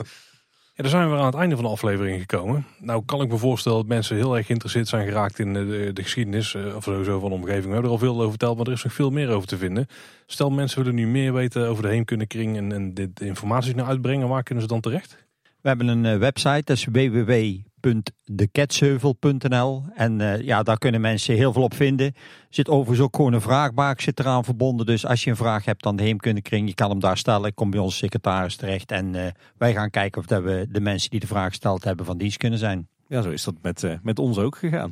Ja, precies. En ik denk ook als, eh, als luisteraars nog vragen hebben over de geschiedenis van, eh, van Kaatsheuvel of van, eh, van de Efteling specifiek, dan kunnen ze het natuurlijk ook gewoon met een vraag eh, bij ons terecht. En dan eh, komen wij weer bij jullie. Eh, Kees, als mensen meer over jou willen weten, eh, kunnen ze dan ook nog ergens terecht?